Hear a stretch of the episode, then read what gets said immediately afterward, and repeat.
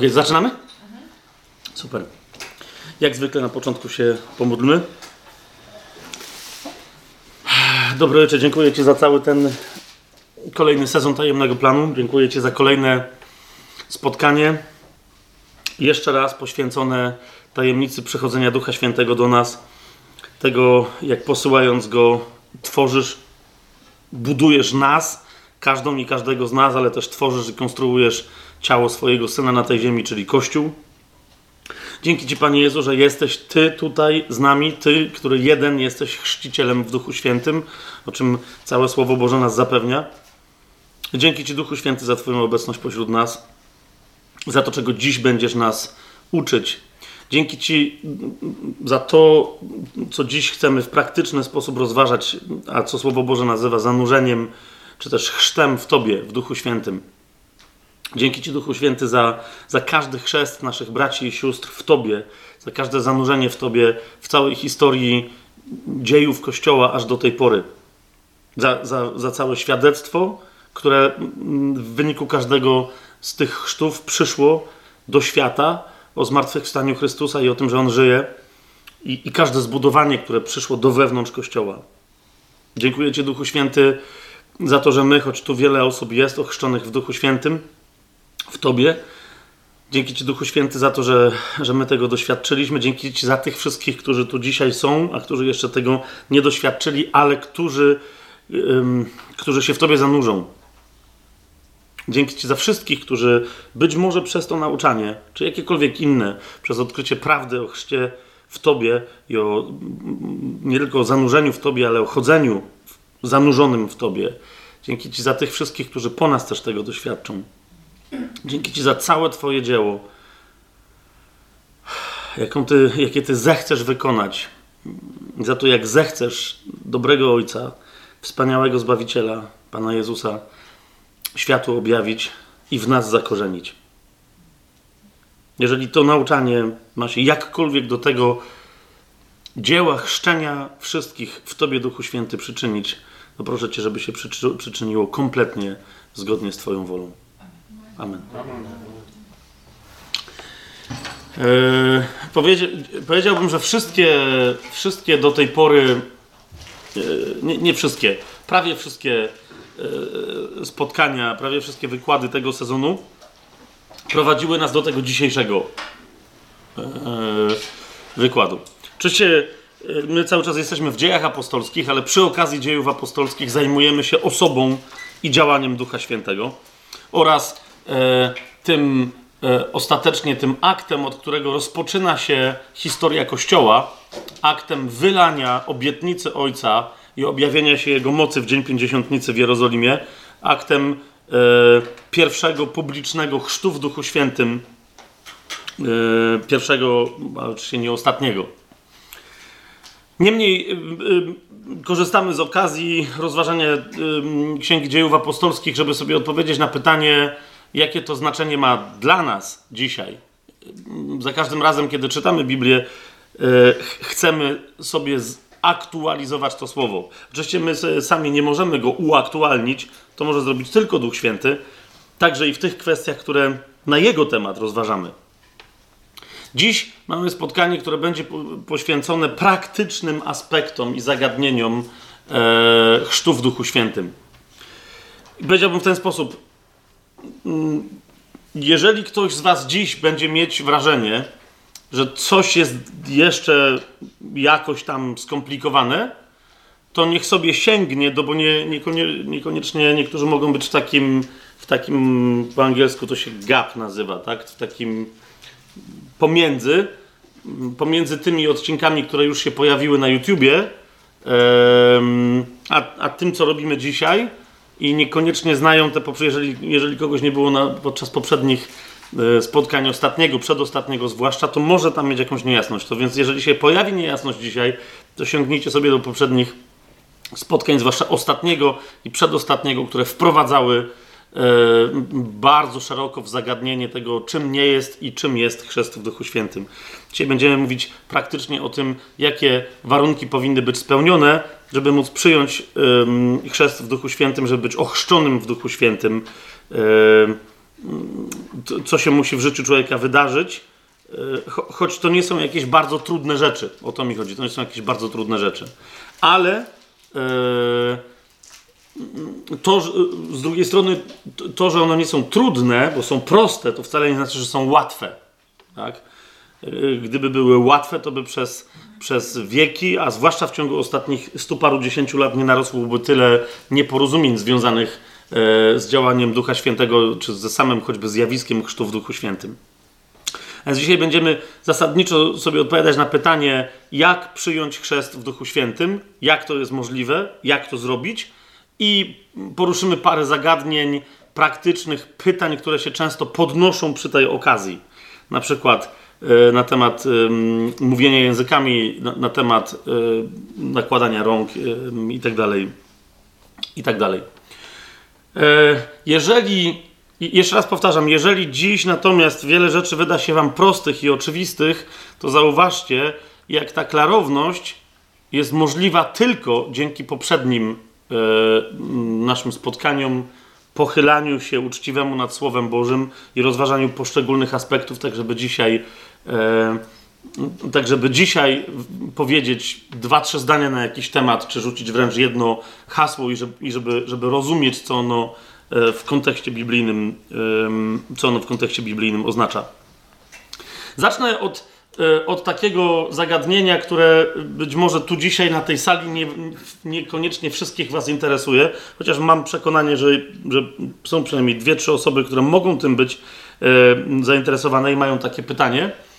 E, a tych z Was, którzy nie mają tego pytania, uczulam, że, że ludzie mogą takie pytanie mieć i, i, i żebyśmy nie mieli wobec nich postawy fanatycznej na zasadzie, że co Ty w ogóle masz za pytanie, czy co Ty w ogóle masz za postawę w sercu.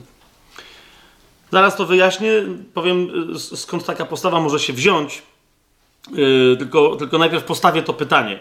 Otóż bywa tak, że z ludźmi, którzy twierdzą, że są nawróceni i całkiem możliwe, że są, teraz nie chodzi mi o to, że tylko twierdzą, ale że to jest nieprawda, ale są nawróceni, przyszli do Chrystusa, przyjęli, yy, zostali usprawiedliwieni w duchu, przyjmując łaskę przez wiarę w Jego śmierci, zmartwychwstanie, w Jego odkupieńczą, zastępczą śmierć za mnie i za Ciebie na, na krzyżu. E, wyznają Jezusa jako Pana, tak mówią, bo możesz niekoniecznie znać ich życie, ale wyznają Jezusa jako Pana i teraz Ty mówisz im o Duchu Świętym i, i, i nagle pada pytanie u niektórych, i teraz jeszcze raz, nawet jeżeli tego nie miałeś czy nie miałeś, warto go dla siebie rozważyć, nie tylko w kontekście, jak pomagać innym, a, ale żeby się też sobie samemu przyjrzeć, czy pewnych rzeczy my nie przyjmujemy zupełnie bezkrytycznie. Mianowicie pada pytanie, czy można, i teraz, i teraz uważaj, to, to, spróbuję to tak sformułować, jak zwykle robią to, to, ci ludzie, z którymi rozmawiam. Pytanie, aż sobie to musiałem za, zanotować, bo dla mnie to jest, no nie jest mój sposób myślenia, ale rozumiem, że mianowicie rozumiesz, masz więc człowieka wierzącego, bo teraz ja nie mówię o niewierzącym, który zadaje pytanie, czy można nie chcieć przyjąć chrztu w Duchu Świętym? Takie pada pytanie. Czy można nie chcieć przyjąć chrztu w Duchu Świętym? Czy wręcz, e, bo jak kiedyś mówię, no ale słuchaj, nie chcieć, i, i teraz e, nie, niektórzy się właśnie łapią na tym, że okej, okay, w sensie może niekoniecznie pytanie i, i, wtedy zaczynają kombinować i komplikować, zadają następujące pytanie. Czy można nie musieć chcieć przyjąć chrzest w Duchu Świętym? czy, je, czy on jest... Rozumiecie? Chodzi o to, że bo, bo, wielu chrześcijan boi się zadać pytanie, kiedy już zaczynają czytać Biblię i widzą, że coś jest na rzeczy z tym chrztem w duchu, po prostu to jest pytanie, zamiast się zapytać wprost, ale chodzi mi o to, że niektórzy tak, i teraz żebyście zwrócili też na to uwagę, bo pytanie najprościej rzecz ujmując brzmi, czy chrzest w Duchu Świętym jest obowiązkowy? To jest to czy chrzest w Duchu Świętym jest obowiązkowy? Okej, okay. okej. Okay. Eee... to jest dobre pytanie, to jest dobre pytanie, bo ono y, często nas konfrontuje, y, y, wiecie, w ogóle z pytaniem, co w ogóle jest obowiązkowe w chrześcijaństwie? Obowiązkowe do czego? Obowiązkowe do o co chodzi? Co, co, co to znaczy, że coś jest obowiązkowe czy nieobowiązkowe? Jak jesteś grzesznikiem, osobą martwą duchowo, której, która niezależnie od tego, jak będzie dobra w życiu i, i moralna, i będzie się starać, i, yy, i charytatywnie działać i tak dalej, jeżeli nie poddasz się w posłuszeństwo słowu, nie przyjmiesz ofiary zastępczej Chrystusa za siebie, a, a potem nie będziesz postępować w posłuszeństwie Jezusowi jako Panu, to, to nadal bunt taki sam, jak, jaki, jak, jakim zanim my się pojawiliśmy na ziemi, przeciwstawił się Bogu diabeł, będzie, będzie w twoim sercu. Czy to jest obowiązkowe w związku z tym, że musisz pójść do nieba? To jest, to jest pierwsze pytanie. To jest obowiązkowe? No, no nie, no nie jest obowiązkowe. No bo naprawdę możesz pójść do piekła. Kapujesz? Ja nie wiem, że my, my, czasem, wiecie, głosimy chrześcijaństwo tak, jakby po prostu, jakbyśmy mieli nad sobą szefa, który nas będzie potem rozliczał z tego, jak skutecznie coś sprzedaliśmy. My nic, my nic nie sprzedajemy. Rozumiecie? Idziemy do ludzi, oni nie muszą być zbawieni. Bóg bardzo chce, żeby doświadczyli pełni Jego miłości, pełni wolności, życia na wieki, które będzie szczęśliwe. Ale jeżeli ktoś będzie się bardzo chciał temu przeciwstawiać, to, to, to nie musi tego doświadczyć. Od samego więc początku, wiecie, mamy tu zagadnienie, ale ja, ja to rozumiem, że no wszyscy, no okej, okay, no wolność, ale jednak, tak? Czy mogę być chrześcijaninem, który nie będzie świrować? Bo ja czasem, to, jak, jak wchodzę w ten temat, że no ale słuchaj, no nie musisz być zbawiony. No tak, ale chodzi mi o to, że wiesz, no potem, no już elegancko jest, chodzę do zboru, coś tam robię, czytam Biblię. Czy ja potrzebuję dalej tych wszystkich historii? No więc, yy, no więc najpierw tak, posłuchaj, list do Rzymian, dziesiąty rozdział, tam gdzie się wszystko zaczyna, mówi o dwóch rzeczach i, za, i, i, i nie wiem, chyba mimo, że próbuję zawsze o tym pamiętać, żeby to podkreślać, to jednak mamy różne aspekty, różne, e, których dotykamy, różne rzeczy podkreślamy i niekoniecznie zawsze jest okazja, czy po prostu czasem uznaję, że to jest oczywiste, a chyba nie jest. Tam w tej prostej formułe, formule, yy, która znów jest prosta, ale to, to, to ona jest prosta w momencie, kiedy się wie, co poszczególne słowa znaczą. To jest dziesiąty rozdział listu do Rzymian. Yy, w formule zbawienia, że się tak wyrażę, troszkę w cudzym słowie. Paweł mówi, jeżeli ustami wyznasz Pana Jezusa i uwierzysz w swoim sercu, że Bóg go wskrzesił z martwych, będziesz zbawiony. Sercem bowiem wierzy się ku sprawiedliwości, a ustami wyznaje się ku zbawieniu. I, i mieliśmy na ten temat inne spotkania, dzisiaj tego nie będę rozwijać. Idzie mi tylko o to, że początkiem wszystkich aktów jest akt uwierzenia w sercu. W co? W zmartwychwstanie Pana Jezusa. Ale jako co? Jako dowód dany przez Boga Ojca, że Jego ofiara na Kalwarii za Ciebie i za mnie została przyjęta. A więc wiara w sercu w to, że Pan Jezus zmartwychwstał, nie jest wiarą w to, że, że, że ja wierzę w to, że jakiś człowiek mógł umrzeć i powstać z martwych. To, to, to, nie jest to. Tu chodzi o tą jego konkretną śmierć i jego konkretne zmartwychwstanie, czego dowodem było, że on zmartwychwstał i żyje. No oczywiście jeszcze inną rzeczą jest, że nikt inny nie zmartwychwstał tak jak Pan Jezus. Tak? Ludzie byli przywracani do życia ale teraz nie wiem, jak to, jakby wam to pokazać. Załóżmy, że to nie jest mądry sposób, ale załóżmy, że, że istnieje rzeczywistość życia doczesnego tutaj, z tej, z tej strony kubka, z jednej strony, i za kubkiem, to załóżmy, że to jest krzyż. A czekaj, tu jest krzyż? Jest, jest, y, tu są znaki czerwonego krzyża, dobra? Mam na kubku znak czerwonego krzyża. Tu jest krzyż. I z drugiej strony, po krzyżu, przez krzyż możesz żyć nie życiem doczesnym, ale życiem wiecznym. I teraz o co chodzi? Ludzie, którzy umierali, i teraz mniejsza o to, co się z nimi działo po śmierci, ale umierali, tak jak na przykład Łazarz, byli wskrzeszani prze, przez Pana, dlatego ja w języku polskim odróżniam słowo wskrzesić kogoś od słowa zmartwychwstać. Okay? Otóż oni byli wskrzeszani, y, Łazarz został wskrzeszony gdzie? Z powrotem okay? do tego życia, które znowu musiał skończyć śmiercią.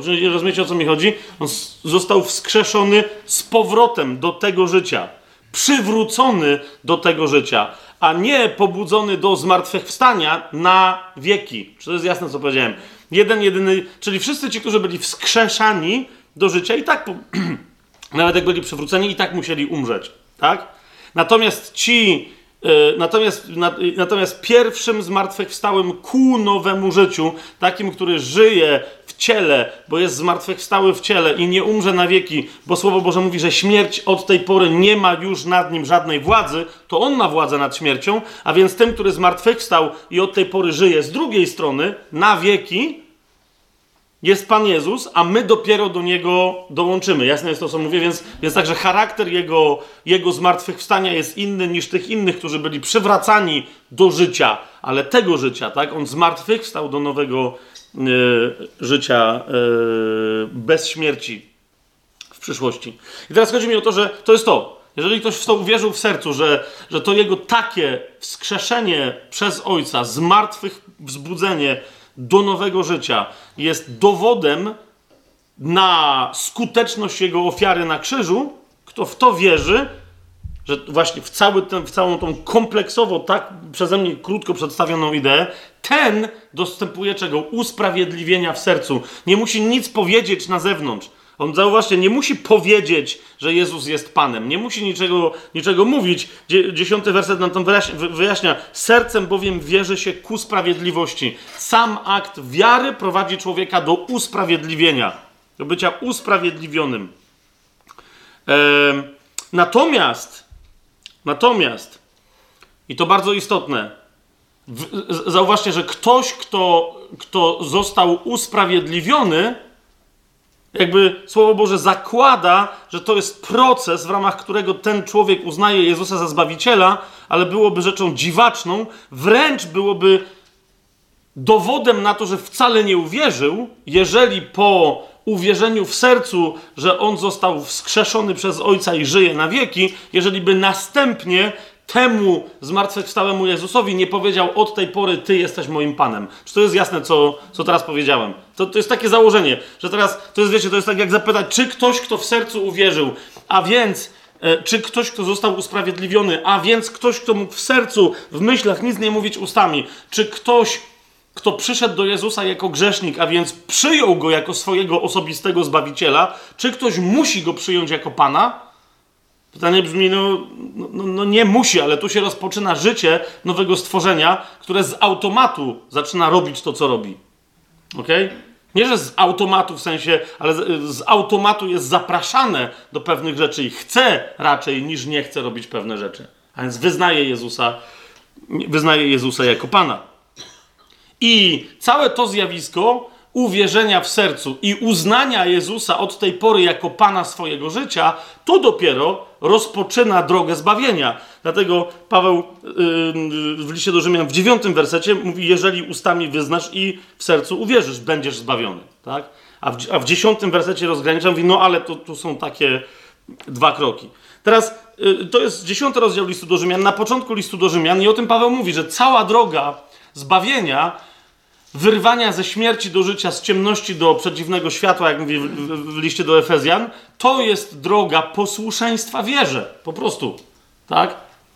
Jeżeli podstawowym elementem oprócz uwierzenia w sercu jest wyznanie ustami, że Jezus jest Panem, to jest jakie wyznanie? Że od tej pory mam Pana.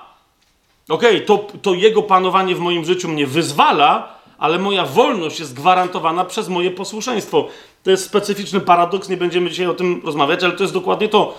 Posłuszeństwo Jezusowi jest jedyną gwarancją tego, że ktoś rzeczywiście może być wolny w swoim życiu. Tak? To jest posłuszeństwo. Paweł w liście do Rzymian w pierwszym rozdziale, w piątym wersecie mówi o Duchu Świętości, przez którego otrzymaliśmy łaskę i apostolstwo, zauważcie, żeby przywieść do posłuszeństwa wierze wszystkie narody dla Jego imienia. To, co Pan Jezus powiedział, idźcie i nauczajcie wszystkie narody, Paweł tu na, nazywa przywie, przywodzeniem do posłuszeństwa wierze wszystkie narody dla Jego imienia. Posłuszeństwo wiary.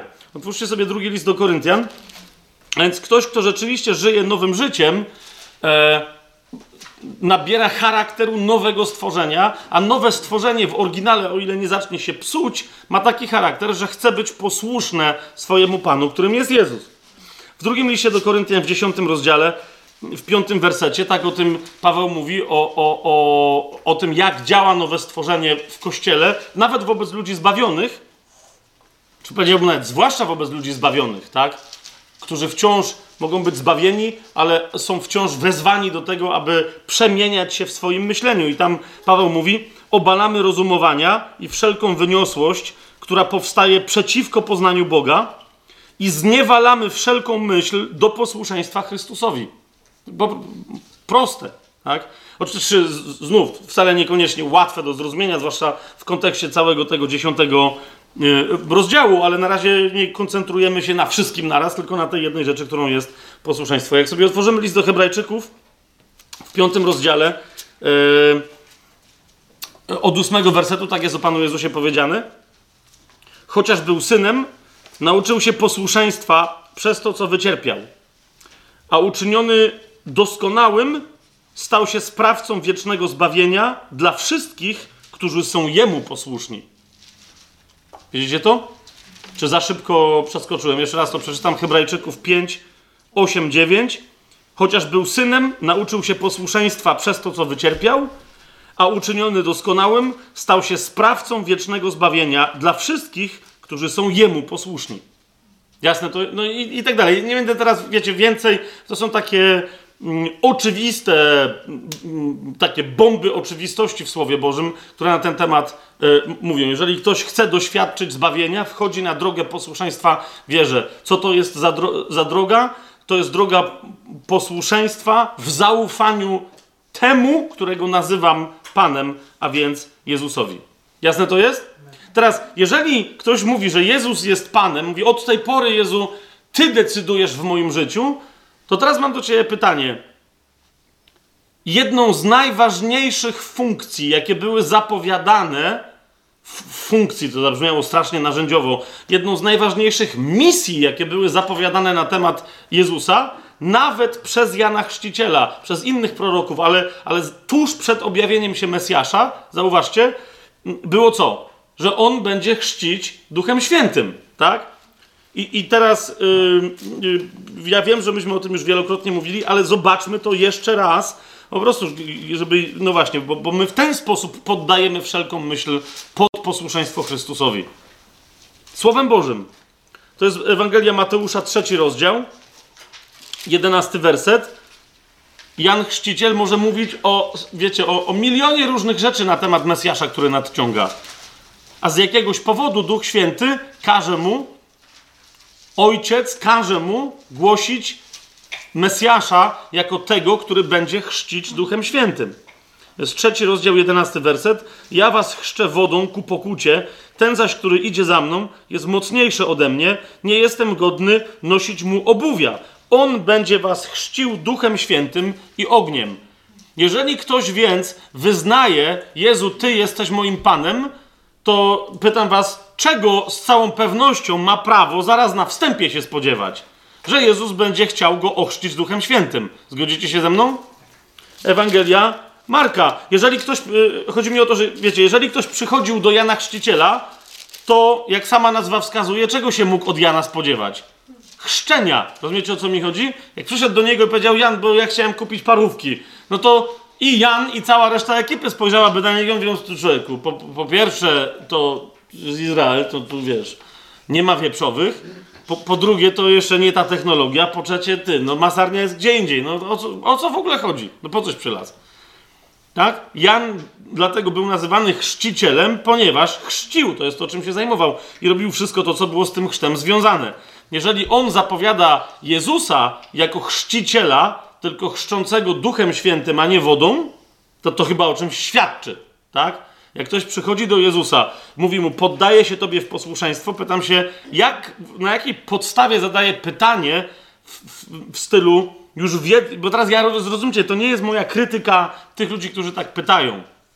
To jest tylko zwrócenie uwagi na to, jak dużo mamy w kościele dziwnych teologii, które bawią się jakimiś tam słowami w Biblii, ale czasem e, próbując, wiecie, komarowi umyć stopę na, na lewej nodze tej trzeciej od końca, od początku, no jak będzie, no wiecie o co mi chodzi, tak? I próbują przemyć temu komarowi stópkę i pokazać, że tam y, nie, nie, pasuje mu mały komarzy pantofelek y, z obcasikiem, jednocześnie nie widzą, że obok stoi słoń tematyczny tak? Który sam cały stoi na butach na obcasach. Dobra, widzę, że się zapędziłem. Zupełnie niepotrzebne porównanie, które tylko dwie osoby zrozumiały, wszystko, ale to zawsze to wszystko gra. Ewangelia Marka, pierwszy rozdział, ósmy werset. Jan Chrzciciel woła, według Marka, ja chrzciłem was wodą, ale on będzie was chrzcił duchem świętym. Kolejny raz, Jan Chrzciciel mówi, ja was chrzczę wodą, on co będzie robił? Tak jak ja chrzciłem was wodą i to się stało wręcz moją tożsamością, przez, której, przez którą otrzymałem moje imię, chrzciciel, tak jak ja was chrzczę wodą, on tak was będzie chrzcić Duchem Świętym. To jest jego, jeden z elementów jego tożsamości jako Mesjasza, że będzie chrzcić Duchem Świętym. Ewangelia Łukasza, rzecz jasna, chcę, żebyśmy to zobaczyli. Trzeci rozdział. Szesnasty werset. Kiedy ludzie trwali, czy 15 werset, gdy ludzie trwali w oczekiwaniu i wszyscy myśleli w swoich sercach o Janie, czy może on nie jest Chrystusem? Zwróćcie uwagę, jest bardzo konkretnie zaznaczony kontekst. Czekamy na Chrystusa i może to on jest Chrystusem. Odpowiedział Jan wszystkim. Odpowiedział Jan wszystkim, włącznie z nami. Ja was chrzczę wodą, lecz idzie mocniejsze ode mnie, któremu nie jestem godny rozwiązać rzemyka u jego sandałów. On będzie was chrzcił Duchem Świętym i ogniem. Co robi Mesjasz?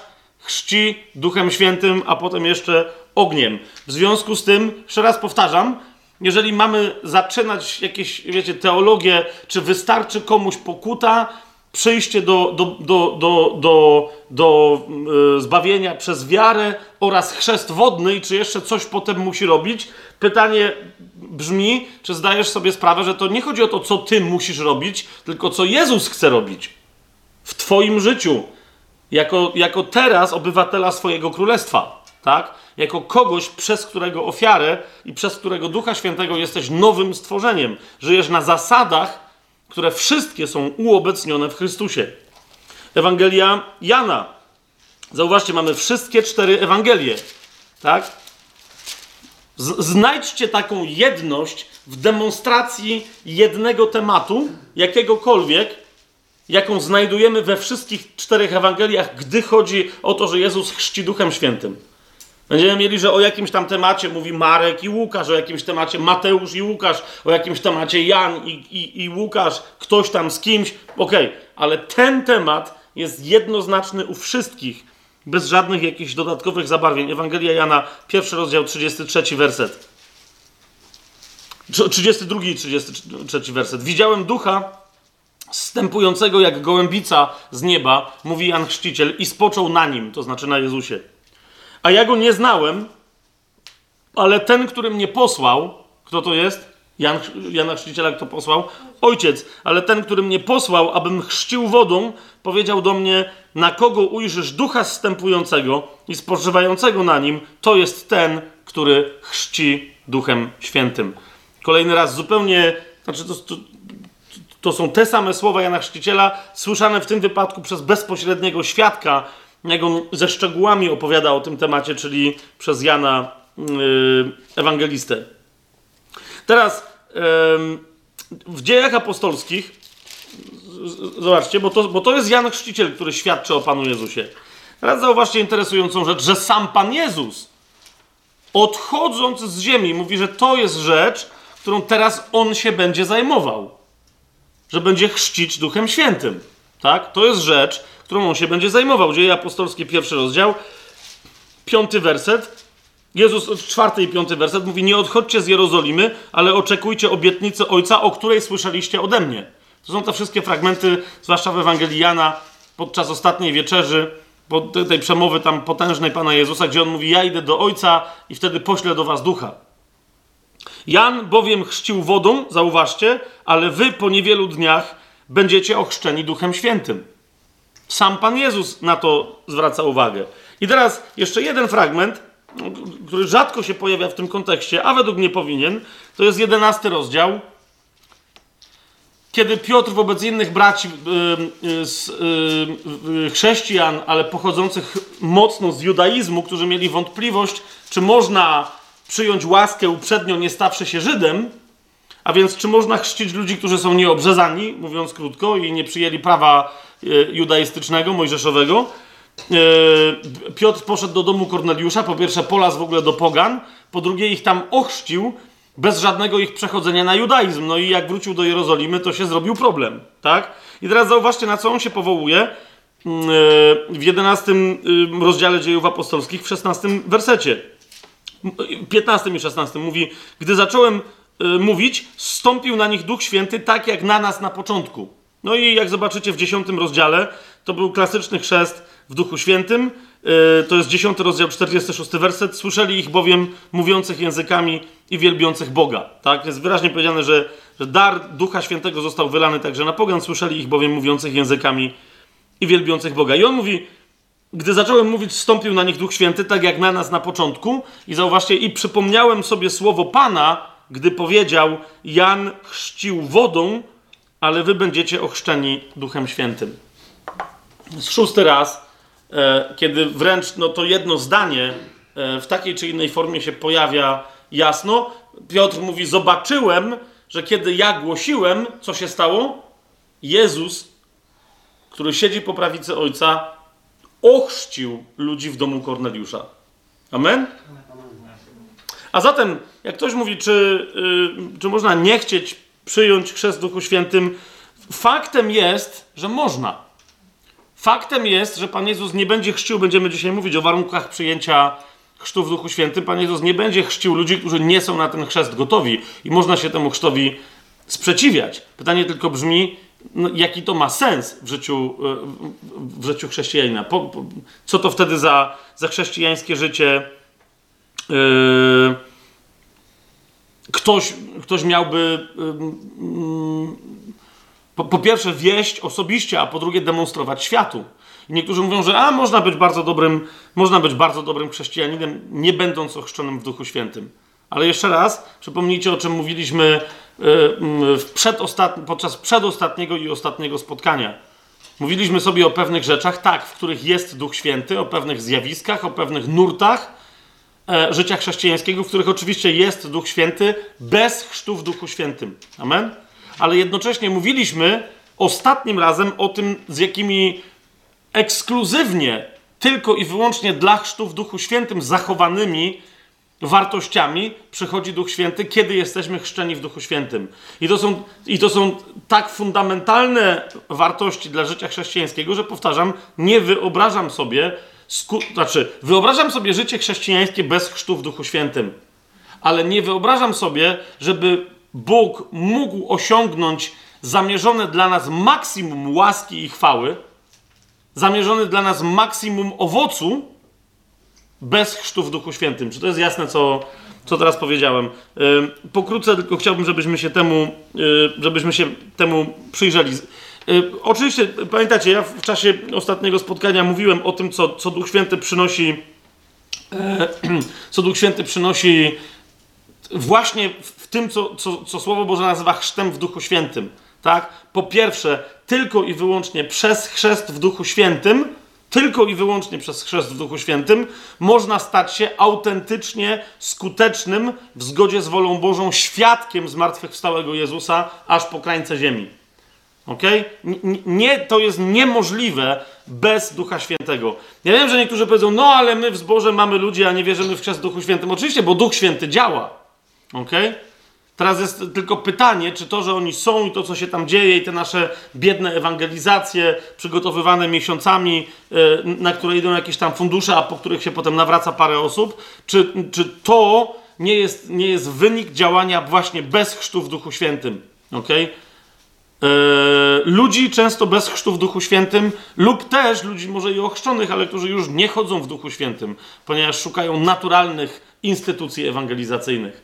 Ja w ogóle sobie, wiecie, cały czas jak rozważamy ten temat i teraz, teraz poważnie o tym mówię. Um,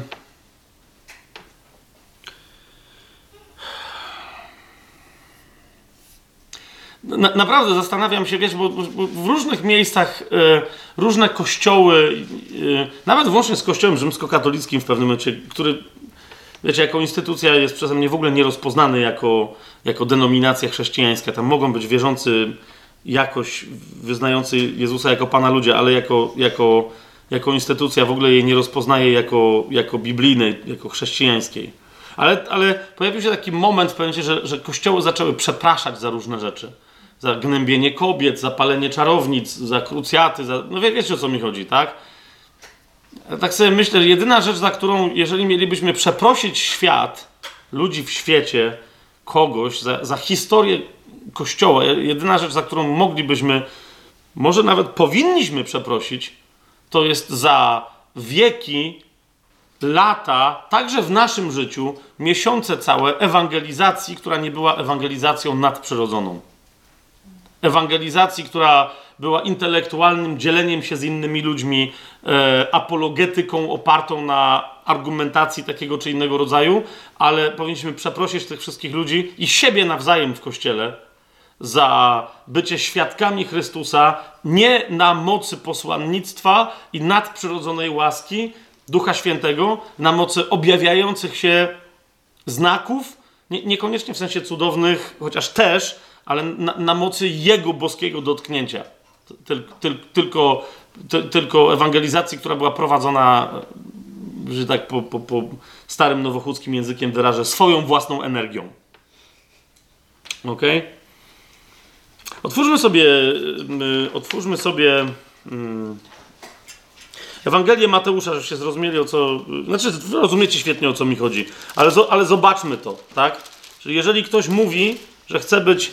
Yy, Wiecie, nie wyobrażam sobie, żeby ktoś chciał być chrześcijaninem i w pewnym momencie nie dotarł do momentu, bo może nie od razu jest tego świadom, ale żeby nie dotarł w którymś momencie drogi swojej wiary do tego momentu, żeby odkryć tak zwany wielki nakaz misyjny. To jest Ewangelia Mateusza, 28 rozdział.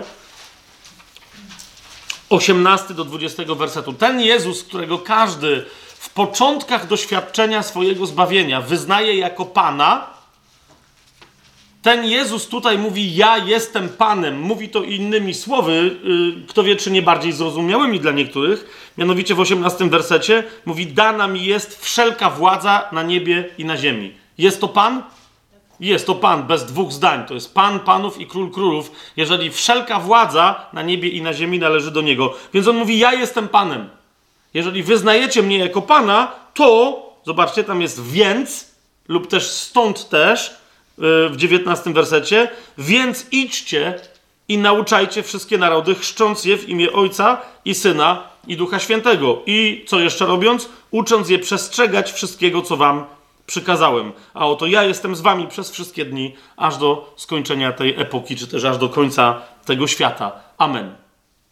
Wielki nakaz misyjny. Ja wiem, że mnóstwo ludzi dzisiaj w kościele, e, w kościołach, w zborach siedzi i, i, i, bywa, że przez lata, dosłownie dekady niektórzy rozważają wielki nakaz misyjny, ale uważają, że uczestniczą w nim co jakiś czas, zrzucając się na takie czy inne misje. Ale zauważcie, że nie tak to Pan Jezus zdefiniował. Tak? On nie powiedział, wspierajcie tych, którzy będą to robić, ale wy wszyscy idźcie i nauczajcie. Ok? Żeby być żeby być zdolnym do tego, bo teraz niektórzy właśnie, y, nie chodzi mi o to, żeby narzucać na kogokolwiek poczucie jakiegoś samopotępienia, tylko być może, być może ludzie się nie podrywają i nie lecą, żeby nauczać cały polski naród, na przykład w naszym kraju, tego, co Pan Jezus nas nauczył. Dlaczego? Bo brakuje im chrztu w Duchu Świętym. Bo brakuje im tej mocy z wysoka, która nie tylko uzdalnia człowieka do tego, żeby świadczyć o Jezusie, ale rozumiecie, ale inspiruje. Nie tylko inspiruje, ale słowo, zobaczcie dzieje apostolskie, pierwszy rozdział. Ósmy werset. Przyjmiecie moc Ducha Świętego, który zstąpi na was i będziecie moimi świadkami. To są dzieje apostolskie, pierwszy rozdział, ósmy werset. Słowo e, moc w języku greckim, e, no tam jest taki, taka litera, którą niektórzy czytają jako U, niektórzy jako Y. I ja nie wiem, jak to dokładnie historycznie, być może, że były w ogóle takie dwa nurty fonetyczne, nie wiem, ale chodzi mi o to, że w zależności od tego, jak kto tą literę czyta, to wyraz moc, który, o który tutaj chodzi, że przyjmiecie moc, to, to ten wyraz e, w języku greckim brzmi dynamis albo dunamis, jak ktoś woli, ale wolę dynamis, bo stąd my mamy w języku polskim dynamikę, tak? Ktoś był dyn, ktoś jest dynamiczny. Rozumiecie o co chodzi? Jak ktoś jest dynamiczny, tak? Jak jest dynamiczny, to znaczy, że nie jest ślimok. No, yy, jasna sprawa, tak? Nie wiem, jak to lepiej zdefiniować. Jak jest ślimok, to jest ślimok, tak? Jak jest lelawy, jak mówią w Nowym Sączu, to jest lelawy. Jak jest dynamiczny, to jest przebojowy, tak? Teraz widzisz, w języku greckim Pan Jezus mówi, że to Duch Święty chrześcijanom daje ich dynamikę. Jednocześnie zauważcie, że od tego samego greckiego słowa dynamis pochodzi słowo dynamit. To jest eksplozja. I teraz, jeżeli Duch Święty przychodzi do ciebie z mocą, to również niezależnie od tego, jak eksplozywnie, że tak powiem, eksplozywne będzie moje świadectwo i ile osób dotknie. E, jak to się nazywa, jak wybuchnie bomba? To jest. Fala uderzeniowa. Fala. Dziękuję Ci, Marcinie. To jest fala uderzeniowa. Właśnie niezależnie od tego, jak, jak potężna to będzie fala uderzeniowa, to najpierw zauważcie, że ja jestem w epicentrum, tak? Bo, bo, bo ten wybuch rozpoczyna się we mnie, kiedy otrzymuję tę moc. I ta moc e, bardziej mnie popycha, to jest, to, jest, to jest w tym wszystkim niezwykle, e, niezwykle interesujące, że ta moc y, mnie popycha do tego, żeby być. Y, zresztą to nie będę teraz tego tematu rozważał, ale zasadniczo, gdy chodzi o posyła. Pamiętacie tam ten fragment, jak Pan Jezus mówi, y, żeby prosić, żniwo wprawdzie wielkie, ale robotników mało. Proście Pana żniwa, aby tam jest posłał, takie mamy tłumaczenie po polsku, albo wyprawił robotników na swoje żniwo. Pamiętacie to? Gdy tymczasem E, w języku greckim tam jest takie słowo, które sugeruje, że wiecie, ktoś stał i tak się rozglądał, nie wiedział, co ze sobą zrobić, lub też stał i się bał, jak na przykład, bo mi się zawsze to przypomina, e, bo ja bym pewnie tak zrobił, gdybym miał skakać ze spadochronem z samolotu, ok? Wiecie, o co mi chodzi? To bym stał, nawet nie to, żebym się bał i się zastanawiał, o co chodzi, ale bym się zapierał. Kapujecie, o co mi chodzi? Byłoby takie, wiem, że mam skoczyć, ale jeszcze chwila. I teraz o co chodzi? To słowo, proście Pana żniwa, żeby posłał robotników na swoje żniwo. Dosłownie tam jest powiedziane, żeby wypchnął ich na swoje żniwo. Tak? Jeżeli ja miał, miałbym być zrzucany na żniwo jako robotnik na terytorium wroga z sierpem, okay, żeby tam zrządzić trochę, trochę zboża, to to by dokładnie to oznaczało. Tak? Proście Pana żniwa, żeby Fabiana w tych drzwiach, wystarczy, żeby zrobił krok, ale coś nie może, żeby go pchnął od tyłu i on wtedy aaa, poleci. Rozumiecie o co mi idzie? To jest to. Chce czy nie chce. Proście pana żniwa, żeby popchnął robotników swoich na, na swoje yy, żniwo. Duch Święty taki jest, Duch Święty taki był, e, Duch Święty taki był nawet wobec Pana Jezusa. Teraz nie wiem dlaczego nagle tu tak rozważam ten temat, ale mm, okej. Okay. Jak zobaczycie w Ewangelii Marka,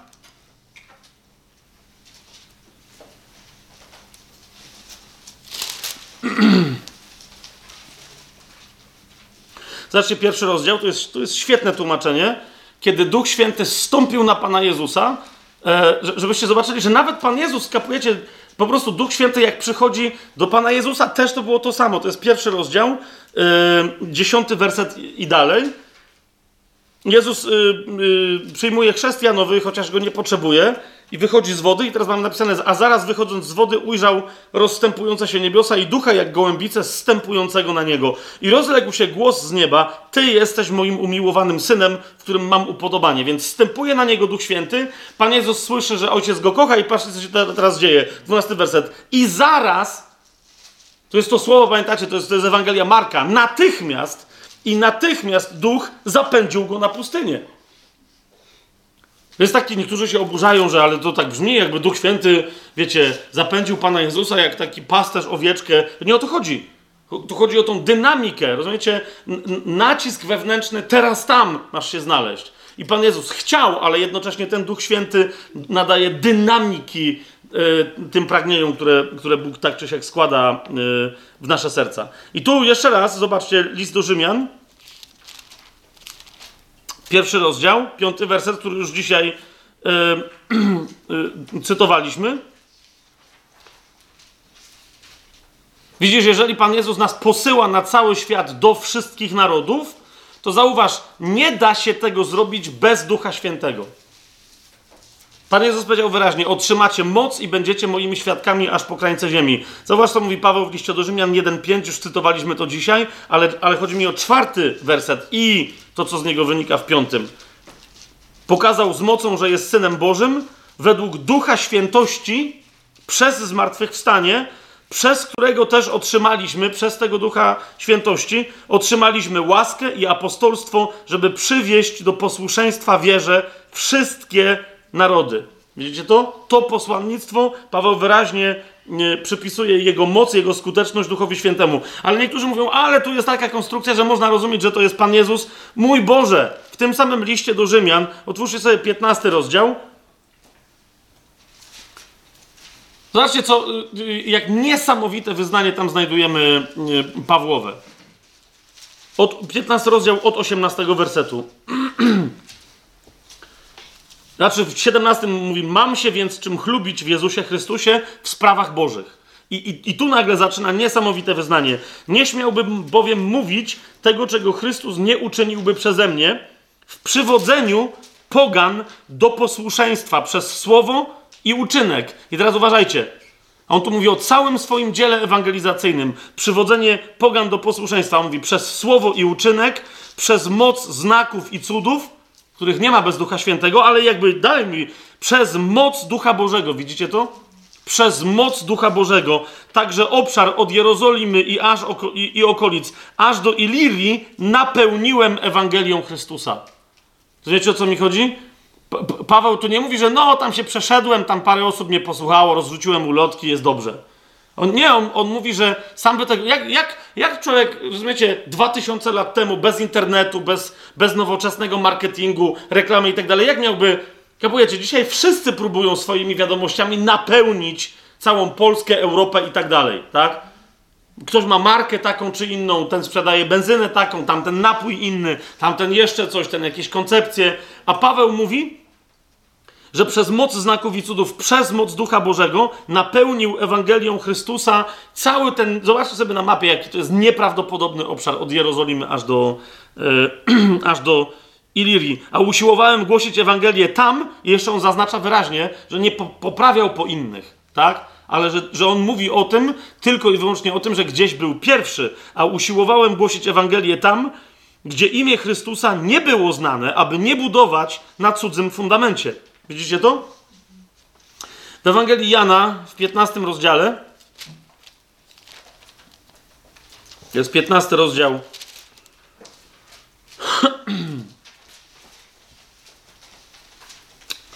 Dwunasty werset, bo ja nie, nie będę teraz tego dalej rozwijał, bo myślę, że to jest jasne, tak? Jeżeli ktoś pyta, czy muszę po, potrzebować, chcieć, czy mogę nie chcieć chrztu w Duchu Świętym, to moje pytanie poza tym, że czy Jezus jest Panem, brzmi, czy chcesz być uczniem Jezusa? Uczniem, który jest świadkiem, który głosi Jego chwałę aż po krańce ziemi. Jeżeli tak, to potrzebujesz Ducha Świętego, bo tylko On daje taką moc. Jest to jasne? Inny aspekt, o którym myśmy ostatnio e, mówili, e, oprócz e, trzeźwości, odwagi, to jest coś, co sobie nazwaliśmy miłością służebną w darach. Pamiętacie to? Oczywiście miłość służebna w darach to jest jeszcze bardziej po prostu dojrzała, rozwinięta po prostu miłość braterska, miłość wzajemna. I znowu, czy, czy ktoś, będąc chrześcijaninem, może powiedzieć, yy, no jestem chrześcijaninem, ale ja nie chcę kochać braci. Nie, nie chcę kochać braci i sióstr. No wiecie, to jest pytanie w takim razie, no to co ty w takim razie chcesz zrobić? Bo to jest w zasadzie jedyna rzecz, którą Pan Jezus nam przykazał. Tak?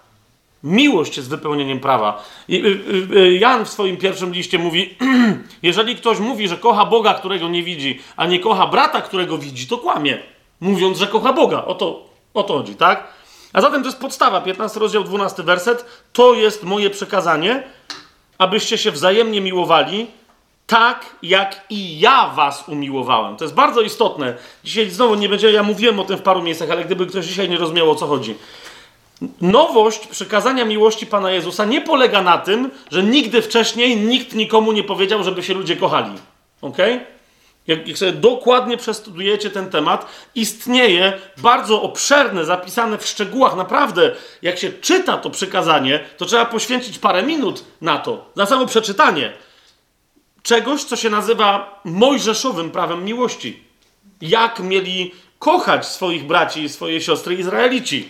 Jak mieli wobec nich sprawiedliwie postępować. Włącznie, no, no rozumiecie, tak żeby nie robić nic za ich plecami, tak nie obgadywać i tak dalej. My dzisiaj w chrześcijaństwie mamy niektórych ludzi, którzy są zdziwieni, jak czytają to stare prawo.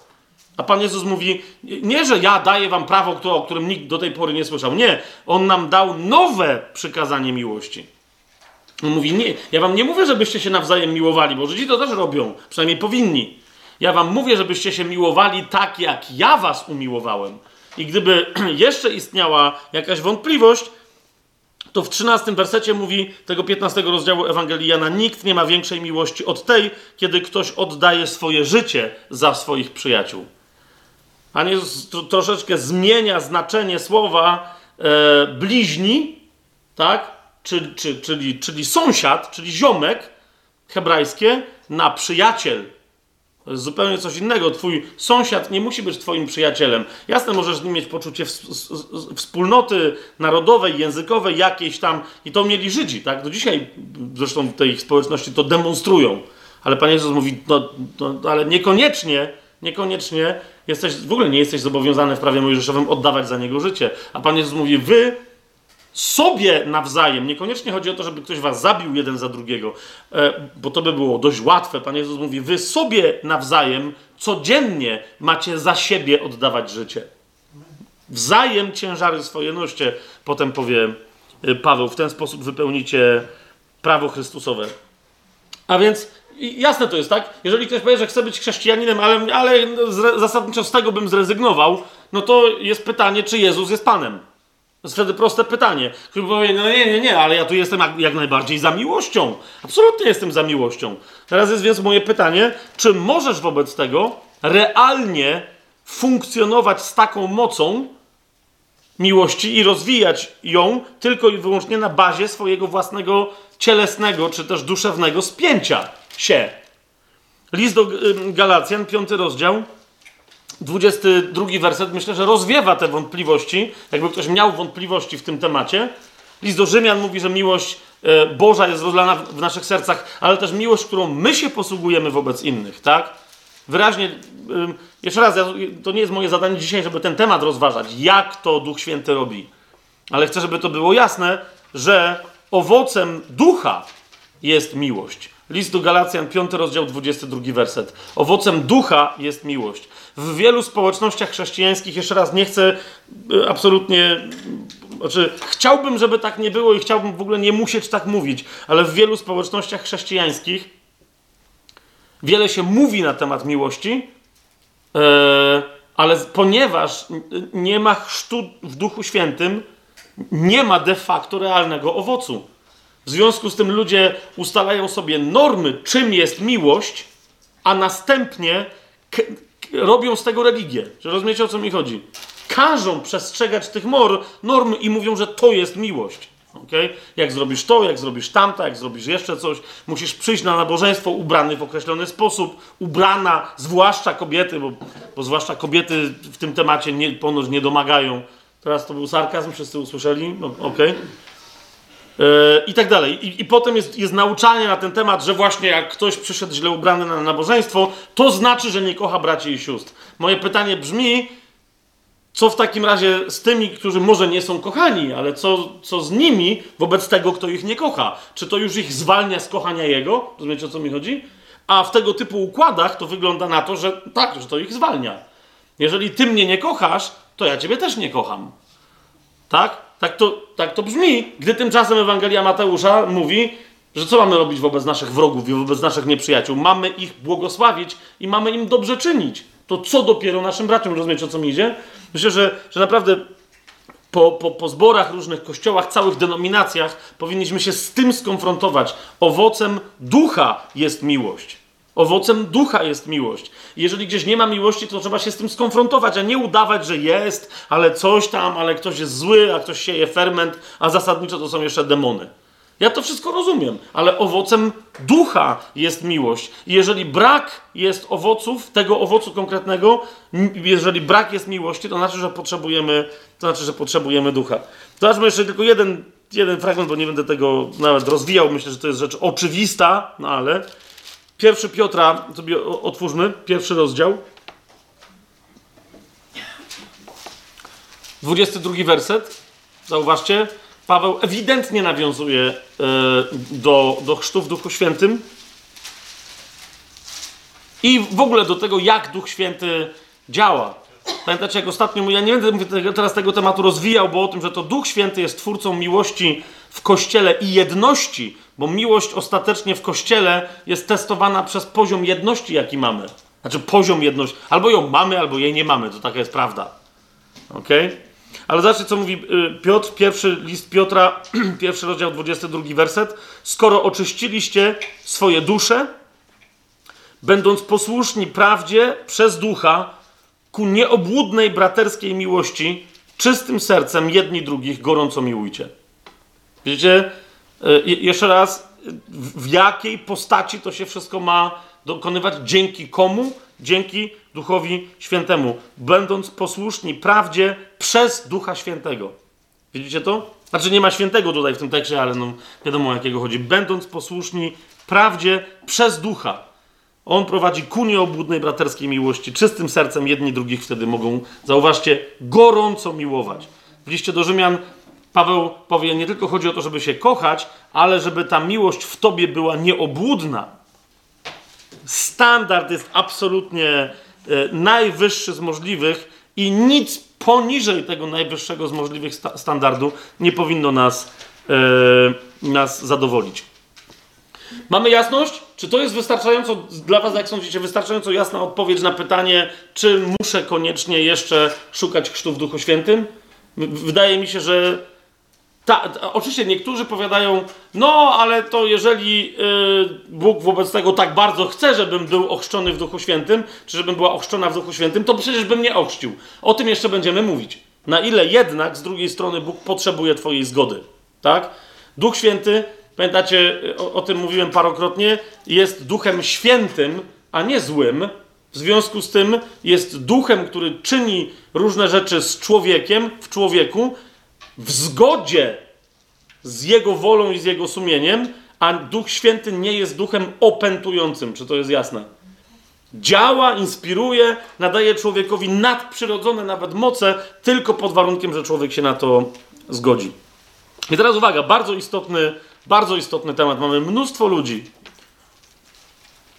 I teraz, kto tu jest zapalonym charyzmatykiem, y, zielonoświątkowcem, zwał jak zwał, niech się nie denerwuje, tylko również niech, y, bo teraz kolejny temat chcę poruszyć.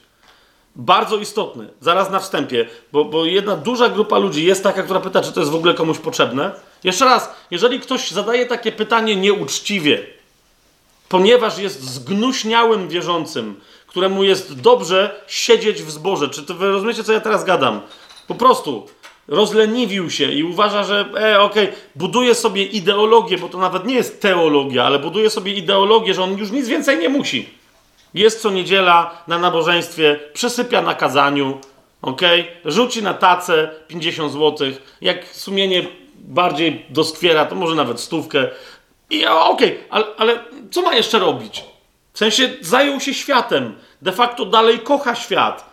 Lubi posiedzieć przed telewizorem w domu. E, wiecie, ma tam jakieś swoje sprawy. Lubi pieniądz, lubi. Po prostu to, to jeżeli ktoś zadaje takie pytanie, po co mi chrzest w Duchu Świętym, które de facto jest kamuflażem na zasadzie, o, gdybym miał teologiczną jasność, to może, ale de facto to jest tylko kamuflaż pewnej postawy, nie chce być skonfrontowanym przez Ducha Świętego, nie chce wyjść ze swojej fałszywej strefy komfortu. Rozumiecie, o co mi chodzi? To tam nawet nie ma dyskusji, tak? Ja dzisiaj ta odpowiedź to jest dla tych, którzy naprawdę mówią, czy to jest aż tak konieczne. Bo, że, bo niektórzy naprawdę pytają, ja widzę, to jest dystynktywne, to jest o, osobna rzecz teologicznie. Upamiętanie, wiara, chrzest wodny i rzeczywiście jest coś takiego jak chrzest w Duchu Świętym, ale może to jest tylko dla specjalnych ludzi. To jeszcze raz, ta, ta moja tu dzisiejsza odpowiedź i, i, i pomoc dla was, to, to, to jest dla tych, którzy się pytają uczciwie, a nie którzy próbują zakamuflować swoją niechęć do duchowego rozwoju. Amen? Ok, teraz druga bardzo istotna rzecz. E, bo wiecie, niektórzy się obruszają, jakby wręcz nie wolno było zadać tego pytania, które teraz zadam. Ale pomyślcie uczciwie, że ktoś naprawdę uczciwie zadaje to pytanie, jaką macie wtedy na to odpowiedź. Mianowicie są osoby, y, które na przykład wychodzą z organizacji Świadków Jehowy. Mamy coraz więcej takich. Tak? Wychodzą y, z organizacji ultrakonserwatywnych y, rzymskich katolików, ale takich nie chodzi mi o, wiecie, tych, co teraz lubią teraz obecnego papieża, tylko, tylko właśnie tych, co go nie lubią, tak? Co są, za, co wręcz nie lubią ostatniego soboru katolickiego, tylko, no wiecie o co mi chodzi, tak? Jakieś tam mają takie ortodoksyjne podejście. Yy, jest, jest wiele innych osób z bardzo konserwatywnych, nawet w dobrym sensie, e, protestanckich denominacji. I oni, wiecie, często bywa, że mieli przedstawiane zjawisko chrztu w Duchu Świętym e, jako rodzaj dziwnych, emocjonalnych, emocjonalistycznych szaleństw. Wiecie o co mi chodzi, tak? Że, charyzmaty, że chrzest Duchu Świętym to, jest, to są jakieś tam dziwne rzeczy i pada pytanie, czy ktoś, kto tam się modlił o chrzest w Duchu Świętym, czy czasem nie otworzył się zamiast na Ducha Świętego na złe duchy. Po prostu. I przyznam, że niektórzy ludzie myśląc, że, że coś robią w Duchu Świętym, bywa, że w rzeczywistości otworzyli się na złe duchy. Tak jest. W ramach jakichś dziwnych praktyk, które są nazwane chrztem w Duchu Świętym. I teraz oni słyszą, że ja mówię chrzest w Duchu Świętym i mówią, ale zaraz, zaraz, zaraz. Ale czy ma, i teraz zadałem, tu mam wyraźnie zapisane pytanie, czy modlitwa o Ducha Świętego może otworzyć człowieka na inne duchy niż, duch, niż ten jeden konkretny Duch Święty. Słowem, czy może otworzyć człowieka na złe duchy? Odpowiedź, biblijna odpowiedź, zaraz, zaraz ją wam przedstawię, ale po prostu biblijna odpowiedź jest jednoznaczna i brzmi nie. To jest niemożliwe. No to niektórzy mówią, to dlaczego w takim razie coś tam się dzieje? Uwaga. Czasem bywa tak, że ludzie coś tam robią i nazywają to, co robią, chrztem w Duchu Świętym. Jasne to jest, co, co mówię teraz? Gdy tymczasem to coś nie ma niczego wspólnego z tym, co Biblia nazywa chrztem w Duchu Świętym i z, ani z porządkiem, ani z działaniem, które są związane z chrztem w Duchu Świętym. Jasne? My sobie dzisiaj więcej i dlatego, dlatego dziś będziemy mówić o praktycznych aspektach, jakie warunki muszą być spełnione w trakcie modlitwy o chrzest w Duchu Świętym, żeby po prostu, żeby to była modlitwa. Ale jeszcze raz, jeżeli te warunki, o których dopiero będziemy dzisiaj mówić, jeżeli one zostaną spełnione, najprościej rzecz ujmując, najprościej rzecz ujmując, najważniejszy warunek tutaj to jest prośba zaniesiona do Ojca w imieniu Jezusa Chrystusa o bycie zanurzonym w Duchu Świętym, tak jak Ojciec zawsze tego chciał. Bo pamiętacie, jak Jezus nazywa chrzest Duchem Świętym. Jedna z nazw to jest obietnica Ojca. Przyjdzie na was obietnica Ojca. Więc Ojciec coś obiecał. Pan Jezus powiedział, że On to gwarantuje od momentu, kiedy będzie zasiadać po prawicy swojego Ojca i dlatego On prosi Ojca, Ojciec Mu daje, a On daje nam Ducha Świętego. Jasny? Jasny, jasny jest ten, ten kierunek? Teraz, jeżeli ktoś zasadniczo jest... Bo ja tam potem będę, wiecie, rozbijał, pokażę siedem E, aspektów, warunków tego, żeby mieć jasność, że się przyjmuje chrzest w Duchu Świętym. Ale zasadniczo, gdy chodzi o to pytanie, wystarczy to jedno. Poprosić Ojca w imieniu Jezusa Chrystusa. O co? O to, co On nazwał chrztem w Duchu Świętym. Jasne to jest? I teraz niektórzy mówią, no i co? I wtedy nie może się pojawić y, jednak, y, ja się tu otwieram i nie może się pojawić. Uwaga, uwaga. Idźmy po kolei. Ewangelię Łukasza.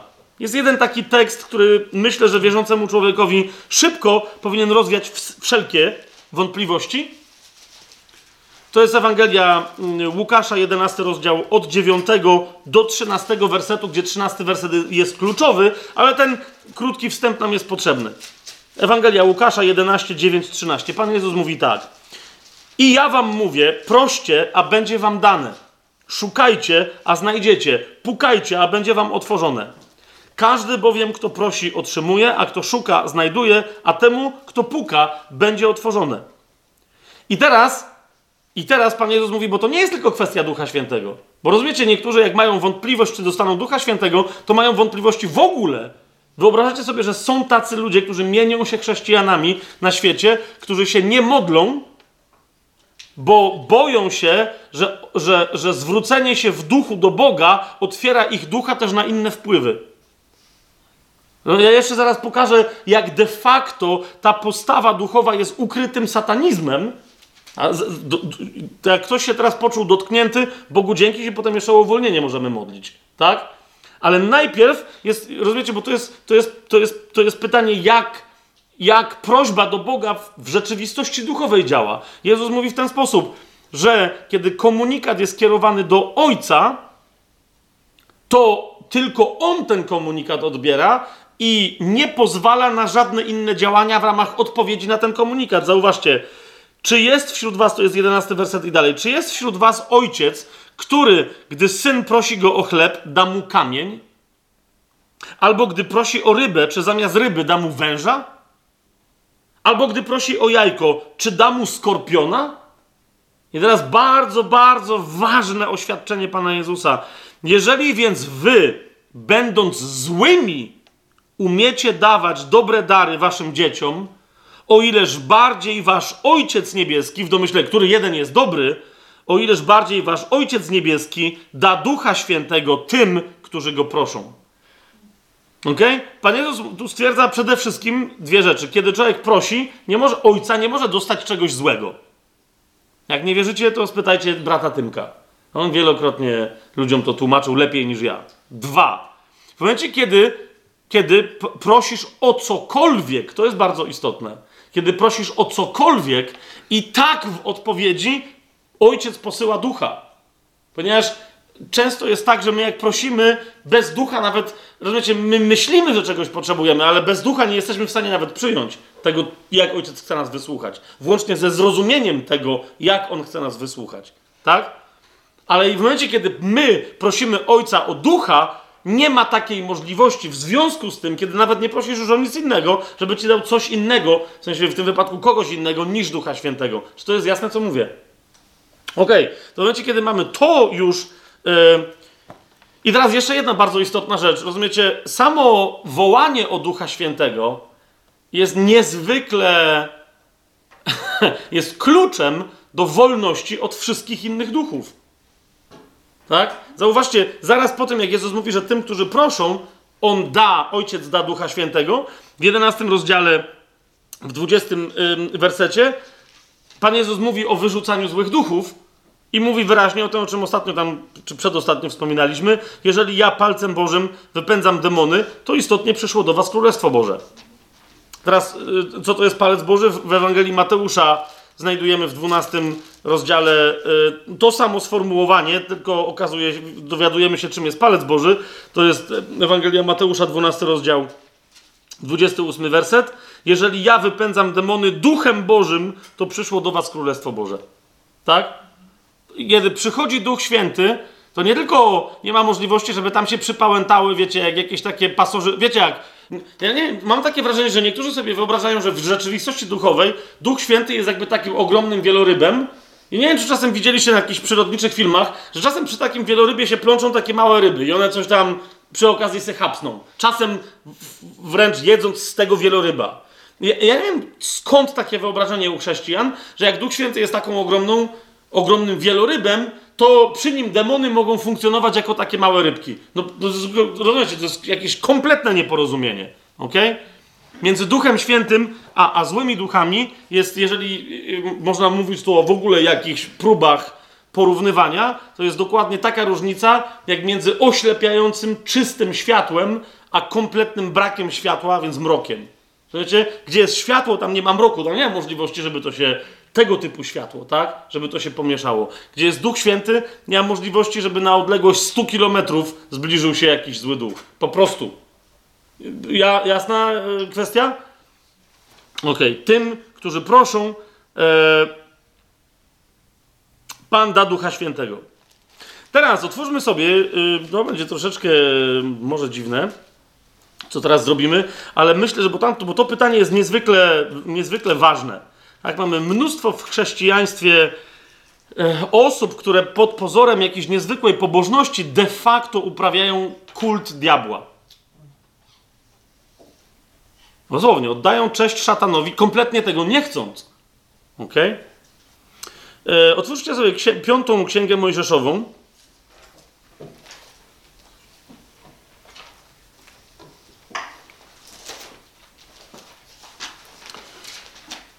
To jest Księga Powtórzonego Prawa, piąta Mojżeszowa, Księga Powtórzonego Prawa, piąty rozdział, 28-29 werset.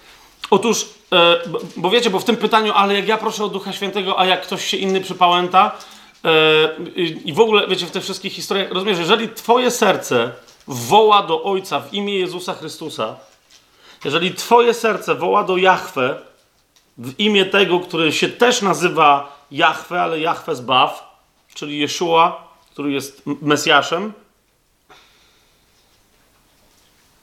to, to automatycznie postawa Twojego serca i również Twoje doświadczenie Boga powinno być jakie?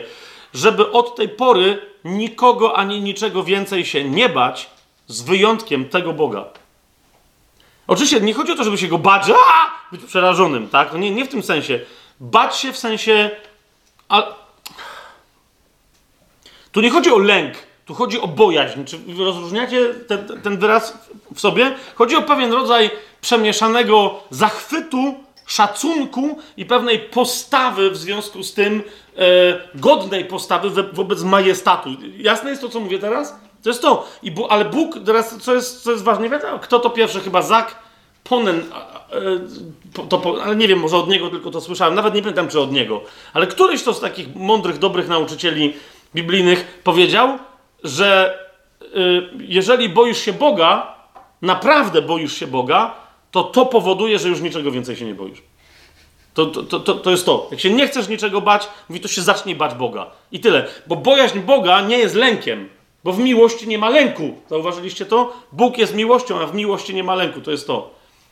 Ale wejście z tym nieprawdopodobnym szacunkiem, który Biblia nazywa bojaźnią, powoduje, że się uwalniasz od wszystkich pozostałych lęków. I to jest dokładnie postawa, którą, do której Bóg zapraszał wszystkich od początku, którzy mu się powierzali.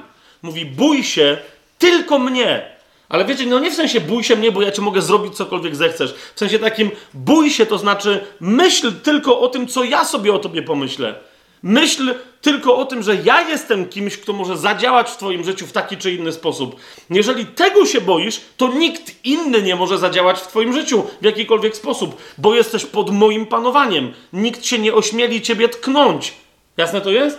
Zobaczcie, piąty rozdział yy, z powtórzonego prawa, ale to tam myśl cały czas w, w torze, czyli w pięcioksięgu się przewija. To jest piąty rozdział, 20. 8, 29 werset. I Jachwę wysłuchał głosu waszych słów. To mówi Mojżesz do Izraela. Jachwę wysłuchał głosu waszych słów, kiedy mówiliście do mnie i powiedział Jachwę do mnie, słyszałem głos słów tego ludu, które wypowiedzieli do ciebie. Wszystko, co powiedzieli, jest słuszne.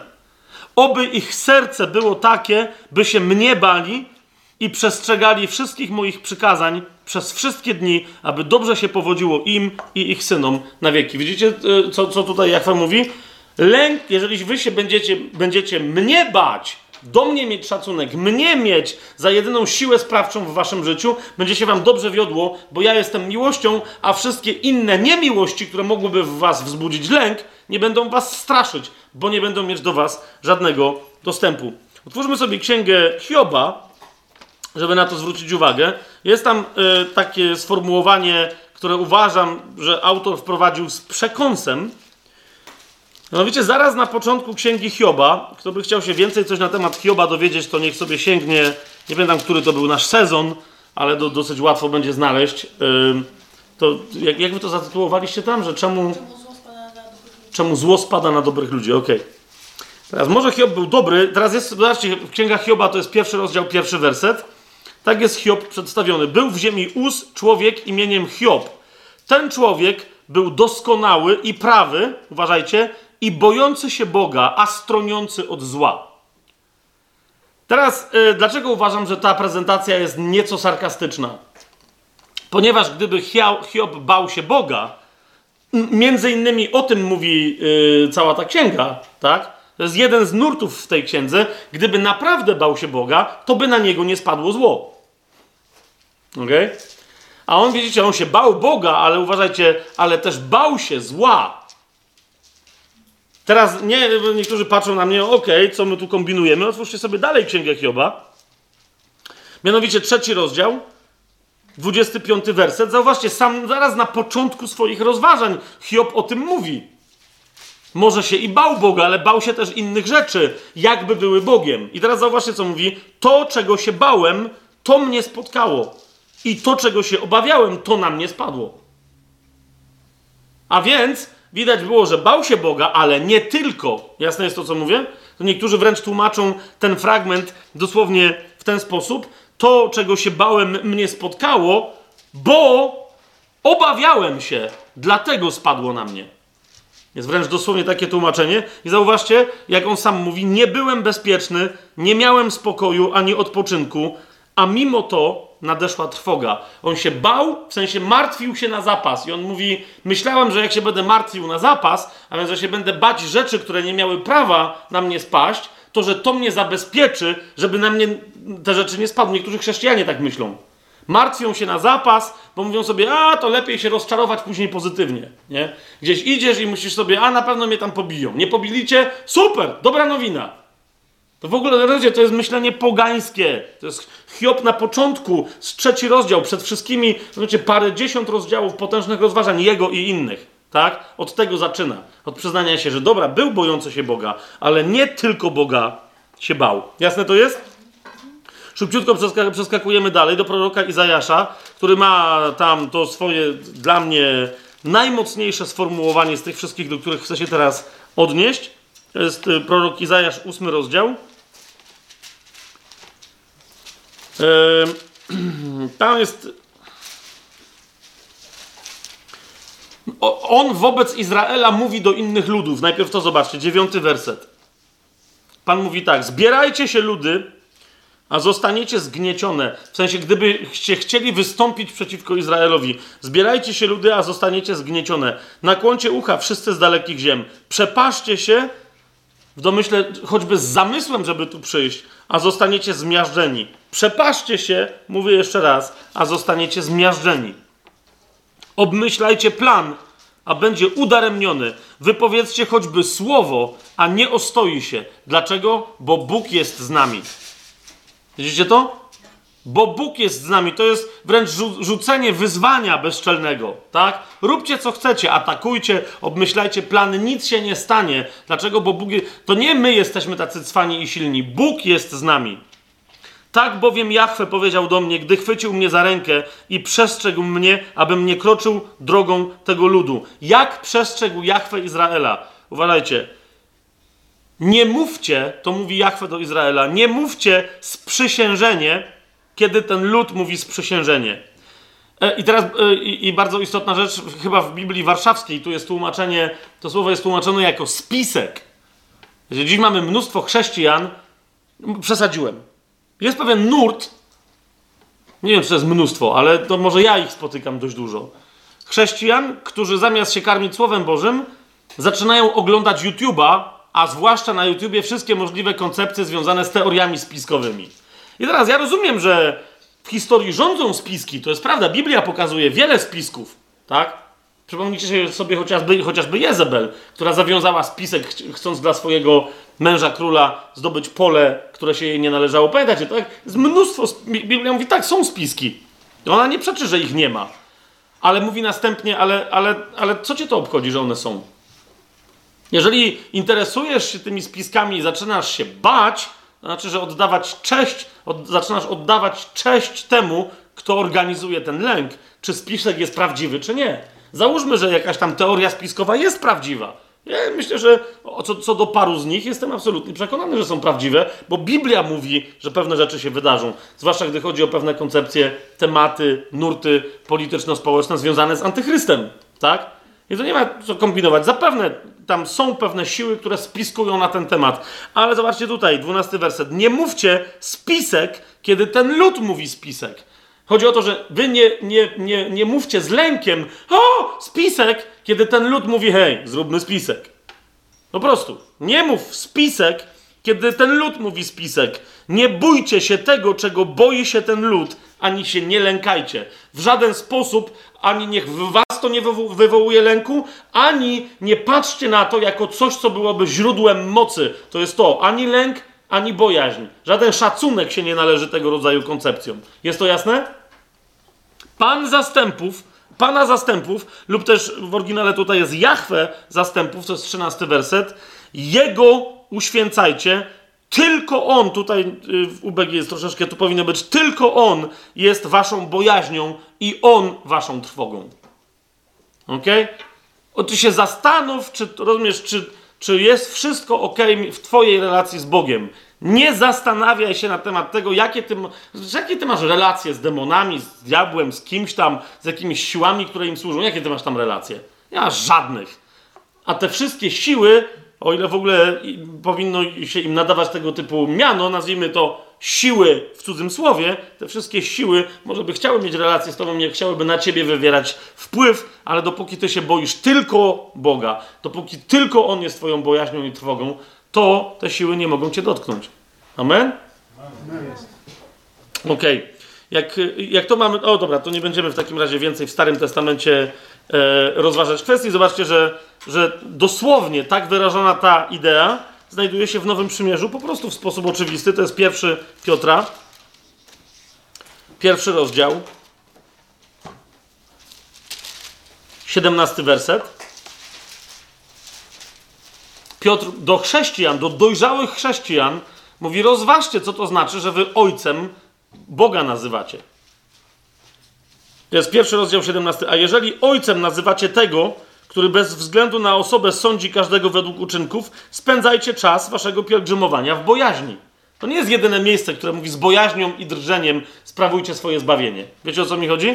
I spędzajcie nie w bojaźni, żeby się wszystkiego bać, tak? Ale w bojaźni wobec kogo? Wobec tego tak czcigodnego, tak potężnego Ojca.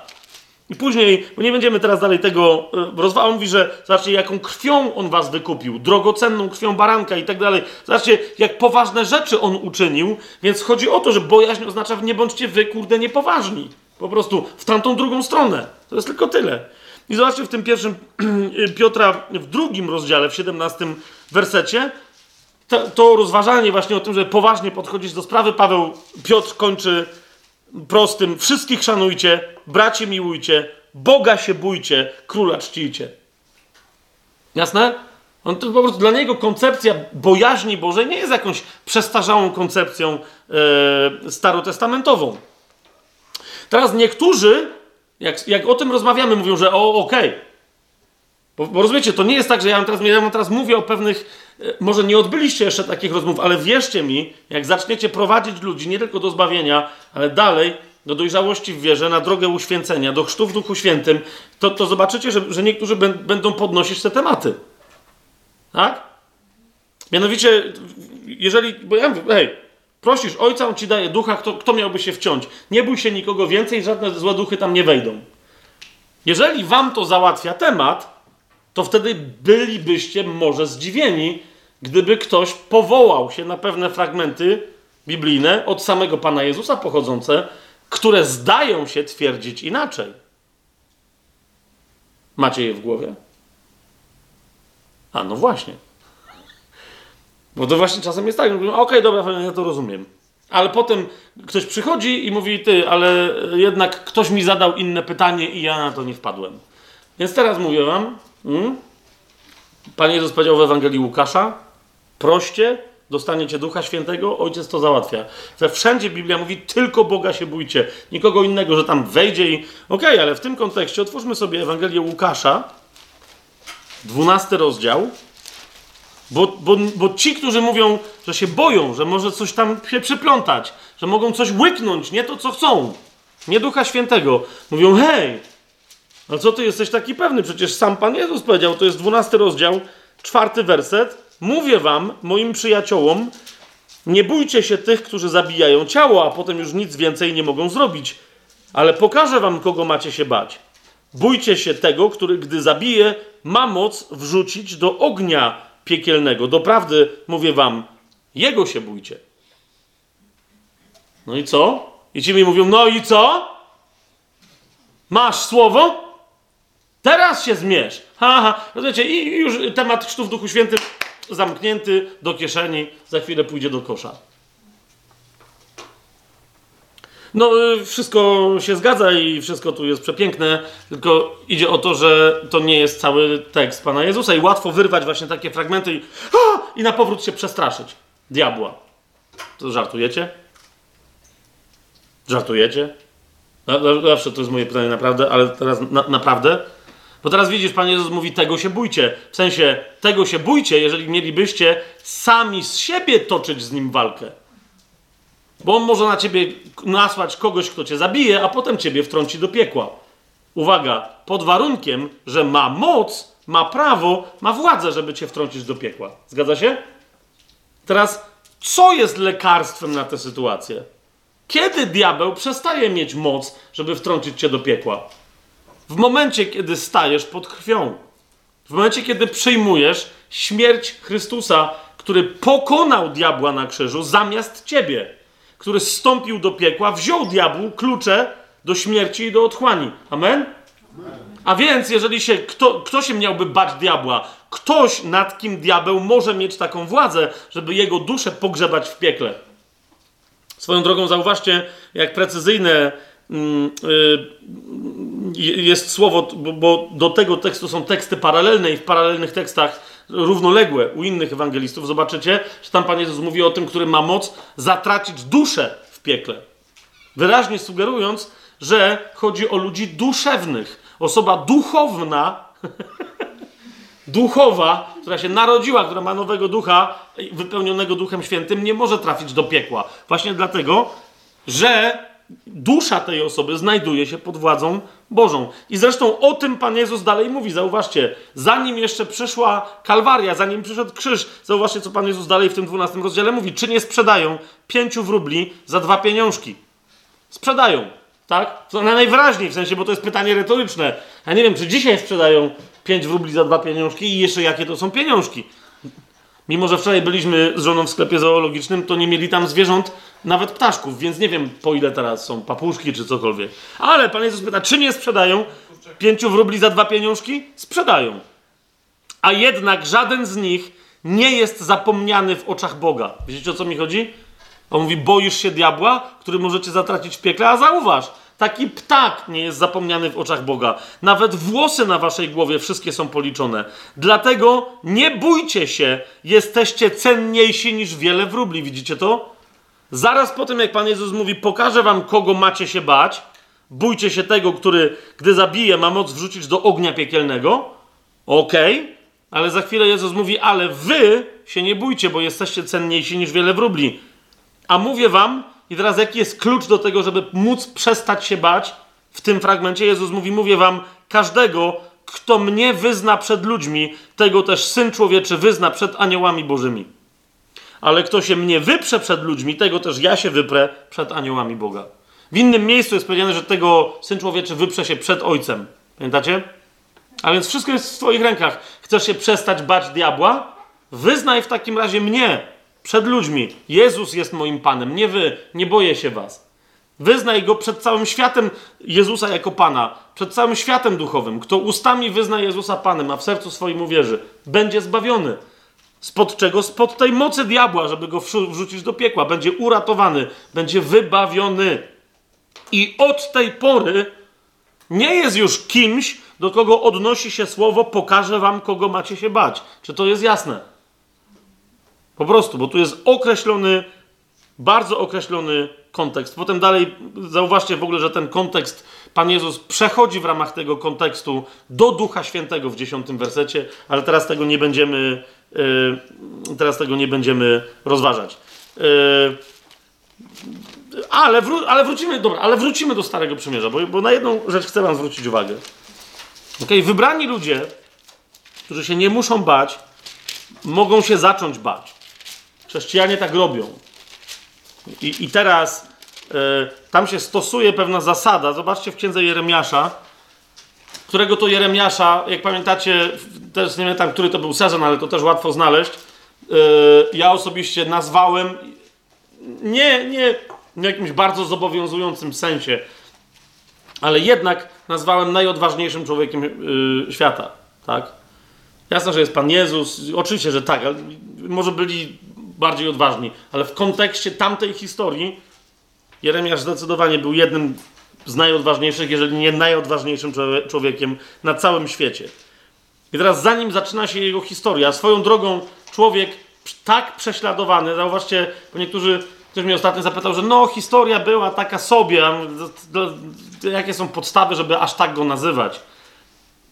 Zapytałem tego, tego człowieka, się zgodziliśmy w tej rozmowie, zapytałem go, czy zauważył, jak bardzo był prześladowany Jeremiasz. Ile, jak długo był więziony w ciemnościach.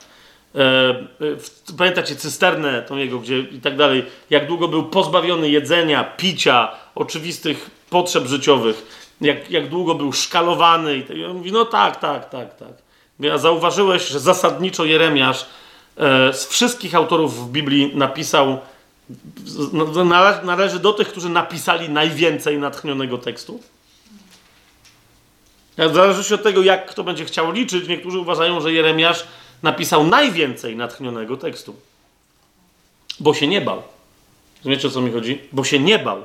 Bo się bał tylko Boga i dlatego niczego więcej się nie bał.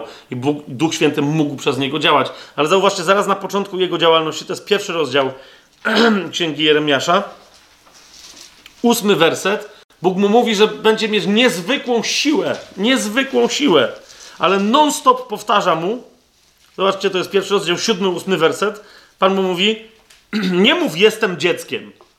A więc mówi, nie, nie przeklinaj siebie. Niektórzy mówią, ale ja jestem bardzo młody, jestem tak młody, że jestem jeszcze dzieckiem. Niektórzy mówią o sobie, ja jestem dzieckiem w wierze. No, na tej sali ktoś ostatnio tak słyszałem, że się, że się posłuchał, a my jesteśmy dzieciaczki w wierze. Mm-hmm.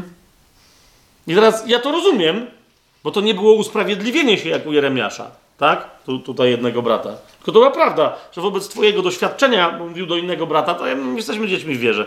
Ale niektórzy zaczynają się tłumaczyć mówią, ja jeszcze jestem dzieckiem w wierze. Jestem młodziutki, a nic nie mogę. Znaczy, kiedy to się staje usprawiedliwieniem, to do ciebie Bóg dokładnie to samo mówi co do Jeremiasza. Nie mów jestem dzieckiem. Pójdziesz bowiem dokądkolwiek cię pośle i będziesz mówił, cokolwiek ci rozkaże. No, to, jest, to, jest, to jest ten sam Duch Święty, Duch posłannictwa, który w nas jeszcze potężniej pod Nowym Przymierzem ma działać, niż ten Duch działający w Jeremiaszu. I teraz popatrzcie, co się dzieje. Nie bój się ich twarzy, mówi do Jeremiasza Pan. Nie bój się ich twarzy, bo ja jestem z tobą, aby cię wybawić, mówi Jahwe. Widzicie to? Zaznacza do niego, mówi: Ja jestem z tobą, nie bój się ich, na mnie się patrz. Jeżeli zaczniesz się ich bać, to się lepiej bój mnie niż ich. Nie ich. Dalej zobaczcie 17-19 werset. Dlatego ty przepasz swoje biodra, wstań i mów do nich wszystko, co ci nakazuje. To jest dokładnie to, co my mamy robić wobec, wobec całego świata. Nie bój się ich twarzy, żebym ciebie nie napełnił lękiem przed nimi. Widzicie, co się tutaj dzieje? Bóg mówi, to, to jest to, co, co Hiob też odkrył. Mówi, ty, ty się nie musisz bać. Więc jak się nie musisz bać, to się nie bój. Bo jak się zaczniesz bać, to się zaczniesz bać. Zaczniesz się bać na swoich warunkach, a skończysz na baniu się, jakiego wcale nie zamierzyłeś. Nie bój się ich twarzy, żebym ciebie nie napełnił lękiem przed nimi. Oto bowiem ustanawiam cię dziś miastem obronnym, żelazną kolumną i murem spiżowym przeciwko całej tej ziemi, przeciwko królom Judy, ich książętom, ich kapłanom i ludowi tej ziemi. I będą walczyć przeciwko tobie, ale cię nie przemogą, bo ja jestem z tobą, mówi Jahwe, żeby cię zbawić.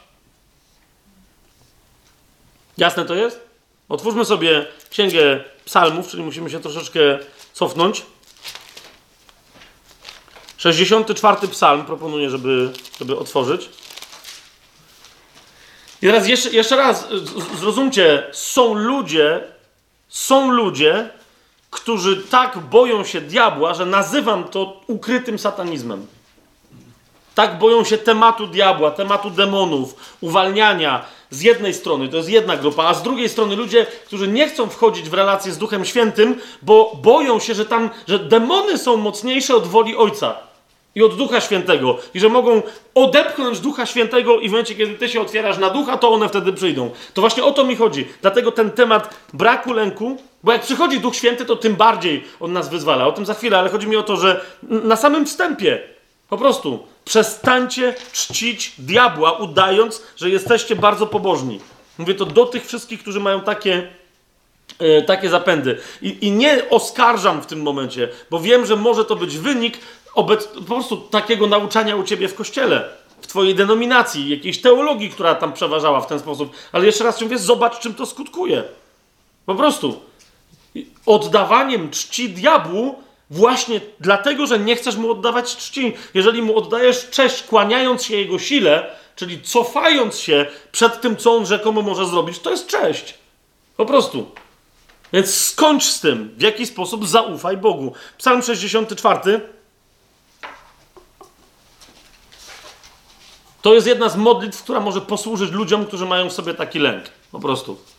Módl się, ułóż sobie melodię, śpiewaj, tańcz. Wysłuchaj, o Boże, od pierwszego wersetu czytam. Wysłuchaj, o Boże, mojego głosu, kiedy się modlę. Zachowaj moje życie od strachu przed wrogiem. Widzicie, o co prosi Dawid? To, to nie jest prośba, zachowaj moje życie przed wrogiem, uratuj mnie przed wrogiem. Dawid mówi, dawaj mi wroga, ale uchroń mnie przed tym, żebym się go bał. Po prostu. I to jest Dawid, to jest stare przymierze.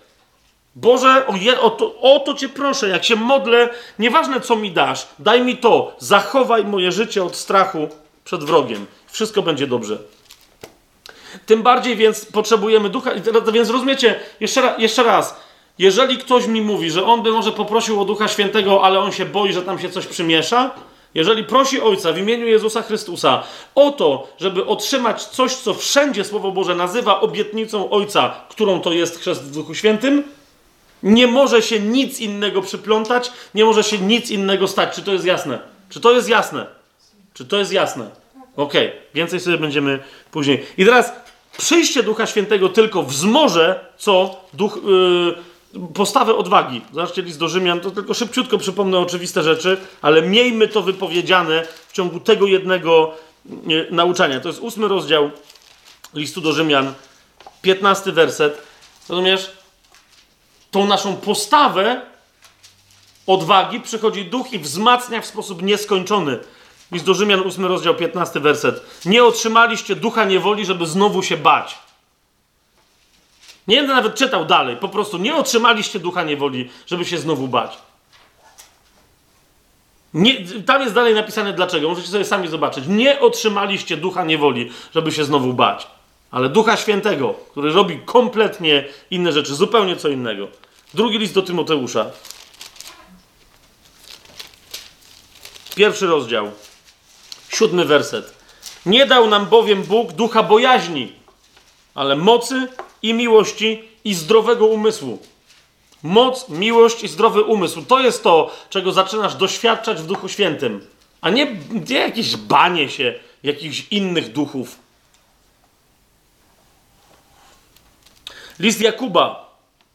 Tym kontekście cały czas, ale czy aby rzeczywiście. List Jakuba, pierwszy rozdział. 17 werset. Wszelki dar dobry i wszelki dar doskonały pochodzi z góry i zstępuje od Ojca Światłości, u którego nie ma zmiany ani nawet cienia zmienności. Jasne? Wszelki dar dobry i wszelki dar doskonały, bo niektórzy jeszcze mówią, że, że, że Bóg czasem w jakimś tam momencie posłał Ducha Świętego E, i on tam komuś, e, e, że ten Duch Święty rzekomo zafałszował proroctwo i tak dalej, i tak dalej. Jest parę takich wątków w Starym Testamencie, ale one nie mówią o chrzcie w Duchu Świętym, mówią o pewnego rodzaju działaniu wobec ludzi, którzy już najczęściej sami z siebie działali pod wpływem złych duchów. Jasne to jest? Jeżeli chcieli trwać w zwiedzeniu, to, to zwiedzenie ich zostało tylko przypieczętowane i wzmocnione, żeby było jasno, jasne, widoczne dla wszystkich dookoła. Ale to są pewne przypadki, które kiedy być może, że, że zapewne przyjdzie taki moment, że je rozważymy, ale one, one się w ogóle nie tyczą e, działania Boga, Ojca wobec swoich dzieci, które ma w Jezusie Chrystusie. Amen? I jeszcze pierwszy list Jana, i to będzie ostatnia rzecz. E, oczywiście on, tam to jest fragment, który mówi o wielu, e, o paru aspektach, ale na jeden tylko zwrócę uwagę. Z pierwszy list Jana, piąty rozdział, wersety 14-15. Zwracasz się do Ojca w imieniu Jezusa Chrystusa o dar Ducha Świętego. Co masz dostać? Ducha Świętego. Taka zaś jest ufność, powiada Jan, którą mamy do Niego, że jeżeli o coś prosimy, zgodnie z Jego wolą, wysłuchuje nas. A jeżeli wiemy, że nas wysłuchuje, o cokolwiek prosimy, wtedy wiemy, że otrzymujemy to, o co Go prosiliśmy. Tak? Często jak słyszymy te dwa wersety, piąty rozdział 14-15 z pierwszego Jana, to ludzie y, y, nauczający na, na podstawie tych fragmentów mówią o tym, że jeżeli ktoś prosi, to może być pewny, że otrzyma. Zgadza się? Wie, wiecie o czym mówię? Że jak ktoś prosi, to może być pewny, że otrzyma. Ja wam zwracam uwagę na to, że jedną z rzeczy, o której mówi ten fragment, jest, że kiedy ktoś prosi, nie tylko może być pewny, że otrzyma, ale że otrzyma to, o co prosi. No to jest kolejna rzecz. Tak? Teraz zobacz, jest wyraźnie napisane, o cokolwiek prosimy, wtedy wiemy, że otrzymujemy to, o co go prosiliśmy. Bo, bo czasem też odbywają się rozmowy, ktoś mówi, że no ja prosiłem o to, a dostałem co innego. To, że dostałeś co innego, to dostałeś, ale to nie był wynik tej twojej modlitwy o coś, o, o coś tam. Rozumiecie? Bo, bo twoja modlitwa o coś mogła być zgodna, mogła być niezgodna z wolą Bożą, mogła być coś, ale w momencie, kiedy prosisz o coś, to to coś masz otrzymać. To jest jedna z też rzeczy, którą musimy sobie w tej teologii prośby, modlitwy prośby wyjaśnić, tak? Że Bóg nie robi gierek, w ramach których daje nam zastępstwo jeszcze bez wyjaśnienia, tak? Ktoś ma chorą żonę, nie została uzdrowiona i umarła. On prosił o to, żeby nie umarła, tak? A potem ktoś inny przychodzi, bo ja teraz nie mówię, co się tam naprawdę wydarzyło, tylko najgorzej jest, jak potem ktoś inny przychodzi i zaczyna mu tłumaczyć, że no, co ty prosiłeś o to, żeby ona nie umarła, ale przez to cierpienie, które na ciebie spadło, zobacz, jak dojrzałeś. Rozumiesz? I to była Boża odpowiedź na twoją prośbę. No, no, no, oho! Jak, co? Może i chłop dojrzał przez to, że cierpiał. Rozumiecie, o co mi idzie? Ale to nie było wysłuchanie przez Boga tej jego modlitwy. Bo nie dostał te, tego, o co prosił. Najlepsza jest rzecz, że często my tłumaczymy, znaczy ja już tak mam nadzieję, że nie robię, nie przypominam sobie, ale, ale wiecie, że, że takie tłumaczenie to jest pokazanie ludziom czegoś, co oni nawet nie rozpoznają, że to od Boga dostali. Wiecie o co chodzi? Próbowanie na siłę odnalezienia, że ktoś coś jednak od Boga dostał. Nie. Nie.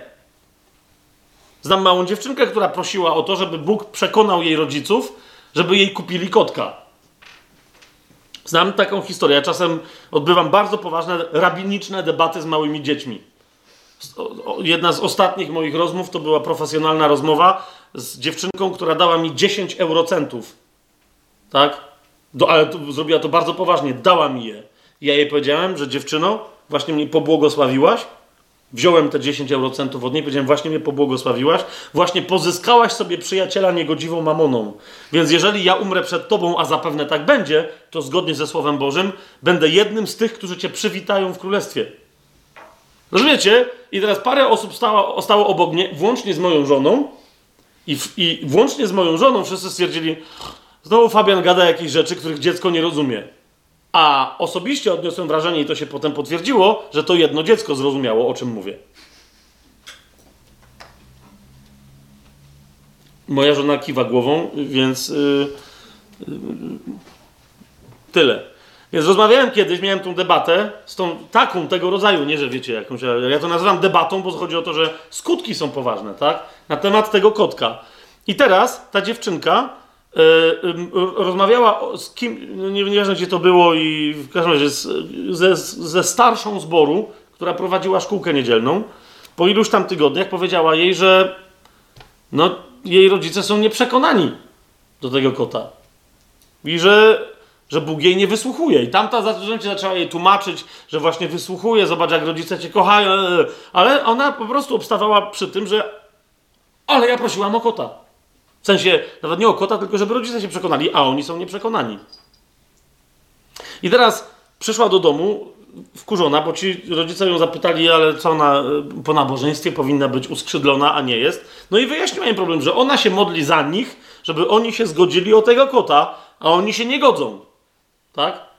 Na co oni jej wyjaśnili, dlaczego się nie godzą na kota. Tam była jakaś kwestia, że jej braciszek był na coś chory. Wie, wiecie, nie, nie, nie, znam tego, tak? Ale odbyła się rozmowa, w ramach której oni jej wyjaśnili, że gdyby Bóg wysłuchał tej modlitwy, że oni by się zgodzili i by jej kupili tego kota, jakie inne złe rzeczy by się wydarzyły.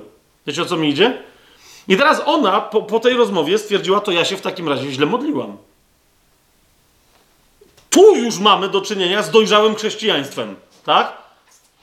Bo jak sprawdzicie w liście Jakuba, jak Paweł mówi, modlicie się, ale się źle modlicie, to dokładnie ona, nie wiedząc o tym, że Jakub coś takiego w tym liście mówi, dokładnie powiedziała to, to ja się źle modliłam. Ja się modliłam o zaspokojenie mojej zachcianki, a wcale nie o spełnienie woli Bożej. Ja tylko wmawiałam Bogu, jak mnie kochasz, to przekonaj moich rodziców. Właśnie w ogóle nie zastanawiałam, jaki jest dziewczynka sześcioletnia. Tak? I teraz ona mówi, jak to wszystko rozważyła, stwierdziła, że ale ona dalej chce kota. I uważajcie, co się stało. Zaczęła się od tej pory modlić, powiedziała: Boże, przemień moje serce, żebym już nie chciała kota. Ale żeby ta sytuacja była zgodna z Twoją, z twoją wolą. I potem się okazało, że znalazła tam jakieś hobby, coś tam się innego wydarzyło. No i po prostu, wiecie, sprawa, ale nie rozeszła się po kościach, tak? tylko ona uznała, że po prostu, że Bóg zaczął dotykać, wysłuchiwać jej modlitwy, dotykać jej serca, tak że ona już nie chciała mieć kotka. Czujecie, co, co, co, o, o, czym mówię teraz? Po prostu kompletna uczciwość. Prosiłam o to i miałam dostać o to. Nie, nie daję sobie zamydlić oczu, ale dostałaś co innego. Nie. Zapewne. Wszelki dar dobry pochodzi od Boga. Ale jak proszę o ten, to może nie prosiłem o dobry dar. Jeszcze raz, gdy chodzi o Ducha Świętego, mamy jasność. Tak? Jak o Niego prosimy, to Jego mamy otrzymać i nikt inny nie jest w stanie wejść w paradę Ojcu w wykonaniu tego dzieła. Jasność? Okej. Okay. Sam chrzest w Duchu Świętym jest bardzo prosty. Teraz wreszcie do niego przechodzimy. Jak już mamy te rzeczy wyjaśnione, modliłem się dzisiaj naprawdę dość długo. Żona mnie obserwowała i nie, nie wiedziała, co się dzieje. Naprawdę, czy poruszać te dwa tematy, czy nie jestem przekonany, e, że, że po prostu, że, że są ludzie gdzieś, może nawet tutaj, gdzieś tam, którym to wiele rozjaśni i będą w stanie ten, ten, wreszcie ten chrzest w Duchu Świętym przyjąć. Warunki przyjęcia chrztu w Duchu Świętym. To jest druga część dzisiejszego naszego spotkania. Teraz w pewnym sensie rzekłbym, że jest jeden tekst, jest jeden prosty tekst, który ustanawia te warunki, w zasadzie wszystkie. Tylko oczywiście później musimy się dobrze przyjrzeć temu, co się w tym tekście dzieje, żeby zrozumieć, czy rzeczywiście dobrze te warunki rozumiemy. To jest siódmy rozdział Ewangelii Jana.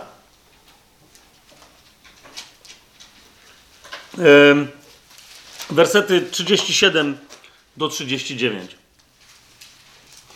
A w ostatnim wielkim dniu tego święta, nie będziemy teraz znowu roztrząsać, wiecie, o co chodziło, co to było za święto i, i tak dalej, ale niech to wystarczy, że kontekstem tego święta było, że tam przez 7 dni, oprócz ósmego, przez 7 dni była rozlewana woda, tak? Co w Jerozolimie które, która jest suchym miastem, tam jest tylko jedno, jedyne źródełko, od którego się potem bierze yy, potok Cedron, ale to jest w ogóle, wiecie, to jest poza murami Jerozolimy. Tam woda jest czymś bardzo, bardzo cennym. teraz to było święto, w którym, w którym woda była rozlewana.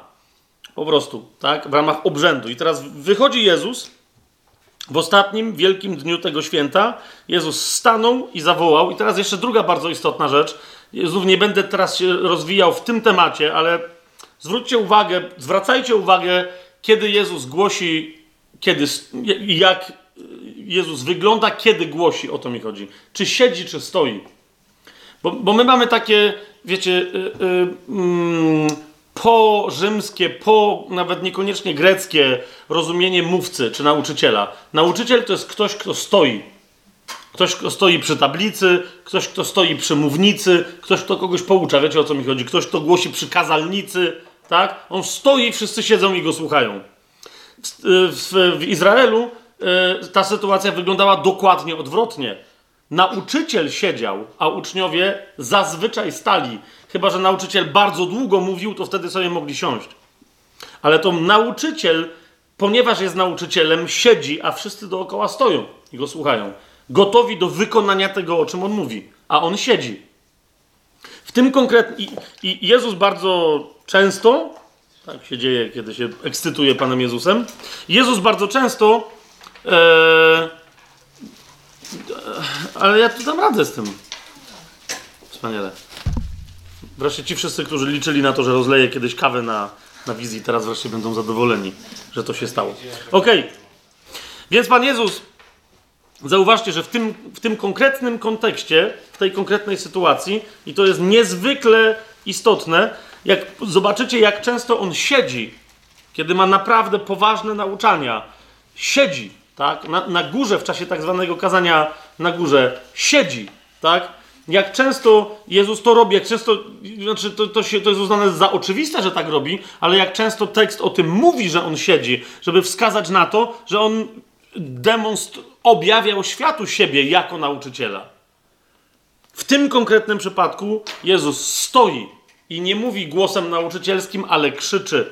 A więc pojawia się jako herald, jako ktoś, kto ogłasza e, królewskie rozporządzenie. Ktoś, kto daje znać, że coś nadchodzi, czego jeszcze nie ma i na jakich zasadach, na jakich warunkach trzeba się tego spodziewać. W ostatnim wielkim dniu tego święta Jezus stanął i zawołał: Jeżeli ktoś pragnie, niech przyjdzie do mnie i pije. Kto wierzy we mnie, jak mówi pismo, rzeki wody żywej popłyną z jego wnętrza. I tyle. To są wszystkie warunki przyjęcia chrztu w Duchu Świętym. Skąd o tym wiemy? Ponieważ 39 werset komentuje, a to mówił o duchu, którego mieli otrzymać wierzący w niego. Duch Święty bowiem jeszcze nie był dany, ponieważ Jezus nie został jeszcze uwielbiony. Gdzie jest uwielbiony Jezus? W chwale zasiada po prawicy Ojca. Amen? Amen. A więc to mówił o duchu, którego mieli otrzymać wierzący w niego duch, nie był jeszcze dany, bo Jezus nie był uwielbiony. Co mówił o tym duchu? Jeszcze raz to przeczytajmy. On to mówi o duchu świętym. Jeżeli ktoś pragnie, no właśnie, on to mówi o duchu świętym, a więc kogo? Albo czego?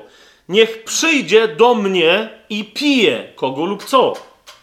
Kto wierzy we mnie, jak mówi pismo, rzeki wody żywej popłyną z jego wnętrza.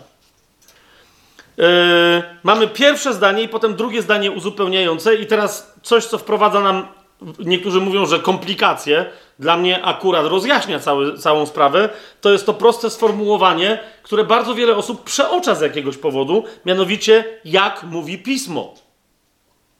Mamy tam dziwne zdanie, zwróćcie uwagę, kto wierzy we mnie, jak mówi pismo, rzeki wody żywej popłyną z jego wnętrza. I teraz mnóstwo osób uważa, że no, jak mówi pismo, bo Pan Jezus tu cytuje, rzeki wody żywej popłyną z jego wnętrza. Pan Jezus tu cytuje pismo. No ale sami dobrze wiecie, że on tu nie cytuje pisma, odnosi się do, do pewnych fragmentów Starego Przymierza, a więc rzeczywiście rzeki wody żywej popłyną z wnętrza tego, kto będzie chciał być ochrzczony, tak jak mówi pismo, ale zwróćcie uwagę, w języku greckim jest możliwa też inna interpretacja, a, a mianowicie, że ten, to sformułowanie odnosi się do pierwszej części tego zdania. A mianowicie, kto wierzy we mnie tak, jak mówi pismo. U tego, czy z tego wnętrza wody, rzeki wody żywej popłyną. Ok? Ja osobiście uważam, e, że to sformułowanie tak, jak mówi pismo, znajduje się w środku, żeby zrobić z tego zdania dwa skrzydła. Po prostu, zamiast dwukrotnie powtarzać to samo, Pan Jezus powiedział: Kto wierzy we mnie, tak jak pismo mówi, żeby we mnie wierzyć, u tego rzeki wody żywej popłyną z jego wnętrza, tak jak pismo mówi, że popłyną. Po prostu. Więc nie, niezależnie od tego, czy ktoś będzie kłócił, że tak, czy inaczej interpretować to gramatykę grecką, chodzi mi o to, że w praktyce dokładnie na to wychodzi. Okay? Że tak należy to zdanie rozumieć. Kto wierzy we mnie tak, jak mówi pismo, tak jak mówi pismo, rzeki wody żywej popłyną z jego wnętrza. Jasne? Okej. Okay. I teraz podam wam siedem warunków, które, y, które są warunkami, żeby w ogóle móc przyjąć chrzest w Duchu Świętym, też żeby mieć pewność, że to był chrzest w Duchu Świętym. Po pierwsze, yy, trzeba mieć pragnienie. Zauważcie, Pan Jezus mówi, jeżeli ktoś pragnie, tak? Siódmy rozdział Ewangelii Jana, 37 werset. Jeżeli ktoś pragnie, wtedy i, i spełni jeszcze inne warunki, wtedy rzeki wody żywej popłyną z jego wnętrza.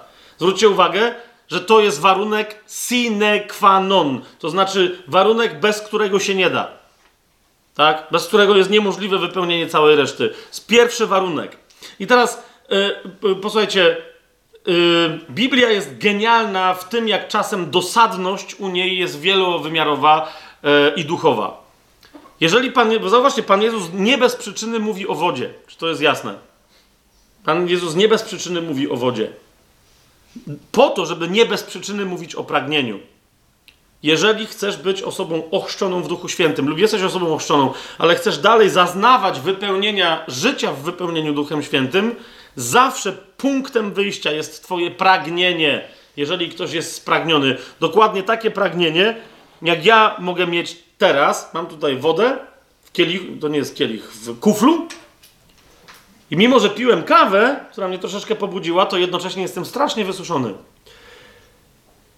Wiecie, jak ktoś. Wyobraź sobie na przykład, że idziesz 4-5 godzin po pustyni. Jak po pustyni? Nad morzem. Tam kupa wody, ale nie do picia. I chce ci się pić. Widzicie, ja zacząłem tylko mówić, tam już jedna siostra zaczęła pić, a ja to mam, mi się bardzo chcę pić i teraz jestem spragniony. To jest dokładnie, Pan Jezus mówi to, kto ma dokładnie to, co ja teraz mam.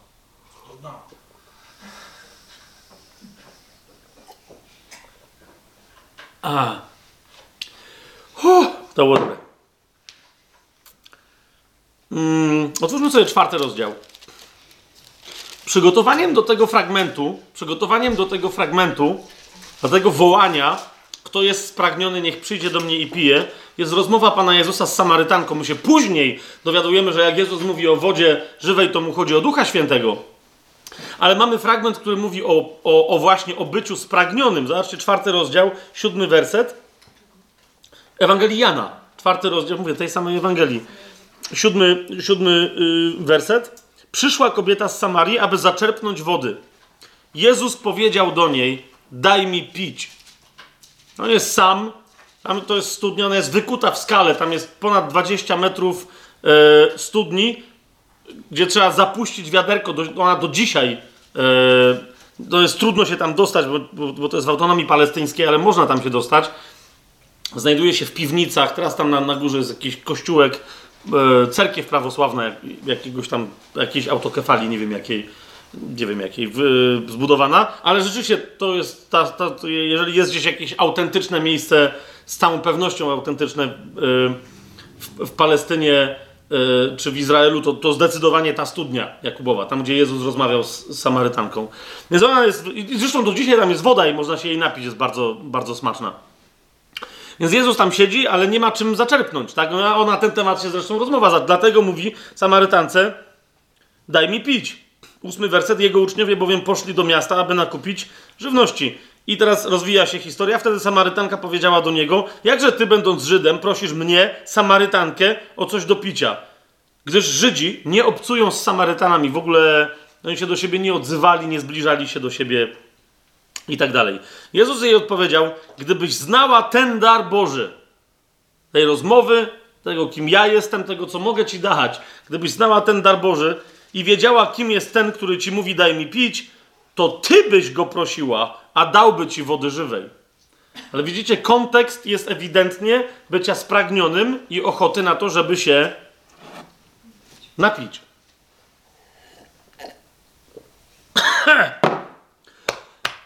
jest bardzo dobra woda. Mm. I powiedziała do niego kobieta, panie, nie masz czym naczerpać, a studnia jest głęboka. Skąd więc masz tę wodę żywą? Żart był nie, nie przedstawienia, bo teraz ledwo gadam. Czy ty jesteś większy niż nasz ojciec Jakub, który nam dał tę studnię i sam z niej pił, a także jego synowie i jego dobytek? Odpowiedział Jezus: każdy, kto pije tę wodę, znowu będzie pragnął. Widzicie o co chodzi?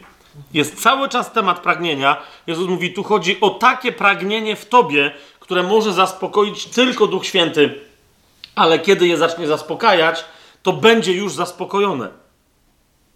Lecz kto by pił wodę, którą ja mu dam, nigdy nie będzie pragnął. Ale woda, którą ja mu dam, stanie się w nim źródłem wody wytryskującej ku życiu wiecznemu.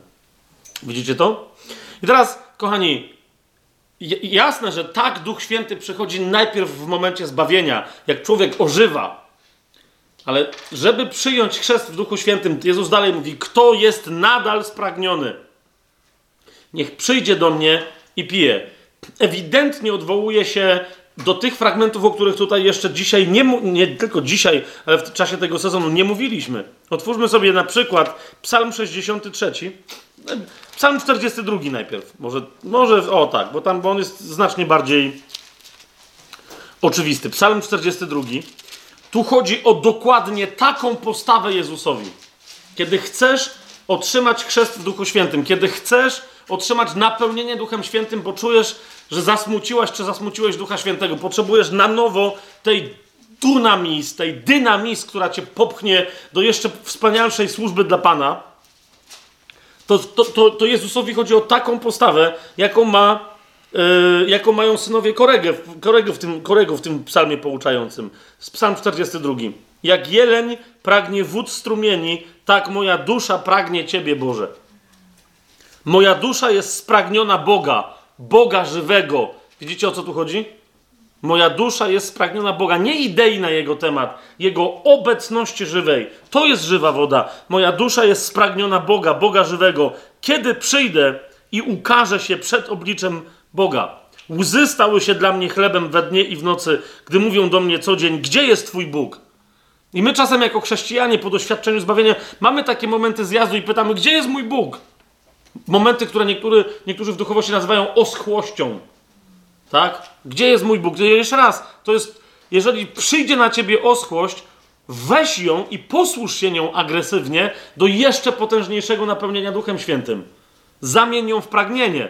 Nie, nie zrzędź teraz Bogu, że a, mi się nie chce modlić. Jak masz coś takiego, weź i agresywnie się tym posłuż. Zdaj sobie sprawę, jak wielkie jest Twoje pragnienie. Psalm 63 sobie otwórzmy. Chociaż ten, mówię, ten to, to jest dobry psalm, żeby wołać o napełnienie Boże. Psalm 66. Szósty, kolejna, kolejny wyraz tego pragnienia, o którym mówi Jezus. Jeżeli ktoś pragnie, jak? W ten sposób. Swoją drogą zauważcie, to jest psalm Dawida. Mamy komentarz, często nie zwracamy uwagi na te komentarze, one są ważne. To jest psalm Dawida, kiedy przebywał na pustyni judzkiej. I woła, psalm 63, Boże, Ty jesteś moim Bogiem, od rana Cię szukam. Pragnie Ciebie moja dusza, tęskni do Ciebie moje ciało w ziemi suchej i spragnionej, w której nie ma wody abym widział Twoją moc i chwałę, tak jak Cię ujrzałem w Twojej świątyni. Skoro lepsze jest Twoje miłosierdzie niż życie, moje wargi będą Cię chwalić. Tak błogosławić Cię będę, póki żyję. Wzniosę swoje ręce w imię Twoje. To, to, to macie postawę człowieka, który pragnie. Stoi, wznosi ręce, wielbi ustami, ale zauważcie, mówi wyraźnie, że jest spragniona jego dusza i jest spragnione jego ciało jest gotów cały poddać się temu strumieniowi wody żywej. Czy to jest jasne, o czym mówimy? To jest to, o czym mówi Jezus. Jeżeli ktoś jest spragniony, jak jeleń pragnie wód żywej wody, tęskni do ciebie moje ciało w ziemi suchej i spragnionej, w której nie ma, w której nie ma wody. I Zajasza sobie jeszcze otwórzmy i nie będę dalej tego rozwijał, bo myślę, że to jest jasne. Jest 26 rozdział. Izajasza. Wersety 8-9. Na drodze Twoich sądów, o Jachwę, oczekujemy Cię. Pragnieniem naszej duszy jest Twoje imię i wspominanie Ciebie. Moja dusza pragnie Cię w nocy. Swoim duchem, który jest we mnie, szukam Cię nawet rano. Gdy bowiem Twoje sądy odbywają się na ziemi, mieszkańcy świata uczą się sprawiedliwości. To jest, to jest dokładnie to. Tęsknię za Tobą, jestem spragniony Twojej obecności, jak sucha ziemia tęskni za deszczem w moim duchu, w mojej duszy i w moim ciele. To jest wołanie przyjdź duchu. Dobra, jeszcze, jeszcze jak jesteśmy u Izajasza to i mówimy o tym pragnieniu, to jeszcze, jeszcze jeden cytat, 49, 49 rozdział, yy, 10 werset.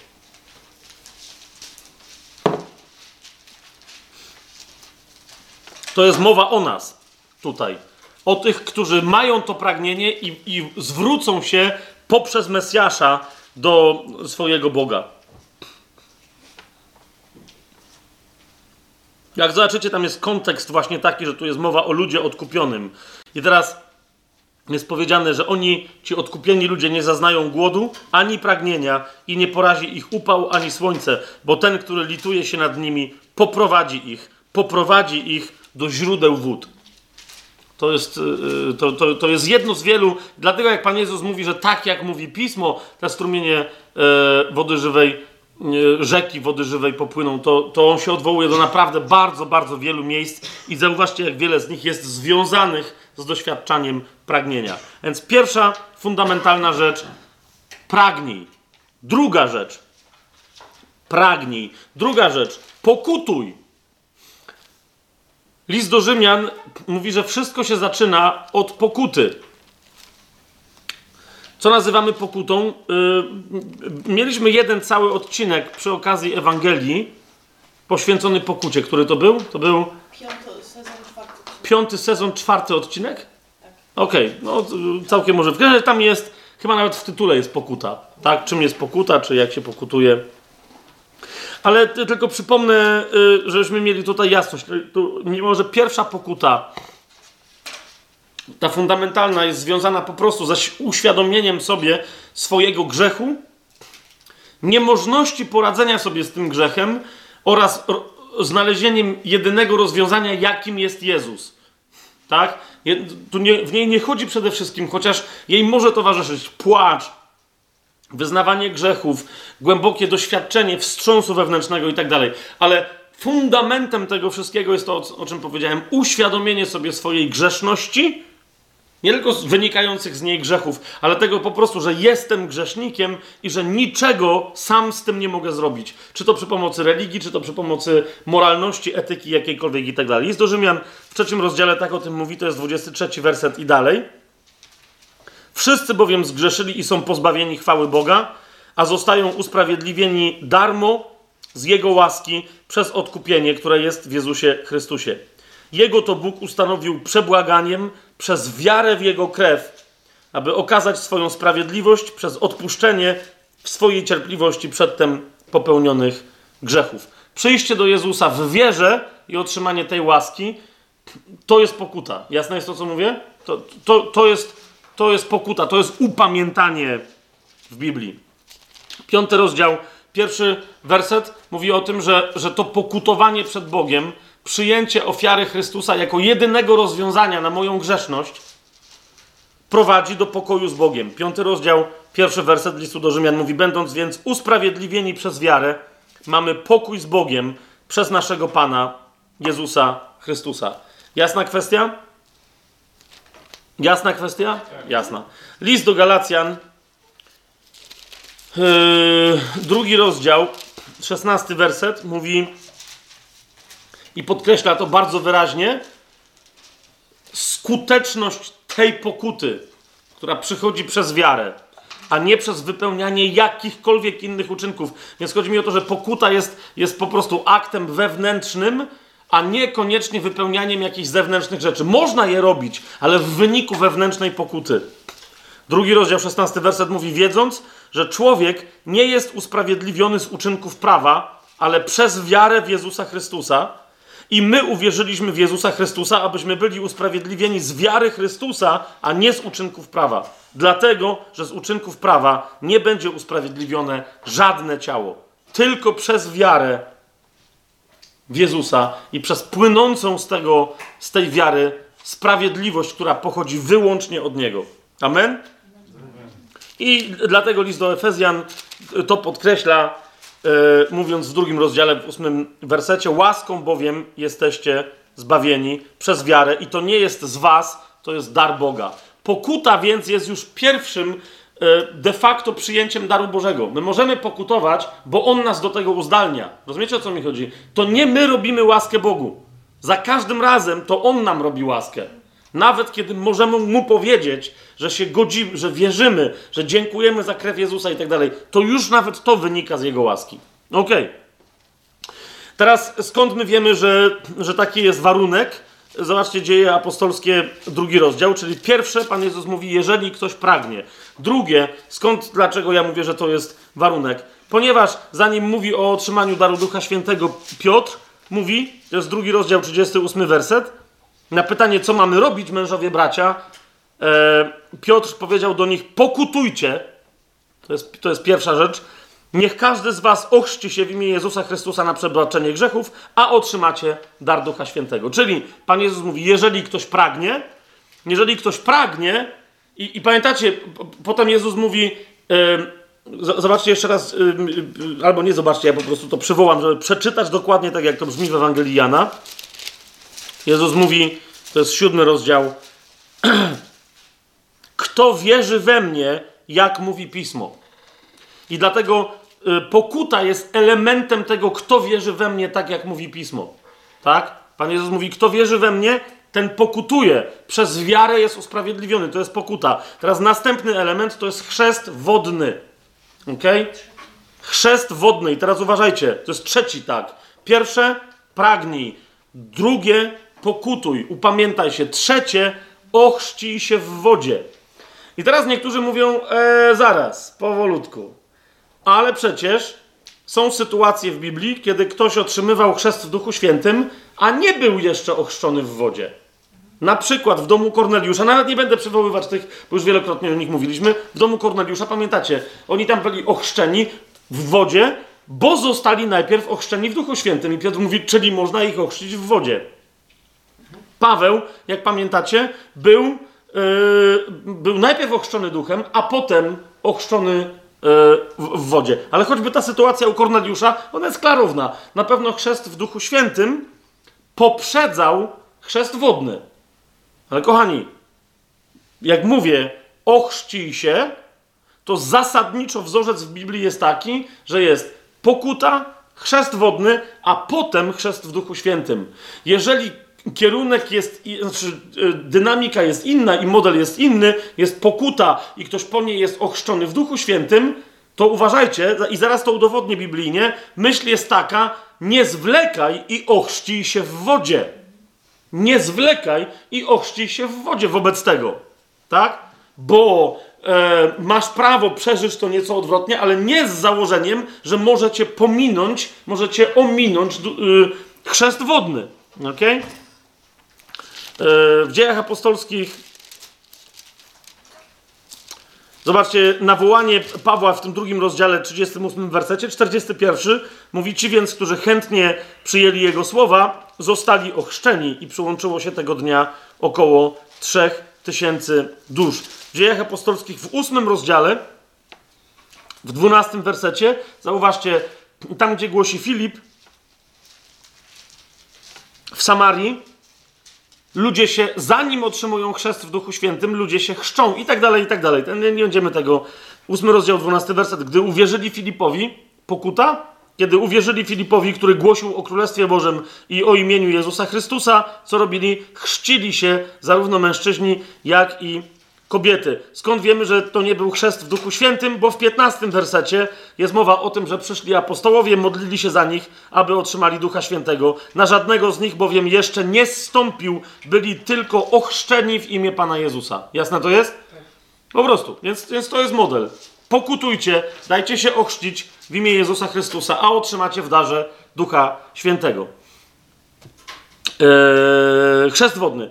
Eee, Galacja. I teraz zaraz, zaraz, zaraz powiem o tej, o co się dzieje w tej sytuacji, że niektórzy mieli najpierw chrzest w duchu. Dlaczego mówię, że chrzest wodny jest warunkiem? Przynajmniej w sercu ta świadomość, że jeżeli przyjdzie Duch Święty, jeszcze nie jestem ochrzczony w wodzie, ale chcę być ochrzczony w wodzie. Jasne? To jest warunek. Zobaczcie list do Galacjan. Yy, Jasno wiąże chrzest wodny z, z chrztem yy, w Duchu Świętym. To jest trzeci rozdział listu do Galacjan, werset 27.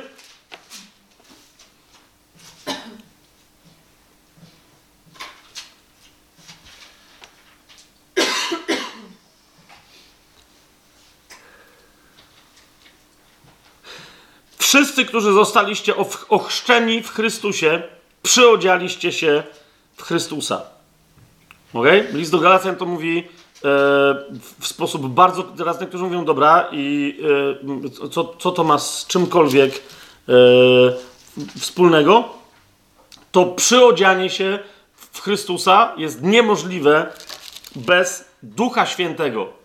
Jeżeli jest jeden Pan, musi istnieć jeden Duch, jeden chrzest wodny i dopiero jeden chrzest w Duchu Świętym. Zobaczcie list do Efezjan, czwarty rozdział, piąty werset. Czy nawet czwarty werset i dalej. Jedno jest ciało, jeden duch, jak też zostaliście powołani w jednej nadziei waszego powołania, jeden Pan, jedna wiara, jeden chrzest, jeden Bóg i Ojciec wszystkich i tak dalej, i tak dalej. Jeden Pan, jedna wiara, jeden chrzest. Widzicie to? Jeżeli jest Pan, w którego chce się przyodziać, to nie są tylko akty wiary, znaczy to są, ale, ale wśród tych aktów wiary jeden z najważniejszych to jest chrzest wodny. Jeden Pan, jedna wiara, jeden chrzest. List do Kolosan, drugi rozdział, wersety 11 i 12 mówią: W nim też zostaliście obrzezani, obrzezaniem nie ręką uczynionym, lecz obrzezaniem Chrystusa, poprzez zrzucenie grzesznego ciała doczesnego. Jak? Pogrzebani razem z nim w chrzcie, w którym też razem z nim zostaliście wskrzeszeni przez wiarę, która jest działaniem Boga, którego wskrzesił z martwych. Jeżeli ktoś przyjmuje chrzest w Duchu Świętym i nie zakłada zrzucenia z siebie starego człowieka, żeby się przyodziać w Chrystusa, co się może dokonać tylko w chrzcie wodnym, wtedy kwestionuje jego chrzest w Duchu Świętym. Czy to jest jasne, co, co teraz mówię? Kwestionuje ten chrzest w Duchu Świętym. Modlitwa wtedy mogła to być modlitwa o Ducha Świętego i Duch Święty mógł coś tam zadziałać, ale na pewno nie przyszedł takiej osoby ochrzcić. W liście do Tytusa mamy bardzo e, konkretną y, uwagę, znaczy uwagę, prawdę wyrażoną przez, przez Pawła, to jest list do Tytusa, trzeci rozdział, piąty werset. Nie z uczynków sprawiedliwości, które my spełniliśmy, ale według swojego miłosierdzia zbawił nas. To, to jest efekt wiary, pokuta, nie z, nie z naszej sprawiedliwości, zbawił nas przez obmycie odrodzenia. Pamiętacie, po grecku tu jest kąpiel regeneracyjna, ale w takim sensie, że ktoś się kąpiel nowonarodzenia, to jest takie odrodzenie, przez kąpiel nowonarodzenia i odnowienie w Duchu Świętym, którego wylał na nas obficie przez Jezusa Chrystusa, naszego Zbawiciela. Tak? Widzicie, to są dwa różne akty. Jeden to jest chrzest wodny, drugi to jest chrzest w Duchu Świętym, ponieważ o chrzcie w Duchu Świętym jest, jest powiedziane, że tam się Duch Święty wylewa na kogoś. Tak? Kąpiel to jest zanurzanie się w czymś, tutaj jest konkretnie kąpiel wodna, tak?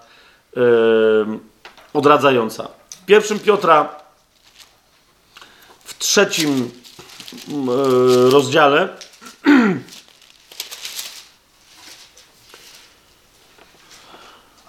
o, o tej istotności chrztu w kontekście możliwości działania Ducha Świętego tak pisze Piotr, to jest 1 Piotra, 3 rozdział, 18 werset i dalej.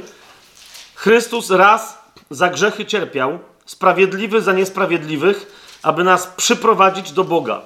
Uśmiercony w ciele, lecz ożywiony duchem, w którym poszedł i głosił też duchom będącym w więzieniu, niegdyś nieposłusznym, gdy za dni Noego raz oczekiwała Boża cierpliwość, kiedy budowano arkę, w której niewiele, to jest osiem dusz, zostało uratowanych przez wodę.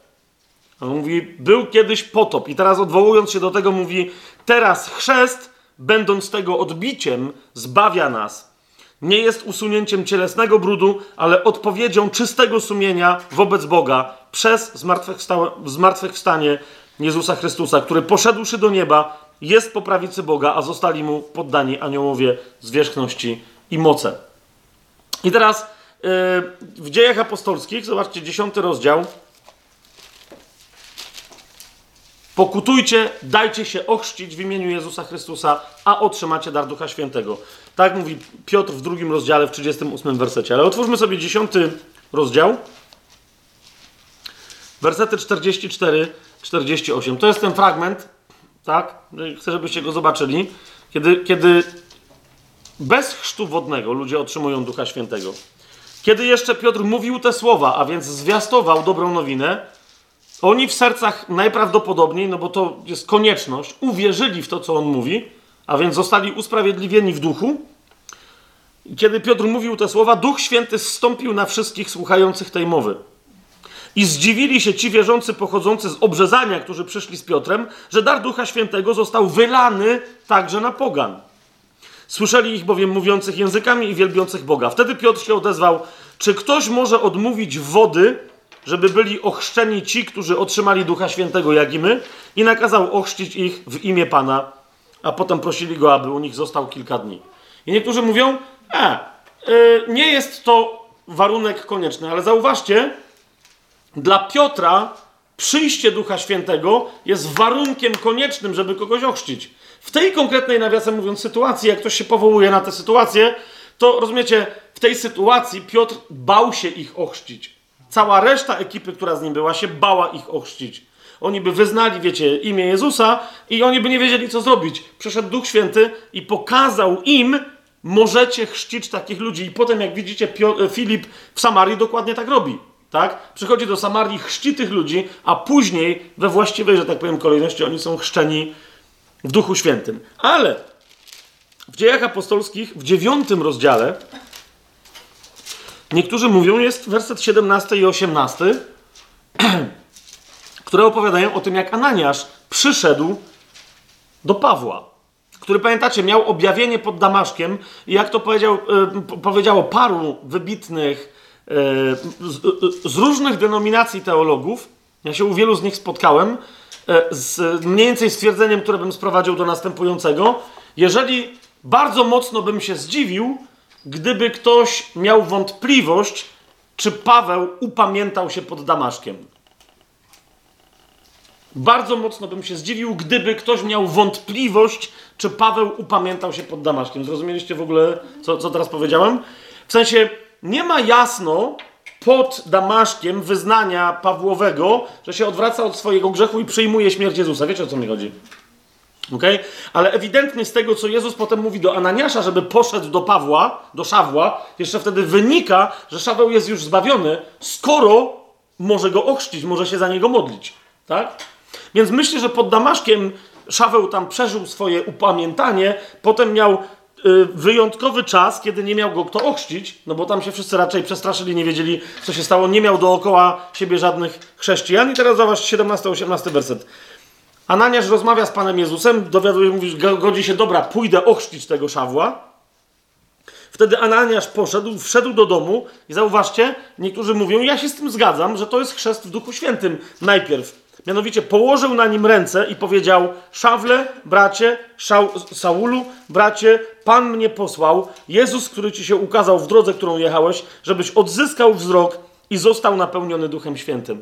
I Słowo Boże mówi, natychmiast spadły z jego oczu jakby łuski, a więc niektórzy mówią, no i tyle, i został chłop napełniony Duchem Świętym, ochrzczony w duchu, a wtedy co? Zaraz przejrzał, wstał i został ochrzczony.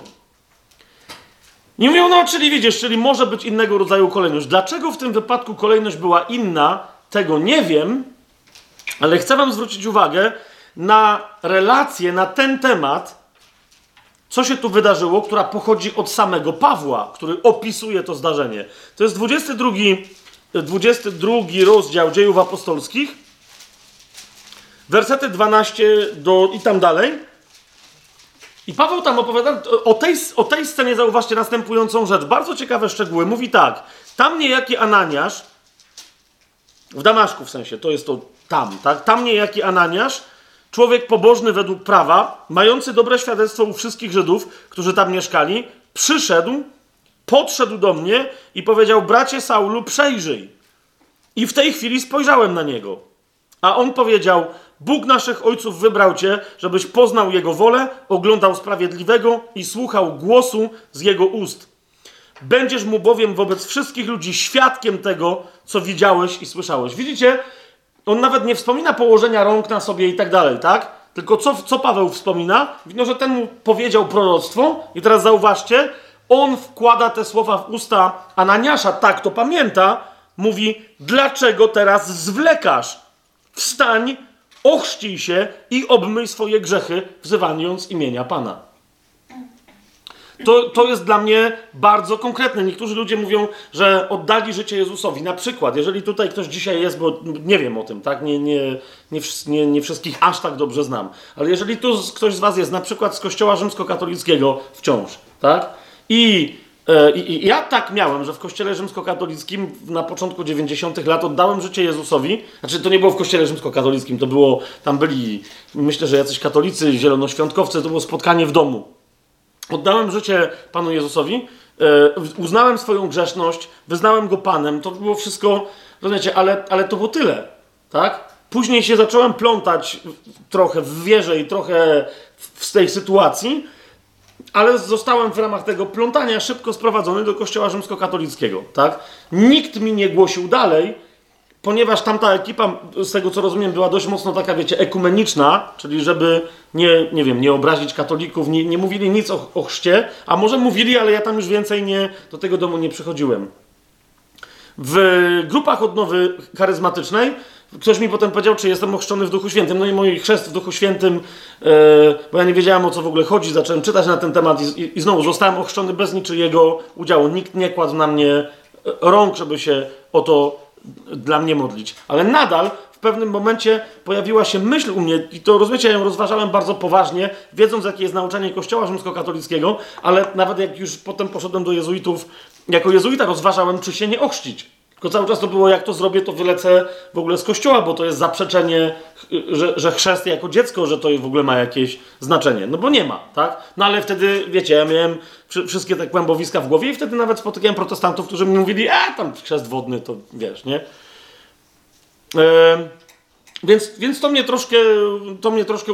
W sensie inna rzecz, że ja w ogóle różne rzeczy, jak, bo, bo, bo, bo zasadniczo będąc bardzo młodym jezuitą w nowicjacie i potem e, jako, e, jako kleryk, e, czytałem Biblię i tam różne rzeczy niekoniecznie katolickie, ale czytając Biblię na przykład miałem fazę i poszedłem wręcz zapytać jednego przełożonego, że, bo najpierw chciałem się obrzezać. Bo, bo wiecie, jak czytałem Biblię po kolei, to najpierw było obrzezanie i stwierdziłem, że to jest ewidentnie znak wieczysty, więc on nie bardzo tam wiedział, jakby jak na to zareagować, ale mówi, gdzie jesteś w Biblii, powiedziałem, że to mówi, to może doczytaj do końca i wtedy będzie. No i wtedy doczytałem, że my jesteśmy obrzezani obrzezaniem nie ręką ludzką uczynionym i stwierdziłem, okej, okay, ale dosyć jasne mi się wydawało, że to jest chyba związane jakoś z chrztem wodnym. Wiecie o co chodzi? No i wtedy się pojawili właśnie ci niektórzy nawet protestanci, którzy powiedzieli, a wyluzuj się, nie? A nie ma aż takiego znaczenia. Natomiast mówię, mówię, w wielu miejscach to mówię i, świadczę o tym, o tym wyraźnie, że miałem w sobie taką myśl po chrzcie w Duchu Świętym i ona mi długo towarzyszyła. W zasadzie nigdy nie, jakoś nie, nie, nie zniknęła. Chodzi tylko o to, że ja nie, wiecie, nie mogłem się tym zajmować, bo wiedziałem, że to było kompletnie sprzeczne z tym, co reprezentowałem jako ksiądz, bo reprezentowałem Kościół rzymskokatolicki, tak? I teraz sęk w tym, że bez chrztu wodnego nawet prawdziwy chrzest w Duchu Świętym nie jest w stanie w pełni e, działać, powiedziałbym wręcz, że prawie w ogóle nie jest w stanie działać. Dlaczego? Ponieważ zawsze pierwsze, co Duch Święty robi, to jest uświęcenie. A uświęcenie jest związane z uśmierceniem fizycznego ciała. Uświęcenie jest związane z uśmierceniem fizycznego ciała. Ja to powiedziałem wyraźnie? Okay. A ono przychodzi tylko i wyłącznie w chrzcie wodnym. Bo to chrzest wodny, list do Rzymian, o tym mówi szósty rozdział, tak? Jest zanurzeniem się w śmierci Chrystusa i w świecie duchowym jest rozpoznany, rozpoznany chrzest mój jako wodny, jako świadomy akt zdecydowania się na traktowanie mojego życia jako martwego. I dlatego, i dlatego mm, mm, Paweł tam potem pisze, że kto w ten sposób umarł, więcej nie grzeszy. Tak? Ponieważ prawo nie tyczy się trupa. Po prostu fizycznie chrzest, a mnie tego cały czas brakowało i przyznam, że, że dziwiłem się, że doświadczając jakichś aspektów mocy królestwa, aspektów darów duchowych, prorokowania, mówienia na językach i tak dalej, e, w tym, co było znacznie istotniejsze niż, wiecie, mówienie na językach, w walce z grzechem, na przykład miałem wrażenie, że nie mam siły i dziwiłem się, jak ten Duch Święty może nie mieć siły, żeby mnie poprowadzić we właściwą stronę. Rozumiecie, o czym mówię?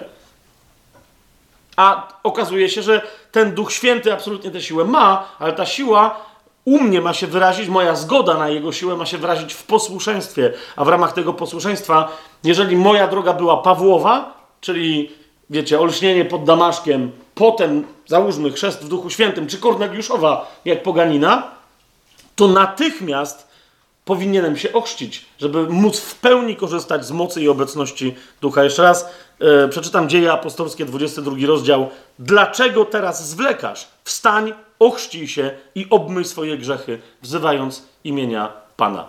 Kropka. Ok?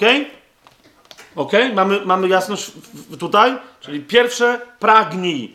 Tak jak to Biblia opisuje, żeby pragnąć całą duszą i całym ciałem. Dwa, pokutuj. Trzy, daj się ochrzcić. Ochrzcij się w imieniu Jezusa.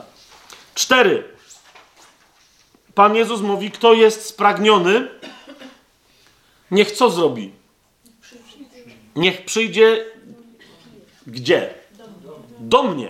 Otóż to. Kto jest spragniony, niech przyjdzie do mnie. Otwórzmy sobie list do Hebrajczyków, bo tam jest parę aspektów tego określenia. Kto jest spragniony, niech przyjdzie do mnie. List do Hebrajczyków, e, 11 rozdział, szósty werset mówi bardzo wyraźnie, bo widzicie, to jest kolejny raz mówimy o wierze Jezusa. Ty po pierwsze musisz wierzyć nie tylko w Jezusa, ale Jemu musisz wierzyć. Bo Jezus mówi: przyjdź do mnie. Nie chodzi o zrobienie jakiegoś magicznego aktu wiary. Po pierwsze, list do Hebrajczyków, 11 rozdział, 6 werset mówi wyraźnie: bez wiary nie można podobać się Bogu, bo ten, kto przychodzi do Boga, musi wierzyć, oczywiście, że on jest i że nagradza tych, którzy go szukają.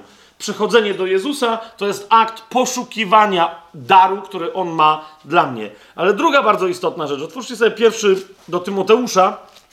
Nie będę tego więcej naprawdę rozwijał, bo wydaje mi się to naprawdę oczywiste. Pierwszy do Tymoteusza.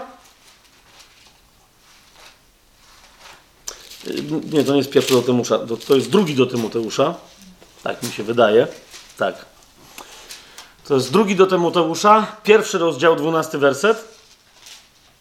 Paweł mówi, yy, że znosi cierpienia, mniejsza o to, ale mówi, znoszę te cierpienia, ale się nie wstydzę, uważajcie, gdyż wiem, komu uwierzyłem i jestem pewien, że on ma moc i tak dalej, i tak dalej.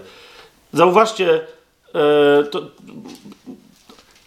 tak łatwo zamieni, zamienić sformułowanie wiem, w co wierzę, odpaść tym sformułowaniem od wiem, komu zaufałem. Zauważyliście to? Wiem, w co wierzę. Wielu chrześcijan ym, nie może się powstrzymać w kłótniach o to, w co wierzą. Yy, gdy tymczasem myślę, że gdyby pamiętali o tym, któremu uwierzyli, to wtedy e, rozmiary tych debat, ich charakter, atmosfera, nastrój i, i ostateczne konkluzje byłyby inne. Gdyby najpierw pamiętali, że komuś uwierzyli, a potem, że to komu uwierzyli wyraża się tym, w co wierzą. Jasne jest to, co mówię? A zatem Pan Jezus mówi: Uwierz mnie, ufaj mi, przyjdź do mnie. To jest pierwsze. On jest chrzcicielem, tylko i wyłącznie on, nie żaden człowiek. Ludzie mogą w ramach modlitwy o chrzest w Duchu Świętym, i tak wygląda standardowo ta modlitwa w dziejach apostolskich, że ktoś na kogoś kładzie ręce, ale uważajcie, nie ten, kto kładzie ręce na kogoś, przekazuje mu Ducha Świętego. Ok?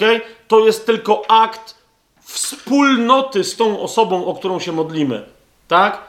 Ci, którzy już mają chrzest w Duchu Świętym, modlą się razem z tą osobą, ale to ta osoba musi pragnąć, ta osoba musi być po pokucie, ta osoba musi być ochrzczona, ta osoba osobiście musi przyjść do Jezusa. Kto jest spragniony, niech przyjdzie do mnie, mówi Jezus. Amen? Kościół kładzie ręce na taką osobę, mówiąc: Jesteśmy z Tobą. Jesteśmy z Tobą. To jest przede wszystkim w kościele położenie rąk na kogoś, to, to jest zgodzenie się z tą osobą. To jest wyraz społeczności z tą osobą. Zauważcie, jak y, w Antiochii Duch Święty mówi: Oddzielcie mi Barnabę i Pawła do dzieła, do którego ich przeznaczyłem. Pamiętacie? Kościół później się modli za tych ludzi, za Barnabę i za Pawła, jak? Z nałożeniem rąk. Ale rozumiecie, co to oznacza, że to oni posyłają Barnabę i Pawła? Nie, oni się zgadzają z tym, że wszyscy to usłyszeli. Oni się zgadzają z tym, że cały Kościół mówi, posługiwaliście u nas, a, teraz my się zgadzamy z tą misją, na którą idziecie. Kładą na... Ale oni nie przekazują Ducha Świętego ani niczego Barnabie, ani Pawłowi. I- Jasne jest, to, to, to jest trzynasty, gdyby ktoś chciał, to jest trzynasty rozdział dziejów apostolskich. Nie będziemy tam tam przechodzić. Ale 13 rozdział dziejów apostolskich. Znaczy, najpierw jest Duch Święty, który przemawia poprzez proroctwo. Ja jeszcze o nałożeniu rąk dzisiaj coś, coś więcej powiem, jak nam starczy czasu. Ale tam jest najpierw Duch Święty, a potem Kościół się modli razem z nimi, błogosławi ich i tak dalej, wyraża e, ochotę, żeby ich wspierać. jest kolejna rzecz, tak? Oni wiedzieli, że będąc gdziekolwiek, mogą liczyć na wsparcie także materialne swojego kościoła. Także, że ktoś im poświęci czas, że żeby, bo wiecie, to wtedy nie było przelewów. Gdyby oni gdzieś zostali, utknęli i nie mogli się ruszyć, to ten kościół zapewne zrobiłby zbiórkę, jak to później widać u Pawła e, w jego służbie i u innych, którzy jemu pomagają. Biorą pieniądze skądś i poświęcają swój czas. Może coś robią, mają rodzinę, nieważne, ruszają, żeby dostarczyć Pawłowi bezpiecznie to, co zostało dla niego zebrane. Jasne jest to, co mówię? Więc, ale, ale chrzcicielem jest tylko i wyłącznie Jezus. Przypomnę tylko jeden, jeden cytat, to jest Ewangelia Jana, 16 rozdział, 7 werset. Ja mówię wam prawdę. Ewangelia Jana 16:7. Ja mówię wam prawdę. Pożytecznie jest dla was, abym odszedł. Jeżeli bowiem nie odejdę, pocieszyciel do was nie przyjdzie. A jeżeli odejdę, poślę go do was. To mówi Jezus. Ja go do was poślę. Ja go do was poślę. Jak? Wypraszając go u Ojca. Jeszcze raz, wielokrotnie o tym mówiliśmy. Yy... Okej, ale o jednej rzeczy musimy wspomnieć. Ponieważ przyjście do Jezusa jest też modlitwą do Ojca w imię Jezusa. Jak już jesteśmy w tej Ewangelii Jana, zobaczcie 14 y, rozdział, 16 werset. Pan Jezus mówi, w jaki sposób da nam tego Ducha Świętego w tym miejscu. Mówi, ja będę prosić Ojca, a da wam innego pocieszyciela, aby z wami był na wieki Ducha Prawdy. Ok? I w 14 rozdziale, w 26 wersecie, jeszcze raz Pan Jezus mówi: Pocieszyciel, Duch Święty, którego Ojciec pośle, jak? W moim imieniu. On nauczy Was wszystkiego i przypomni Wam wszystko, co Wam powiedziałem. Jeszcze raz, Jana 14, 16. Ja będę prosił Ojca i da Wam innego pocieszyciela, a my mamy przyjąć jak Ducha Świętego w imieniu Jezusa. 26 werset. Pocieszyciel Duch Święty, którego Ojciec pośle w moim imieniu. A zatem modlitwa o chrzest w Duchu Świętym jest przyjściem do Jezusa, wyznaniem wiary w Niego, prośbą o Ducha Świętego, a następnie prośbą do Ojca w imieniu Jezusa o tegoż obiecanego Ducha Świętego. Jasne to jest? A więc pragnij, po pierwsze, po drugie, pokutuj, po trzecie, ochrzcij się, po czwarte, przyjdź do Jezusa. Także przez Jezusa przyjdź do Ojca, proś o Ducha Świętego. Zaraz, prośba to będzie zaraz. W razie przyjdź do Jezusa, w im, do Ojca w imieniu Jezusa. Amen? Następny właśnie, automatycznie weszliśmy w piąty warunek, mianowicie to ta osoba, która ma być ochrzczona, ta osoba ma przyjść do Jezusa i ta osoba ma co zrobić? Ma prosić. Ta osoba ma prosić. A czasem widzę, wiecie, modlitwę o chrzest w Duchu Świętym, w ramach którego to tak wygląda, jakby wianuszek ludzi, czasem to jest trzy, czasem dziesięć osób dookoła jednej, walczyły o Ducha Świętego dla tej osoby, która siedzi w środku i ma go dostać. Rozumiecie? I teraz wszyscy pragną, żeby ten Duch Święty przyszedł, z wyjątkiem tej osoby, która, do której on ma przyjść. Ona siedzi, spa, jakby się opalała i czeka. No okej, to dajcie mi go. Jeszcze raz, to ty masz o niego, ty masz o niego prosić. Jan 16, 24. Pan Jezus mówi: Dotąd o nic nie prosiliście w moje imię. Proście, a otrzymacie, aby wasza radość była pełna. Radość jest, jeszcze raz odsyłam was tam, gdzie jest mowa o tym, że owocem zaś ducha jest miłość. Tam jest też powiedziane, że, że aspektem owocu ducha, czyli miłości, jest także radość. Tam, gdzie jest mowa o owocu ducha, jest wymieniona również jest wymieniona również radość. Ale w Ewangelii y, Łukasza, jak zobaczycie, ewidentnie mamy powiedziane, to jest jedenasty rozdział, trzynasty werset. Jeszcze raz zwróćcie uwagę na nieco inny aspekt tego, co już czytaliśmy. Jeżeli więc wy, będąc złymi, umiecie dawać dobre dary waszym dzieciom, o ileż bardziej wasz Ojciec Niebieski da Ducha Święte, Świętego komu? Komu? Powiedzcie mi to. Tym, którzy go proszą. Tym, którzy go proszą. Proś Ojca w imieniu Jezusa. Rozumiesz, Ojciec, Jezus, właśnie to jest, to jest to, to jest ta cudowna miłość w Bogu, w Trójcy, tak? Jezus tam nie chce, on i tak ma chwałę od Ojca, to, to on się w tym momencie nie chce, żebyśmy my na nim koncentrowali. On mówi, przyjdźcie do mnie, ale zawsze przeze mnie przechodźcie do Ojca i w ten sposób w moim imieniu proście, a otrzymacie cokolwiek tam yy, zgodnie z wolą Bożą oczywiście będziecie chcieli. W dziejach apostolskich yy, jest wyraźnie, Duch Święty jest nazwany darem. To, to jest yy, na, na przykład w, w drugim rozdziale który jest dla wszystkich, to jest drugi rozdział, 38 werset, otrzymacie dar Ducha Świętego. To jest końcówka 38 wersetu. Otrzymacie dar Ducha Świętego. Obietnica ta bowiem dotyczy was, waszych dzieci i wszystkich, którzy są daleko, każdego, kogo powoła Pan nasz Bóg. Jeżeli jesteś osobą zbawioną, to jesteś osobą powołaną, a w takim razie masz prawo do tego daru.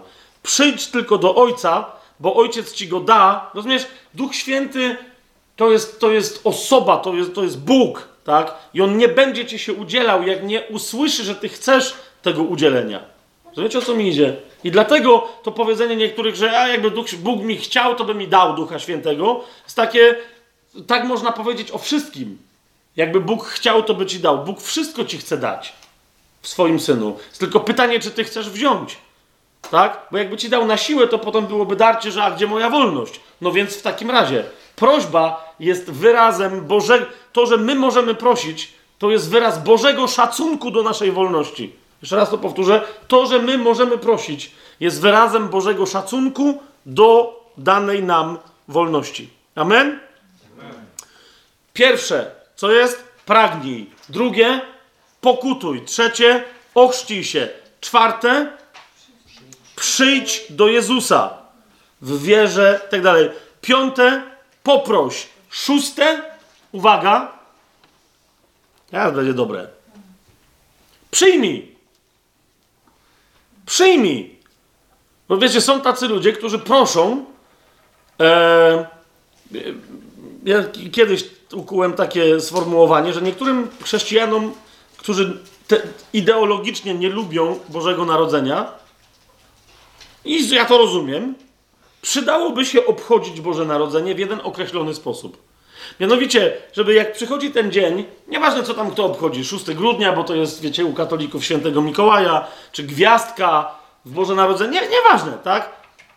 Zróbcie sobie choinkę, dawajcie sobie prezenty pod tą choinkę, ale ich nie bierzcie. Rozumiecie? Bo, bo to jest coś, co niektórzy. No ale jak ja poprosiłem, no to Bóg ci dał. Skąd ja mogę wiedzieć? Ja nic nie czuję, bo możeś nie wziął. Rozumiesz, na tym polega prezent.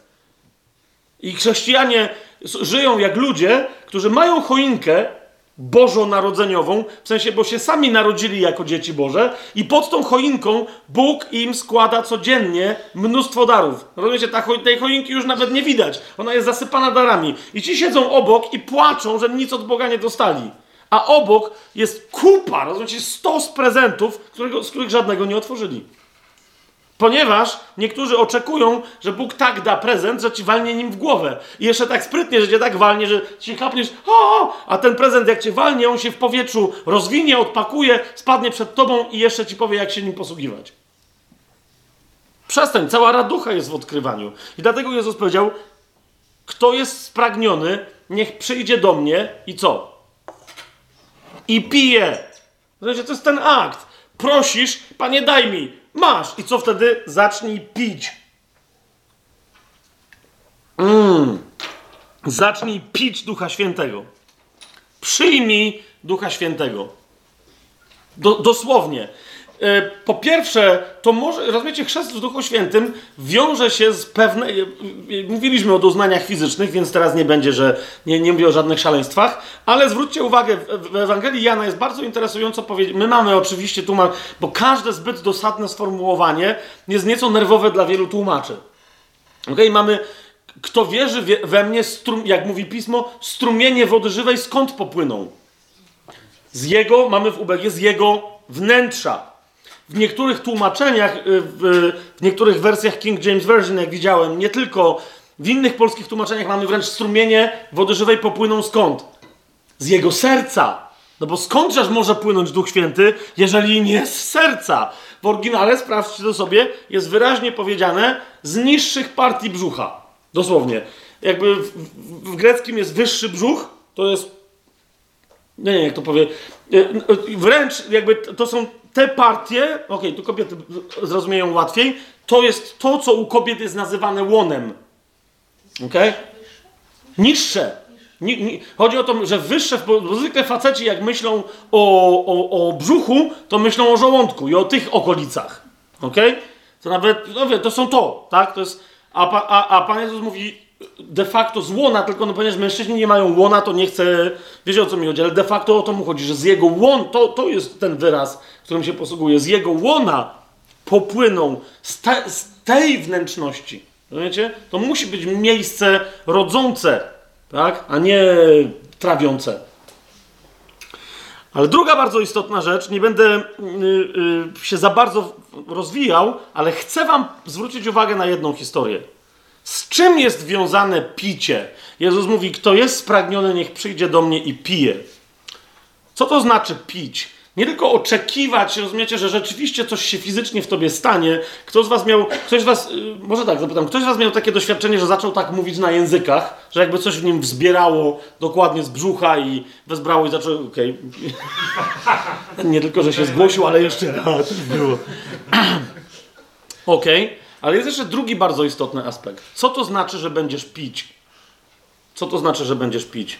Dziś nie będę tego rozwijał, ale kochani, to jest decyzja we mnie, to jest decyzja we mnie, że skoro Bóg we mnie ma otworzyć moją cysternę, zaraz wam to pokażę, to znaczy, że wraz z przyjęciem Ducha Świętego robię, jestem poważnym człowiekiem, tak? Pamiętacie, świadek. Albo mówię, albo reprezentuję prawdę, albo lepiej, żebym umarł. To jest decyzja, co to znaczy pić? To znaczy zdecydować się na wierność. To znaczy zdecydować się na wierność. To znaczy powie, powiedzieć Duchu Święty przyjdź i od tej pory, bo rozumiesz, to jest decyzja, że Duch Święty od tej pory będzie płynąć, a skoro od tej pory będzie płynąć, to otwórzmy sobie Księgę Przysłów. Może was zdziwię, w jakim kontekście Księga Przysłów ustawia koncept, o którym Pan Jezus jest niemożliwe, żeby nie wiedział, tak? Oczywiście, że wiedział i oczywiście, że do niego się odniósł. To jest Księga Przysłów Salomona, piąty rozdział, wersety od 15. Posłuchajcie, co tam się dzieje. Mamy jakby mu powiedziane o chrzcie w Duchu Świętym. Piąty rozdział, 15 werset i dalej. Pij wodę z własnego zdroju i wody płynące z twojego źródła. Czy jeżeli ty masz w sobie źródło wody żywej, to to jest twoje źródło? To to jest twoja własna cysterna? Oczywiście, że tak. Ale patrzcie, co się dzieje. Pij wodę z własnego zdroju i wody płynące z twojego źródła. Niech rozproszą się twoje źródła, a po ulicach strumienie wód. Widzicie to? Popłyną wody żywe. Niech należą tylko do ciebie, a nie do obcych wraz z tobą. Wow! O co tutaj chodzi? Niech twój zdrój będzie błogosławiony i ciesz się żoną twojej młodości. Ej, zaraz, zaraz, zaraz. To jest tekst o tym, żeby nie zdradzać żony, a nie o Duchu Świętym. 19 werset. Niech będzie jak wdzięczna łania i rozkoszna sarna, niech jej piersi zawsze cię nasycają, nieustannie zachwycaj się jej miłością. Dlaczego, synu mój, masz zachwycać się obcą kobietą i obejmować piersi cudzej? W momencie, kiedy mówisz przyjdź Duchu Święty, i mam teraz nie, nieprawdopodobne poczucie, nie chodzi mi o emocje, ale w duchu, namaszczenia do tego, co powiem. W momencie, kiedy wołasz przyjdź Duchu Święty i mówisz ochrzcij mnie, jest to decyzja życiodajna albo śmiercionośna. Jest to decyzja o wierności. Zasadniczo wszędzie, gdzie mamy w Biblii, w Nowym Testamencie słowo pistis, ono jest, my je tłumaczymy jako wiara, ale ono równie dobrze, zwłaszcza w języku hebrajskim, hebrajski narzuca to, to tłumaczenie, równie dobrze mogłoby być przetłumaczone jako wierność. Trzykrotnie Nowy Testament, Paweł w Nowym Testamencie mówi, sprawiedliwy z wiary żyć będzie, tak to tłumaczymy. Ale w języku hebrajskim te wersety, ten werset, zwłaszcza z Habakuka, o ten chodzi, który Paweł przywołuje, brzmi sprawiedliwy z wierności żyć będzie. Wołanie przyjdź Duchu Święty, wytryśnij we mnie, jako moja własna cysterna jest Duchu Święty od tej pory, nie będę pić z żadnego innego źródła. To jest we mnie decyzja na przyjęcie chrztu w Duchu Świętym. Niech, oczywiście potem ci się może powinąć noga, może się coś tam stać, ale rozumiesz, to jest twoja decyzja. Nie chcę pić od tej pory z żadnego innego źródła. Nie chcę nigdzie indziej zaspokajać żadnego mojego pragnienia. Ponieważ mam gwarancję, że kto będzie pić z tą wodę, ten nigdy więcej nie będzie pragnąć. Amen? I teraz, i teraz zauważcie, bo ktoś powie, no fajnie, to pasuje, ale, ale otwórzcie sobie list do Galacjan. I może czas najwyższy, żebyśmy naprawdę przeczytali to poważnie. Właśnie w tym kontekście. Duch Święty, chrzest w Duchu Świętym ma się stać dla ciebie. Tu znowu jest porównanie do mężczyzn bardziej yy, przemawiające, ale kto wie, czy mężczyznom bardziej tego nie potrzeba niż kobietom. Tak? Mianowicie, że nie, niechże to, to wylanie Ducha Świętego z Twojego wnętrza będzie żoną Twojej młodości, której nie chcesz zdradzić. Zobaczcie, w liście do Galacjan takie rzeczy mówi Paweł w szóstym rozdziale. I, i zobaczcie, to on jest dokładnie o tym mowa. Szósty rozdział, siódmy werset i dalej. Nie łudźcie się, mówi Paweł. Do Galacjan, którzy, zauważcie, cały ten list jest o tym, że zaczęli duchem, a potem chcą sobie robić jakąś religię. Chcą wrócić do źródła prawa. A on im mówi na końcu tego listu: Nie łudźcie się, Bóg nie da się z siebie naśmiewać. Co bowiem człowiek sieje, to też rządź będzie. Bo kto sieje dla swojego ciała, z ciała rządź będzie zniszczenie. Kto zaś sieje dla ducha, z ducha rządź będzie życie wieczne. Widzicie o co mi chodzi?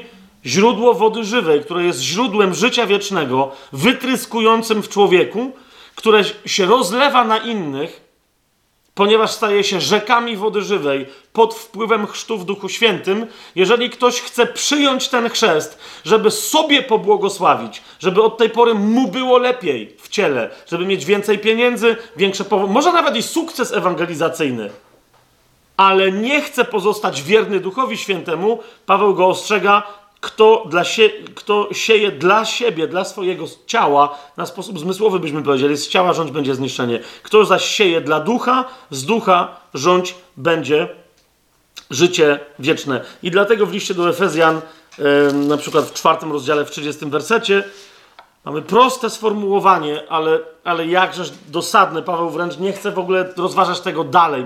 Uważa, że to jest tak oczywiste, to jest jak, to jest jak więź małżeńska. Nie zasmucajcie Bożego Ducha Świętego, którym jesteście zapieczętowani na dzień odkupienia. To jest to. Pij z tego źródła. Nie zasmucaj go, odwracając się do innych źródeł. W pierwszym do Tesaloniczan, w piątym rozdziale, w dziewiętnastym wersecie powie krótko, jedno zdanie. Jedno z najkrótszych, jakie w ogóle się znajduje w Biblii. Nie najkrótsze, ale jedno z najkrótszych. Ducha nie gaście. Po prostu. Ducha nie gaście. Nie chodzi o to, żeby się dało zgasić ducha, ale chodzi o to, że kiedy ktoś zaczyna gasić ducha, to jedyne co zrobi, to się poparzy. Okay? Kiedy ktoś zaczyna gasić ducha, to jedyne co zrobi, to roznieci jeszcze większy ogień. Bo za każdym razem, jeżeli, rozumiecie, Duch Święty się pali na, na wszystkim, na czym się chce palić.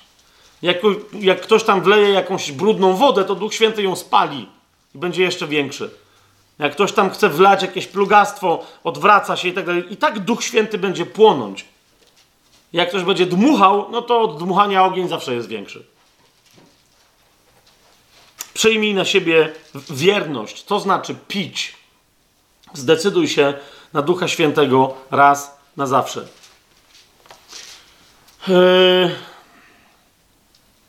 I jeszcze jedna rzecz, mianowicie, jeżeli przyjmujesz Ducha Świętego, i to jest siódmy warunek, do, właśnie trzeba mieć właściwe kryteria. To jest jedno z tych kryteriów. To jest decyzja na to, że przyjmując Ducha Świętego już więcej go nie wyrzucisz. Co najwyżej może się okazać, że jesteś niewierny, że jesteś niewiernym małżonkiem, ale no, to wtedy masz, to ty masz problem, a nie Duch Święty. Innym z kryteriów jest, jest bycie świadkiem. Czyli to jest, i to jest siódmy warunek, już nie na więcej. Tak? Po co masz przyjąć tego Ducha Świętego? Żeby być świadkiem. Właśnie Łukasz, w Ewangelii Łukasza, 24 rozdział.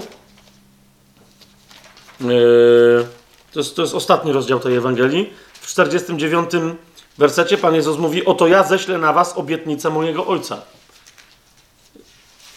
Jeżeli chcesz przyjąć obietnicę Ojca, to zrozum, jakie są kryteria, co to jest, po co ta obietnica przychodzi, czy tego chcesz, czy nie. A po co ona przychodzi? Po to, żebyśmy by, my byli świadkami. 48 werset. Wy jesteście tego świadkami. Czego? Pana Jezusa, że musiał cierpieć, że trzeciego dnia zmartwychwstał. 46-47 werset. W Jego imieniu ma być głoszona pokuta i przebaczenie grzechów wszystkim narodom, począwszy od Jerozolimy.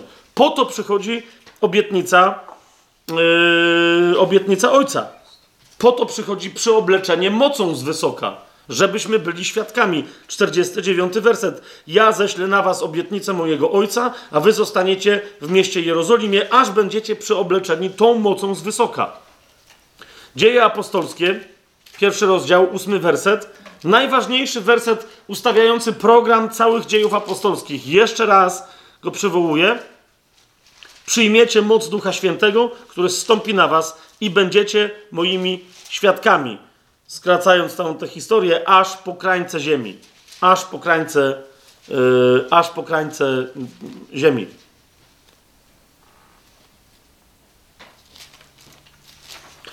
Teraz, teraz, kolejna bardzo istotna rzecz. Czyli pragnij, siedem warunków. Pragnij, pokutuj, a więc bądź człowiekiem usprawiedliwionym, o to chodzi, tak? Miej pewność, że jesteś osobą zbawioną, usprawiedliwioną przez krew Chrystusa, przez Jego śmierć i zmartwychwstanie. To znaczy pokutuj. Pragnij, pokutuj, ochrzcij się w wodzie, przyjdź do Pana Jezusa z tym wszystkim, co to oznacza. Proś, to jest po piąte. Po szóste, pij, a więc zdecyduj się na wierność. Zdecyduj się na to, że jak na, na, przyjęcie, a następnie na skutki tego, że jak to przyjmiesz, to to już będzie w Twoim życiu. Tak? Weź to, przyjmij to. I po siódme, chciej być świadkiem. Chciej wypełnić Jezusowy yy, nakaz pójścia aż po krańce ziemi. Jak nie chcesz, to znaczy, że jesteś nieposłuszny, to znaczy, że, potrzebujesz pokuty w sensie przypomnienia sobie, co w ogóle Jezus znaczy w Twoim życiu. Tak? Ale jeszcze raz, jak jesteś posłuszną osobą, Jezus jest Twoim Panem, to chcesz być świadkiem. Ale jeszcze raz, wołaj o Ducha Świętego, żeby On Cię uzdolnił do bycia owym świadkiem. Teraz, kochani, ile nam upłynęło czasu? Dochodzi 3 godziny. Możemy dwa bardzo ważne zagadnienia poruszyć. To są języki i nakładanie rąk. Skoro miały być praktyczne rzeczy. Mianowicie, w pewnych nurtach chrześcijaństwa, bo tutaj będzie od razu pytanie, Ok, więc ktoś się modlił. Yy, zauważcie, że ja zakładam, że można się modlić osobiście. Tak? Niektórzy mówią, że no ale trzeba nakładać ręce. Nie, nie trzeba nakładać rąk. Tak? Ktoś, ktoś mi powiedział, że ale te sytuacje, w których nie są nakładane ręce, to są sytuacje wyjątkowe. Na przykład, na przykład drugi rozdział dziejów apostolskich, kiedy apostołowie nie bardzo wiedzą, co się stanie, stępuje na nich Duch Święty, nikt na nich nie kładzie rąk. Zgadza się? I ktoś mi powiedział, no y, na nich nikt nie kładł rąk, bo nie miał kto. I druga sytuacja to jest w domu Korneliusza, kiedy ci, którzy mogli nałożyć ręce, nie wiedzieli, czy mogą i z jakiegoś powodu się powstrzymywali. Wtedy Duch Święty sam na nich stąpił. ok? Teraz dla mnie to jest wystarczające ustanowienie pewnego wzorca. Jeżeli ty nie masz ludzi, którzy by na ciebie położyli ręce, wiecie o co mi chodzi? To możesz się modlić sam, czy możesz się modlić sama. No akurat tutaj nie jest tego typu, nie mamy tego typu sytuacji, ale ktoś może słuchać tego nagrania. Tak? Jeżeli ktoś nie ma ludzi, którzy mogliby na niego nałożyć ręce, którzy sami byliby ochrzczeni w Duchu Świętym, wiedzą w, jakim, w jakiej modlitwie ci towarzyszą. Jeżeli nie ma takich ludzi, to módl się sama, módl się sam. Jeżeli ktoś jest spragniony, a, a wierzy we mnie, niech przyjdzie do mnie i pije. Tak skrócę wypowiedź Pana Jezusa. Tak? Czy jest tam założenie, że muszą ci towarzyszyć ludzie, którzy będą cię prowadzić jak pannę młodą? Nie, nie ma takiego założenia. Dobrze, żeby byli, bo to wszystko się dzieje w pannie młodej, którą jest Kościół, w pani młodej, którą jest Kościół, w żonie Jezusa, ale jeszcze raz, nie, również ktoś powie, no ja mam, ale jeżeli masz ludzi, którzy nie wiedzą, czy, czy mogą cię ochrzcić, w sensie mo- modlić się z tobą o w Duchu Świętym, nie wiedzą, czy ty jesteś osobą gotową, nie wiedzą w ogóle, jakie kryteria jesteś i tak dalej, a ty masz swoje przekonanie, że potrzebujesz tego, to, to po prostu, to znaczy, że nie masz, to, to znaczy, że masz przy sobie ludzi, którzy mogliby na ciebie położyć ręce, ale skoro tego nie chcą zrobić, ty masz prawo przyjść i pić. U Pana Jezusa. Amen? Ale teraz, ale teraz. O tym nałożeniu rąk jeszcze jedną rzecz powiem, bo dla mnie to w ogóle nie stanowi żadnej kwestii. Jeżeli jest tylko to możliwe, módl się z innymi braćmi i siostrami z nałożeniem rąk.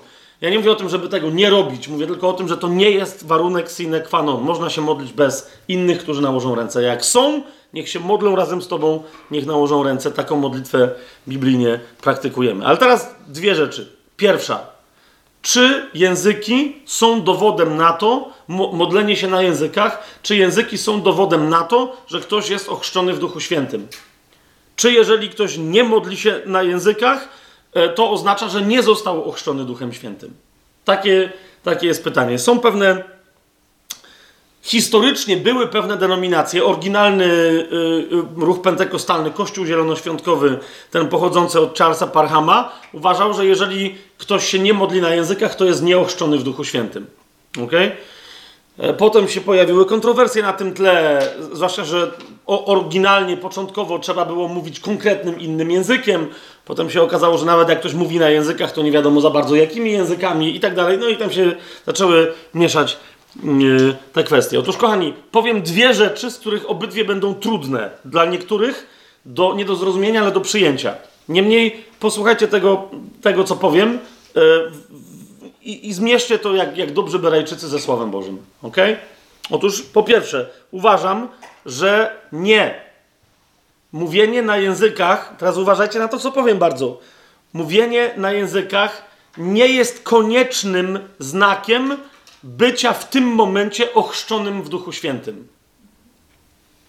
To znaczy, myślę, że każda osoba, która jest ochrzczona w Duchu Świętym, zwłaszcza na to, co mówię, powinna w pewnym momencie zacząć się modlić na językach. Ok? Jeżeli, ale to nie znaczy, że jeżeli się jeszcze w tym momencie nie modli, to nie znaczy, że nie jest ochrzczona w Duchu Świętym. Ok? Według mnie istnieje inny dowód, bardzo jasny, że ktoś jest ochrzczony w Duchu Świętym i on się musi pojawić. Teraz niektórzy zapytają, ale jak to? Dzieje apostolskie, drugi rozdział, bo, bo taka była podstawa u Charlesa Parhama. Jego uczniowie przeczytali całe dzieje apostolskie i powiedzieli, wszędzie, gdzie jest jasna mowa, jasno mowa o chrzcie w Duchu Świętym, ludzie się modlili na językach. Po prostu. Kto jest ochrzczony w Duchu Świętym, musi się modlić na językach. Potem przyszli inni i powiedzieli, że nie ma takiego wzorca. Po pierwsze, nie ma takiego nauczania w Biblii, no bo nie ma, ale ja wiem, nie musi być. Okay? Bo to nie jest jedyny aspekt praktyki Kościoła, że okej, okay. ktoś powiedział, że są inne, wiele sytuacji w dziejach opisanych apostolskich nawrócenia ludzi, gdzie jest mowa o tym, że się nawrócili, że uwierzyli, że się ochrzcili, a nie ma mowy o językach. Ale uwaga, we wszystkich tych miejscach chrzest w Duchu Świętym nie jest opowiedziany jako osobne wydarzenie. Więc dla mnie to nie jest żaden dowód, rozumiecie co mówię? To dla mnie nie jest dowód w związku z tym, że gdzieś był chrzest w Duchu Świętym bez języków. Po prostu chrzest w Duchu Świętym jako to partykularne wydarzenie po prostu nie był opisany. Ok? I jak mi nie wierzycie, to sami sobie sprawdźcie, jeszcze raz przeczytajcie dzieje apostolskie. Jest mowa, że tam się gdzieś tam nawrócili i jest powiedziane, że się ochrzcili. Ok, oddali życie Jezusowi, ale nie ma opisanego całego procesu. Nie było opisanego procesu modlitwy za tych ludzi z nałożeniem. Tam, gdzie jest ta modlitwa opisana, jest powiedziane, że ludzie się modlą na językach. Ok? Ale chcę zwrócić uwagę na jedną rzecz. Dzieje apostolskie, drugi rozdział, wersety 4 i 6. W czwartym wersecie jest powiedziane: Wszyscy zostali napełnieni Duchem Świętym i zaczęli mówić innymi językami, tak jak im Duch pozwalał mówić. I szósty werset. A kiedy powstał ten szum, zeszło się mnóstwo ludzi i zdumieli się, bo każdy z nich, z tych, co się zeszli, słyszał ich, a więc tych, którzy byli napełnieni Duchem Świętym, mówiących w jego własnym języku. Pierwsza bardzo istotna rzecz. Zazwyczaj, kiedy się mówi ludziom, jeżeli jesteś ochrzczony w Duchu Świętym, powinieneś się modlić na językach. Dziś w praktyce Kościoła co to oznacza? Powinieneś mieć dar glosolalii, czyli mówienia niezrozumiałym językiem, który też Biblia, Paweł na przykład w pierwszym do Koryntian w 13 rozdziale nazywa językiem anielskim, a więc językiem, który nie jest zrozumiały dla ludzi. Czy to jest jasne, co, co powiedziałem? W dziejach apostolskich pierwszy raz kiedy jest powiedziane, że przyszedł Duch Święty i oni zaczęli mówić językami, mówią jakimi językami? Ludzkimi, konkretnymi. Nie, nie ma żaden z nich, znaczy pewnie ma, ale w tym momencie nie demonstruje daru glosolali tutaj nikt. Przynajmniej ja nie widzę takich ludzi, nie wiem czy wy widzicie.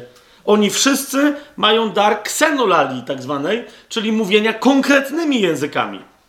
Ok? Mówienia konkretnymi językami. Na co mamy jaki dowód? No taki, że tam są ludzie spod wszystkich narodów pod słońcem i oni rozumieją, co się dzieje. Jasne to jest? Więc, więc dla mnie już choćby ten przypadek jest, nie jest dowodem na to, że wszyscy muszą mieć glosolalię od razu, kiedy są ochrzczeni w Duchu Świętym. Ok? Druga rzecz. Otwórzmy sobie dzieje, dziesiąty rozdział. 46 werset. Zwróćcie uwagę, co się tam dzieje. Bo to jest znowu wzorzec, według mnie, który pojawia się w Biblii, ale jeżeli chcemy być precyzyjni, to musimy zwrócić uwagę na jedną rzecz. To jest 10 rozdział, 46 werset. Yy, obserwatorzy ochrzczeni już w Duchu Świętym uznali, że dom Korneliusza, wszyscy poganie tam, że też zostali ochrzczeni w Duchu Świętym. Dlaczego? 46 werset. Słyszeli ich bowiem mówiących językami i wielbiących Boga. Wtedy Piotr się odezwał i tak dalej, i tak dalej. Mam pytanie do was. Czy z tego tekstu wynika, że wszyscy ci ludzie, każda z tych osób i mówiła na językach i prorokowała? Czy też na przykład mogły być niektóre osoby, które mówiły na językach, a inne, które prorokowały, być może tłumacząc to, co ci mówili na językach? Zgodzicie się? Gdybyś, gdyby ktoś nakręcił scenę filmową, w której macie 10 osób, które mówią na językach da, da, da, da, i 10 innych osób, które prorokują. To mówi Pan i tak dalej. Tak niech będzie chwała Boża uwielbiona. I teraz pojawiłby się pod spodem napis Słyszeli ich bowiem mówiących językami i wielbiących Boga. To czy uznalibyście, że, że ten obraz nie odpowiada temu tekstowi? równie dobrze mógłby odpowiadać. Chodzi mi o to, że ja nie mówię, że tak było. Idzie mi tylko o to, że ten tekst nie stanowi jasno, że każda osoba ochrzczona Duchem Świętym miała, mówiła w tym momencie na językach. Czy to jest jasne, co teraz powiedziałem? Tak? Dalej, dalej, idźmy dalej. 19 y, rozdział dziejów apostolskich, szósty werset. Tam, gdzie mamy Pawła, który nakłada ręce kiedy Paweł położył na nich ręce, zauważcie, stąpili, stąpił na nich Duch Święty. I tu wręcz jest taka konstrukcja grecka, która znów nie jest żadnym dowodem, ale sugeruje, że byli tacy i tacy. Mianowicie jest podwójne i. Stąpił na nich Duch Święty i mówili językami i prorokowali. Widzicie to? Jeszcze raz. Mogli naraz wszyscy, bo tam ich wielu chłopów nie było, tak? Wszystkich mężczyzn było około 12.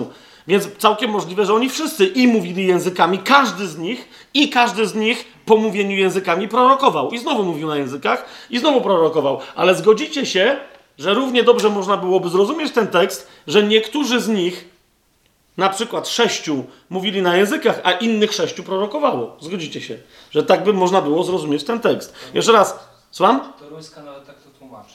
No ale toruńska e, może mieć, yy, powiedzmy, tłumacz, tłumaczenia toruńskiego, czy tłumacze, mogą mieć pewien problem z mówieniem na językach i mogą, nie tylko chodzi o to, tak, ja, ja, bo ja, wiecie, dla mnie to nie, chodzi mi o to, że dla mnie to nie jest dowód, że było tak, że jedni mówili na językach, a inni prorokowali. Ale dla mnie to też nie jest dowód, że każdy mówił na językach. Rozumiecie, o co mi idzie? Po prostu, to nie jest żaden dowód.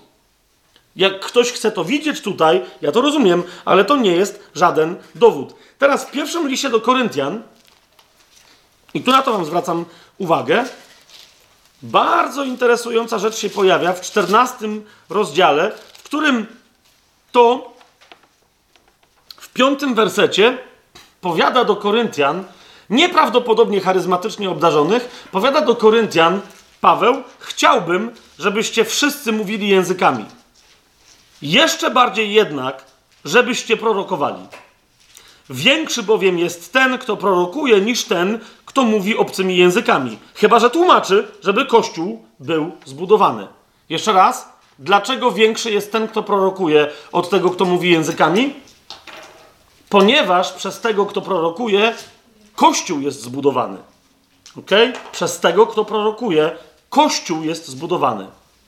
Kochani, w pierwszym rozdziale, w ósmym wersecie dziejów apostolskich, Pan Jezus powiedział: Otrzymacie moc Ducha Świętego i co? I będziecie moimi świadkami aż po krańce ziemi. Zgadza się? Powiedzcie mi, jeżeli ktoś miałby mówić na językach, których nikt inny nie rozumie, czego w takim razie miałby być świadkiem, gdyby to miał być dowód bycia ochrzczonym w Duchu Świętym, skoro kluczem do przyjęcia chrztu w Duchu Świętym jest, żeby zostać świadkiem. Rozumiecie o co mi chodzi? Twierdzenie, że na tej podstawie, że chrzest w Duchu Świętym, który ma, ma człowieka uczynić świadkiem, musi być potwierdzony przez bełkotanie na językach. Teraz jeszcze raz, ja sam bełkoczę na językach, nie chcę obrazić nikogo, kto się modli na językach, tak? I zaraz wam powiem jeszcze dlaczego, ponieważ z tym darem wiąże się jedna bardzo istotna rzecz. Więc jeszcze raz, kto się modli na językach, bełkocze. Jak mi nie wierzycie, zobaczcie dalej. Tak o tym Paweł pisze, 14 rozdział, 6, 6 werset. Teraz więc, bracia, gdybym przyszedł do was, mówiąc językami, jaki pożytek mielibyście ze mnie, jeśli bym nie mówił do was albo przez objawienie, albo przez wiedzę, albo przez proroctwo, albo przez naukę? Czyli jaki pożytek byście z tego mieli, że ja coś gadam, gdybym się nie posługiwał normalnymi słowami? Przecież nawet przedmioty martwe, które wydają dźwięki jak flet albo cytra, gdyby nie wydawały różnych dźwięków, jak można byłoby rozpoznać, co się gra na flecie, a co na cytrze? Dziewiąty werset. Tak i wy, jeżeli nie wypowiecie językiem zrozumiałych słów, jakże ktoś zrozumie, co się mówi. Na wiatr bowiem będziecie mówić. Widzicie to? Teraz o, o, i o tym, jak istotny jest dar języków, ja jeszcze będę mówił. Chodzi mi tylko o to, że z 14 rozdziału bardzo jasno wynika, że dar języków jest bardzo ważny, ale on nie służy zbudowaniu kościoła. Po prostu nie będziemy teraz tego rozważać, bo to będziemy rozważać przy liście pierwszym do Koryntian. Ale teraz na to wam tylko zwracam uwagę. On nie, nie służy dar języków przeniesieniu żadnej informacji. Świadek nie może się posługiwać tym darem. Szesnasty werset. Jeżeli bowiem będziesz błogosławił duchem, w sensie na językach, jakże ktoś spośród nieuczonych na twoje dziękczynienie odpowie amen, skoro nie rozumie, co mówisz. Właśnie o to mi chodzi. Dar języków z tego powodu, według mnie, nie może być, on się pojawia, i teraz jeszcze raz, zaraz powiem, jaka jest ważność daru języków, ale jeszcze raz, nie zmuszajcie ludzi, żeby w momencie, kiedy otwierają się na Ducha Świętego i są chrzczeni Duchem Świętym, żeby koniecznie od razu zaczynali mówić na językach. Na tej sali znam przynajmniej dwie osoby, które teraz widzę, o to mi chodzi, które nie mówiły od razu na językach, a były ochrzczone Duchem Świętym. Z całą pewnością. I wyraziło się to tym, co jest dowodem na chrzest w Duchu Świętym. Języki pojawiły się później. Yy, zobaczcie, 19 werset, 18 i 19 werset, wyznanie Pawła. On mówi: Ja nie chcę deprecjonować mówienia na językach, ale mówi tak: Dziękuję mojemu Bogu, że mówię językami więcej niż wy wszyscy. W niektórych tłumaczeniach yy, jest: Dziękuję mojemu Bogu, że mówię językami lepiej niż wy wszyscy.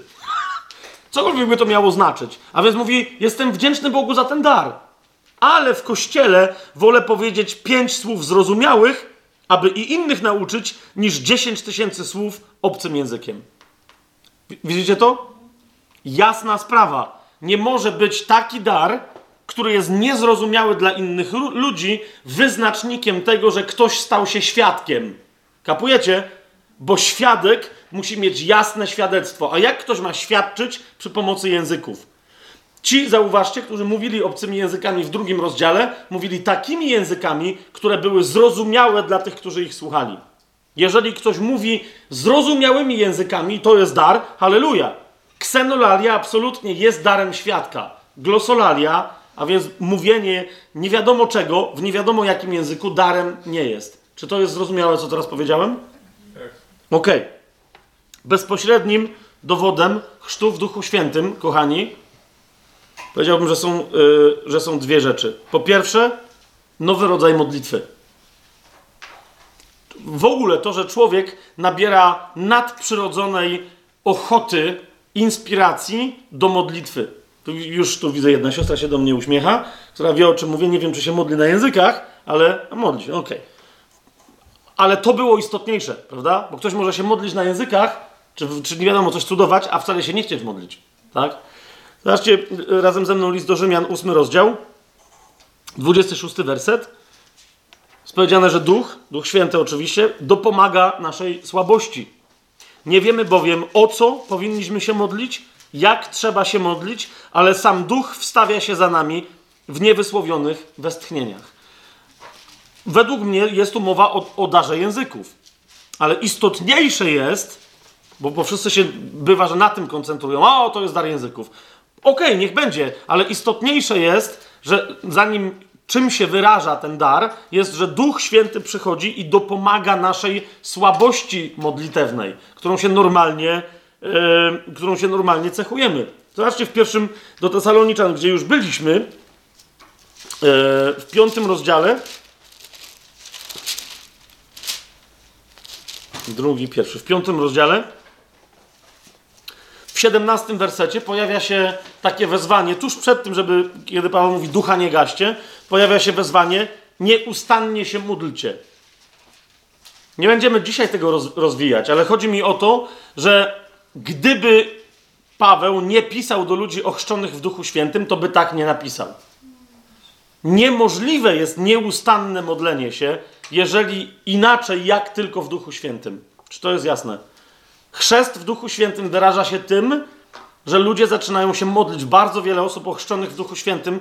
Bywa tak, że nie, znam takie osoby, które jeszcze nie zaczęły się modlić w Duchu Świętym, a już miały takie zjawisko, że nie mogły przestać się modlić. Położyły się spać i, i, zas, i zasnęły modląc się, po czym obudziły się, dalej się modląc, i, i, I w momencie otrzeźwienia nagle stwierdziły, że to, że, że to nie tyle ja się dalej modliłam, mówi mi jedna siostra, ale mówi, odkryłam, że to Duch Święty we mnie dalej się modlił, a ja po prostu się z powrotem do Niego przyłączyłam. Rozumiecie, o co mi chodzi? I znów widzę osoby, które, które nie tylko rozumieją, ale wiedzą, o czym mówię, że jest po prostu, to jest to, mód, nieustannie się módlcie, jest możliwe tylko i wyłącznie nieustanne modlenie się dla ludzi, którzy są ochrzczeni, yy, którzy są ochrzczeni w, w Duchu Świętym.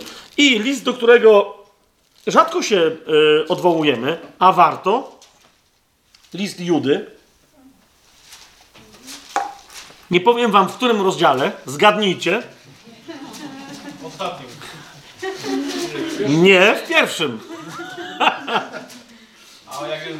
W dwudziestym wersecie mamy napisane, zobaczcie, wy jednak, umiłowani, budując samych siebie na waszej najświętszej wierze, modląc się w Duchu Świętym, zachowajcie samych siebie w miłości Boga, oczekując miłosierdzia naszego Pana Jezusa Chrystusa ku życiu wiecznemu. O to mi chodzi. Rozumiesz, ludzie religijni się modlą. Tylko człowiek ochrzczony w Duchu Świętym może wiedzieć, o co chodzi Judzie, który mówi: módlcie się w Duchu Świętym, czy też kiedy modlicie się w Duchu Świętym, czy też modląc się w Duchu Świętym. On mówi to wyraźnie do ludzi duchowych, ochrzczonych w Duchu Świętym, w odróżnieniu od tych z 19 wersetu. Oni są tymi, którzy sami siebie odłączają, zmysłowi, nie mający ducha. Tam jest dosłownie duszewni, nie mający ducha. Ludzie ochrzczeni w Duchu Świętym modlą się w Duchu Świętym w zupełnie nowy sposób i ta modlitwa, oprócz tego, że jest nowa, Nieustająca ma również nieustająco, uwaga, uświęcający charakter. My teraz nie będziemy mówić, co to, co to jest uświęcenie, ale nie jest możliwe uświęcenie bez Ducha Świętego. Jasne? Okej. Okay. I druga rzecz, kiedy przychodzi Duch Święty, i to jest dowód na to, że ktoś jest ochrzczony w Duchu Świętym. Niestety, kochani, yy, yy, spotykam ludzi, którzy mówią: Po co mi Duch Święty? Mówi, zobacz na ten zbór. I dosłownie to były rozmowy w zborach, przy tych zborach, o to mi chodzi, że ja teraz się nie powołuję na jakieś potajemne pogawędki. A ktoś tam wstał i mówi: Dlaczego ja miałbym przyjąć Ducha Świętego? Wstał chłopak w zborze, niedużym, dwudziestoparoosobowym i mówi, skoro ja nie modlę się na językach, to widzicie, to było to, tak? Ja się nie modlę na językach, ale stoję na ulicy, głoszę u siebie w domu i mówi, ja przyprowadziłem do tego zboru dziesięć osób z tych dwudziestu paru, które i mówi, ja tu przyprowadziłem, po czym te osoby zostały przyprowadzone do modlitwy na językach i nie świadczą dalej. Moje pierwsze pytanie brzmiało, co to za modlitwa na językach, potem nie będę w to wchodził, bo to są niepotrzebne szczegóły, ale on miał rację. Jeżeli ktoś mówi, że jest ochrzczony w Duchu Świętym i, i rozumiesz, to wszystko, co on twierdzi, że było chrztem w Duchu Świętym, ma efekt taki, że zaczyna dobrze bawić się w zborze, to według mnie to jest wprost dowód na to, że nie jest ochrzczony w Duchu Świętym, albo dał się czemuś lub komuś zbałamucić, gdyż kiedy przychodzi Duch Święty, wypycha na żniwo. ok? Kiedy przychodzi Duch Święty, będziesz Jego świadkiem w Jerozolimie, w Samarii i aż po krańce ziemi. Kiedy przychodzi Duch Święty, rodzi się w tobie potrzeba, żeby zaświadczyć innym. Stajesz się świadkiem i jesteś wypchnięty i wypchnięta do tego, żeby być świadkiem. Jasne, że niektórzy wpadają w fanatyzm, to też nie jest wynik chrztu w Duchu Świętym. Duch Święty wysyła cię tam, gdzie cię wysyła, a tam, gdzie chcesz w wyniku za dużego napalenia pójść, Duch Święty ci mówi: Nie, tam nie pójdziesz. Zauważcie w dziejach apostolskich, co i róż w ramach misji Paweł zwłaszcza się dowiaduje: Nie, tam ci nie wolno pójść. Łukasz mówi: Tam nam Duch Święty zabronił pójść. Chrzest w Duchu Świętym rodzi świadka, tak jak Pan Jezus powiedział, otrzymacie Jego moc i będziecie moimi świadkami. Chrzest w Duchu Świętym rodzi świadka, który jest wierny i posługuje w dziele Ducha Świętego. A więc nie tworzy swojego systemu ewangelizacyjnego, ale robi to, co mu każe robić Duch Święty. Zobaczcie, ochrzczony w Duchu Świętym Kościół w pewnym momencie prosi jeszcze raz o napełnienie Duchem Świętym, bo zaczyna się bać. To jest czwarty rozdział. 31 werset dziejów apostolskich, czwarty rozdział, 31 werset. I zauważcie, przychodzi Duch Święty, właśnie, bo to jest jedna z tych rzeczy, która jest pomijana. Dlaczego oni tutaj, skoro mogli, bo oni już się modlili na językach wcześniej i mówili językami, dlaczego tu, kiedy są napełnieni Duchem Świętym, nie mówią na językach? bo nie o to prosili i nie po to przychodzi Duch Święty. Ok? Oni zostali uderzeni, zachwiani w czym? W świadectwie. Dostali zakaz głoszenia w imieniu Jezusa Chrystusa. Dostali zakaz. Zobaczcie, jaki jest wcześniejszy kontekst. Czwarty rozdział, osiemnasty werset. Przywoławszy ich, nakazali, aby w sensie apostołów Piotra i Jana, Sanhedryn, nakazali im, aby w ogóle nie mówili ani nie nauczali w imię Jezusa. Widzicie to? I na skutek tego zakazu oni mówią, co mamy robić? Duchu Święty, przyjdź, bo będzie wojna. Mówią, przyjdź. I teraz popatrzcie, a gdy oni się modlili, 31 werset, zatrzęsło się miejsce, na którym byli zebrani i wszyscy zostali napełnieni Duchem Świętym. I co? I z odwagą głosili Słowo Boże i z odwagą głosili Słowo Boże. To też znaczy, że znali Słowo Boże. Amen? Amen? To też, to też znali, znaczy, że znali Słowo Boże, że, się, że, że nie, nie głosili swoich koncepcji. Tak? To jest to. Poznajesz Słowo, Duch cię prowadzi do Słowa Bożego. Oprócz modlitwy masz głód czytania Pisma Świętego. To jest to. Modlisz się, czytasz Pismo, a potem głosisz to innym, tak jak Duch Święty daje ci głosić. To jest dowód na to, że ktoś jest ochrzczony w Duchu Świętym. Nie mówienie na językach. Ale teraz uważajcie. Teraz powiem rzecz, która będzie wstrząsająca. Otóż, jeżeli ktoś jest ochrzczony w Duchu Świętym, modli się gorąco, ee, czyta Słowo Boże, głosi, jest świadkiem Chrystusa i nie modli się na językach, i nie modli się, i nie modli się, i dalej się nie modli, to wtedy już jest coś nie tak. to wtedy już jest coś nie tak. To właśnie z tego powodu Paweł, yy, Paweł powiedział, zobaczcie, pierwszy do Koryntian, 14 rozdział, a zaraz wam wskażę na pewien aspekt, który niektórych z was może zaszokować. Ok? Zobaczcie, pierwszy do Koryntian, 14 rozdział. Co prawda w 14 rozdziale, w pierwszym wersecie, bo niektórzy na to się powołują, że o, trzeba prorokować. Dlaczego? Bo dążcie do miłości, starajcie się usilnie o duchowe dary, a najbardziej o to, aby prorokować. Paweł mówi, nie odpuszczajcie sobie. Jeżeli nie od razu po chrzcie w Duchu Świętym nie od razu prorokujecie, to nie znaczy, że macie to zarzucić. Usilnie do tego dążcie. Usilnie proście Ducha Świętego, żeby wam pokazał, o co chodzi. I niektórzy mówią, no ale tu nie ma nic, tu nie ma mowy o językach. Wręcz języki są deprecjonowane, że języki nie są ważne. Naprawdę? Drugi werset mówi, ten bowiem, kto mówi obcym językiem, nie mówi ludziom, ale Bogu, bo nikt go nie rozumie. Ale teraz, co mówi Bogu? Przyjmij pragnienie czegoś takiego. On w duchu mówi tajemnicę. Rozumiesz? To jest nieprawdopodobny dar, że ty możesz stanąć przed Bogiem i ty możesz opowiadać Bogu w duchu tajemnicę. Powiem wam coś zdumiewającego dla niektórych zapewne. To jest to, po co oryginalnie Bóg stworzył człowiekowi język. Jeżeli ktoś pod wpływem chrztu w Duchu Świętym w końcu, w którymś momencie, nie, jeżeli się nie chce zacząć modlić na językach, to jeszcze raz powiadam, ma problem. I teraz nie będę dzisiaj tego rozważał, to będzie w pierwszym do Koryntian więcej, ale na to wam dzisiaj zwracam uwagę. Nie, więc modlitwa na językach nie jest koniecznym dowodem tego, że ktoś jest ochrzczony, ale ktoś, kto jest ochrzczony, powinien w końcu zacząć się modlić na językach. Albo, uważajcie, i teraz mówię do, to do tych, jeżeli znów nie żeby cię zranić, tylko żeby cię pobudzić, zachęcić, obudzić twoje pragnienie. Jeżeli nie zaczniesz się modlić na językach, wpadniesz w pychę. Wow! Teraz jest co? Co się tu dzieje? Dlaczego? O, otwórzcie sobie. Ro, dacie radę jeszcze? To jest, to jest naprawdę bardzo istotne. Drugi rozdział dziejów apostolskich.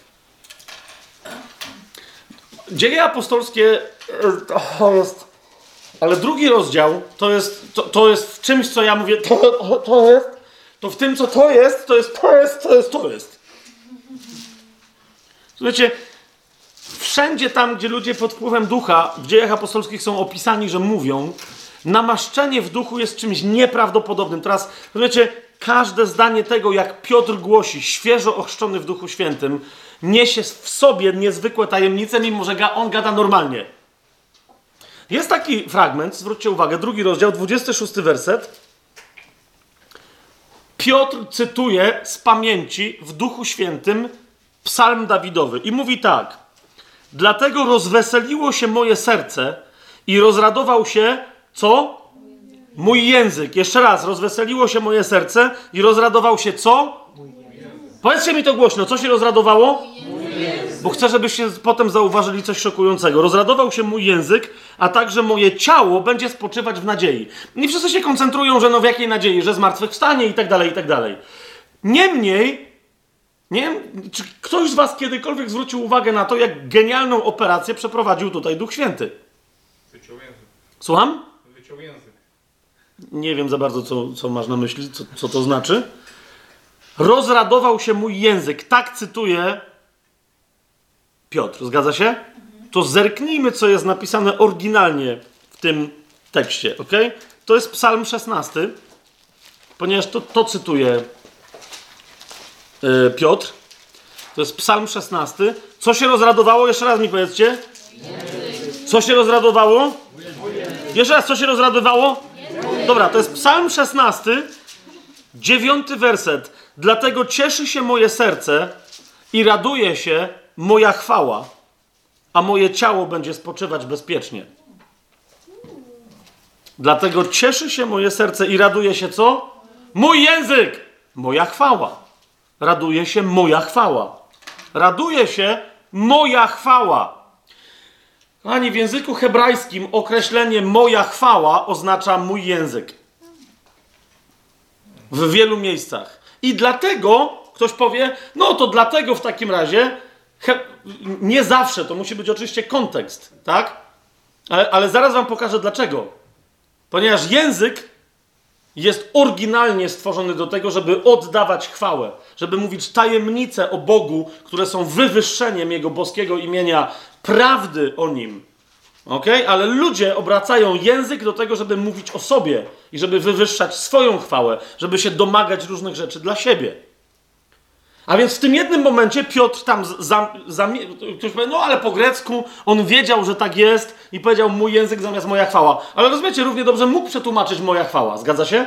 Ale zwraca uwagę, zaraz po tym jak oni mówili na językach, że rozraduje się moje serce, cieszy się moje serce i raduje się moja chwała. Żeby wam pokazać, że Dawid za nie za każdym razem, ale często jak, jak mówi obudź, się mój języku, to nie mówi mój języku, nie mówi do swojego języka mój języku, ale mówi moja chwała. Obudź się moja chwało. Zobaczcie sobie na przykład Psalm 30.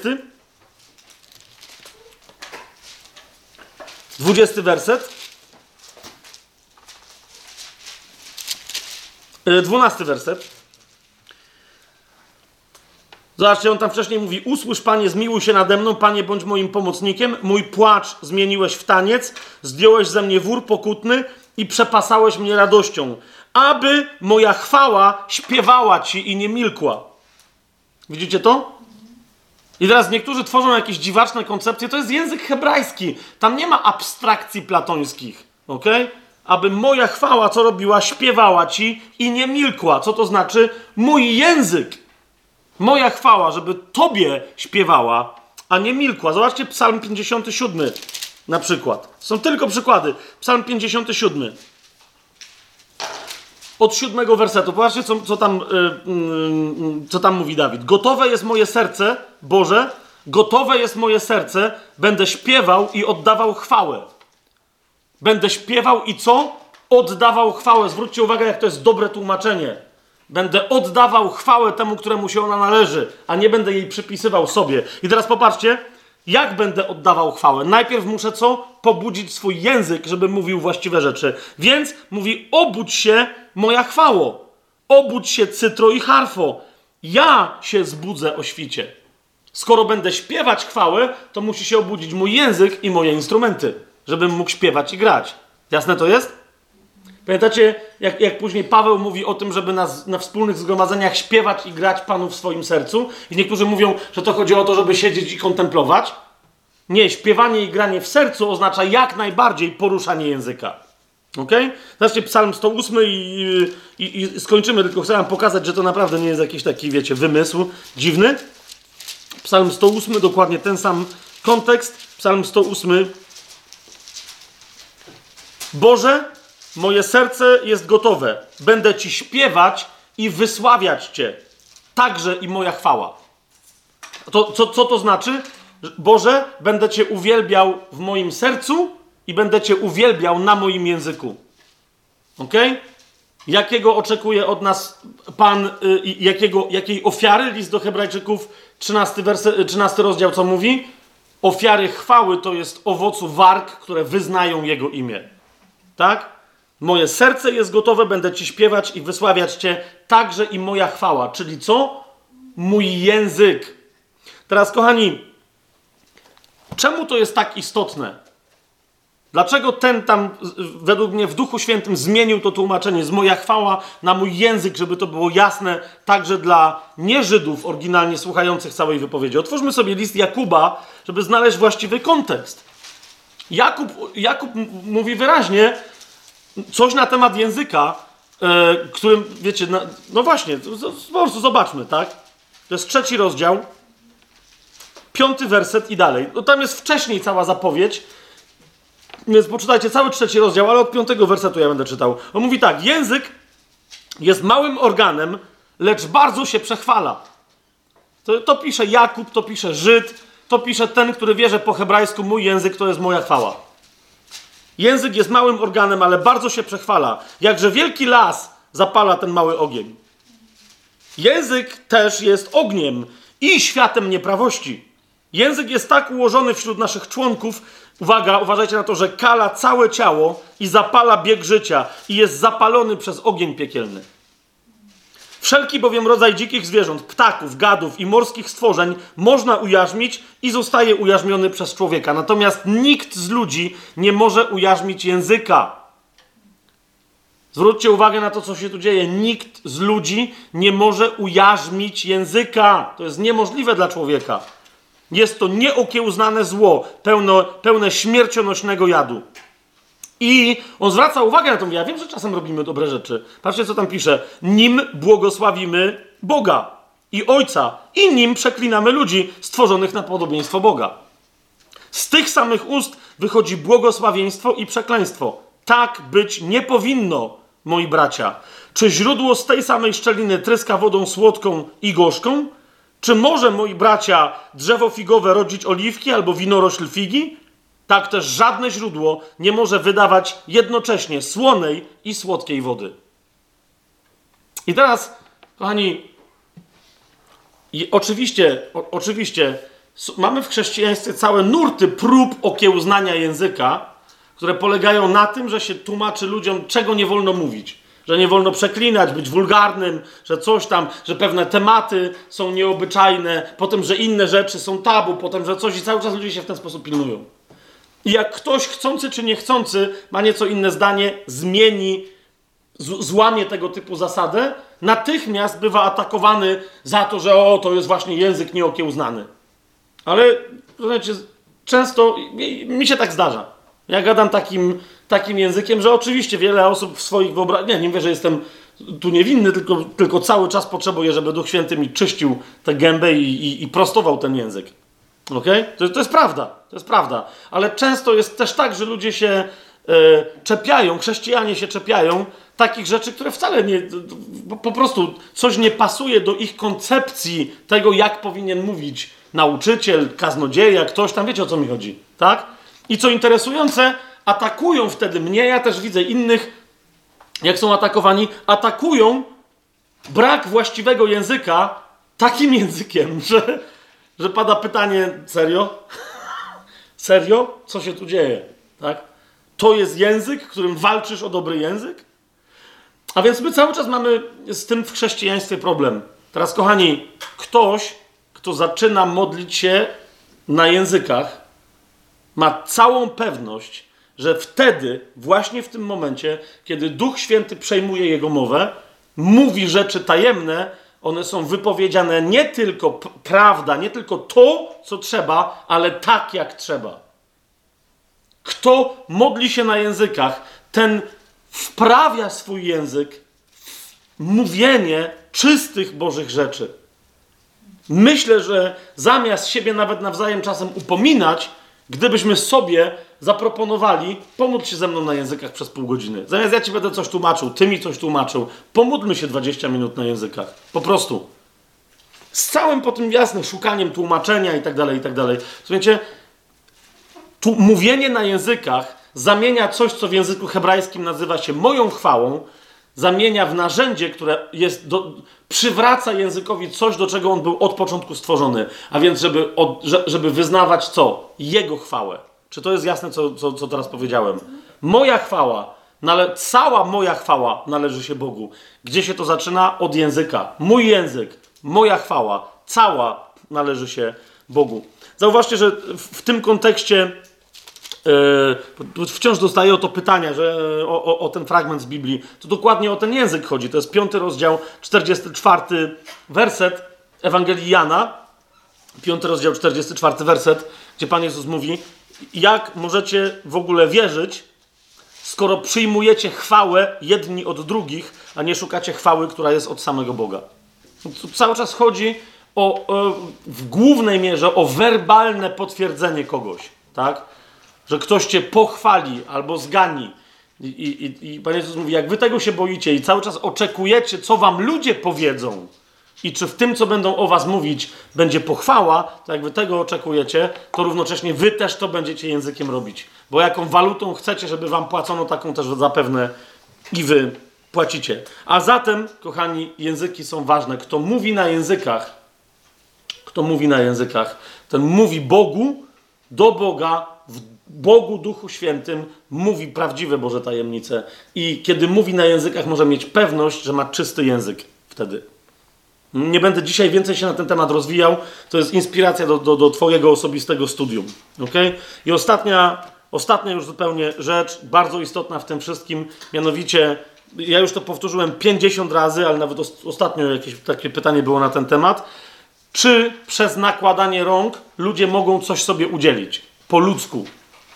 Czyli ja się modlę o Ducha Świętego, ale pięciu innych braci razem ze mną się modli o Ducha Świętego, ale nakładają na mnie ręce. I czy oni mi mogą coś od siebie przekazać? To, to, to było takie pytanie. Inni powiadają, jeżeli ja się modlę o dar Ducha Świętego, bo wraz z Duchem Świętym przychodzą, On daje dary. Jasne to jest dla wszystkich, tak? On daje dary. I teraz pytanie zabrzmiało, czy jeżeli modli się za mnie o chrzest w Duchu Świętym, czy jeżeli modli się za mnie ktoś z darem proroczym, to czy ja też będę mieć dar proroczy? Czy mi się trochę z tego jego daru uleje? Czy mi się udzieli?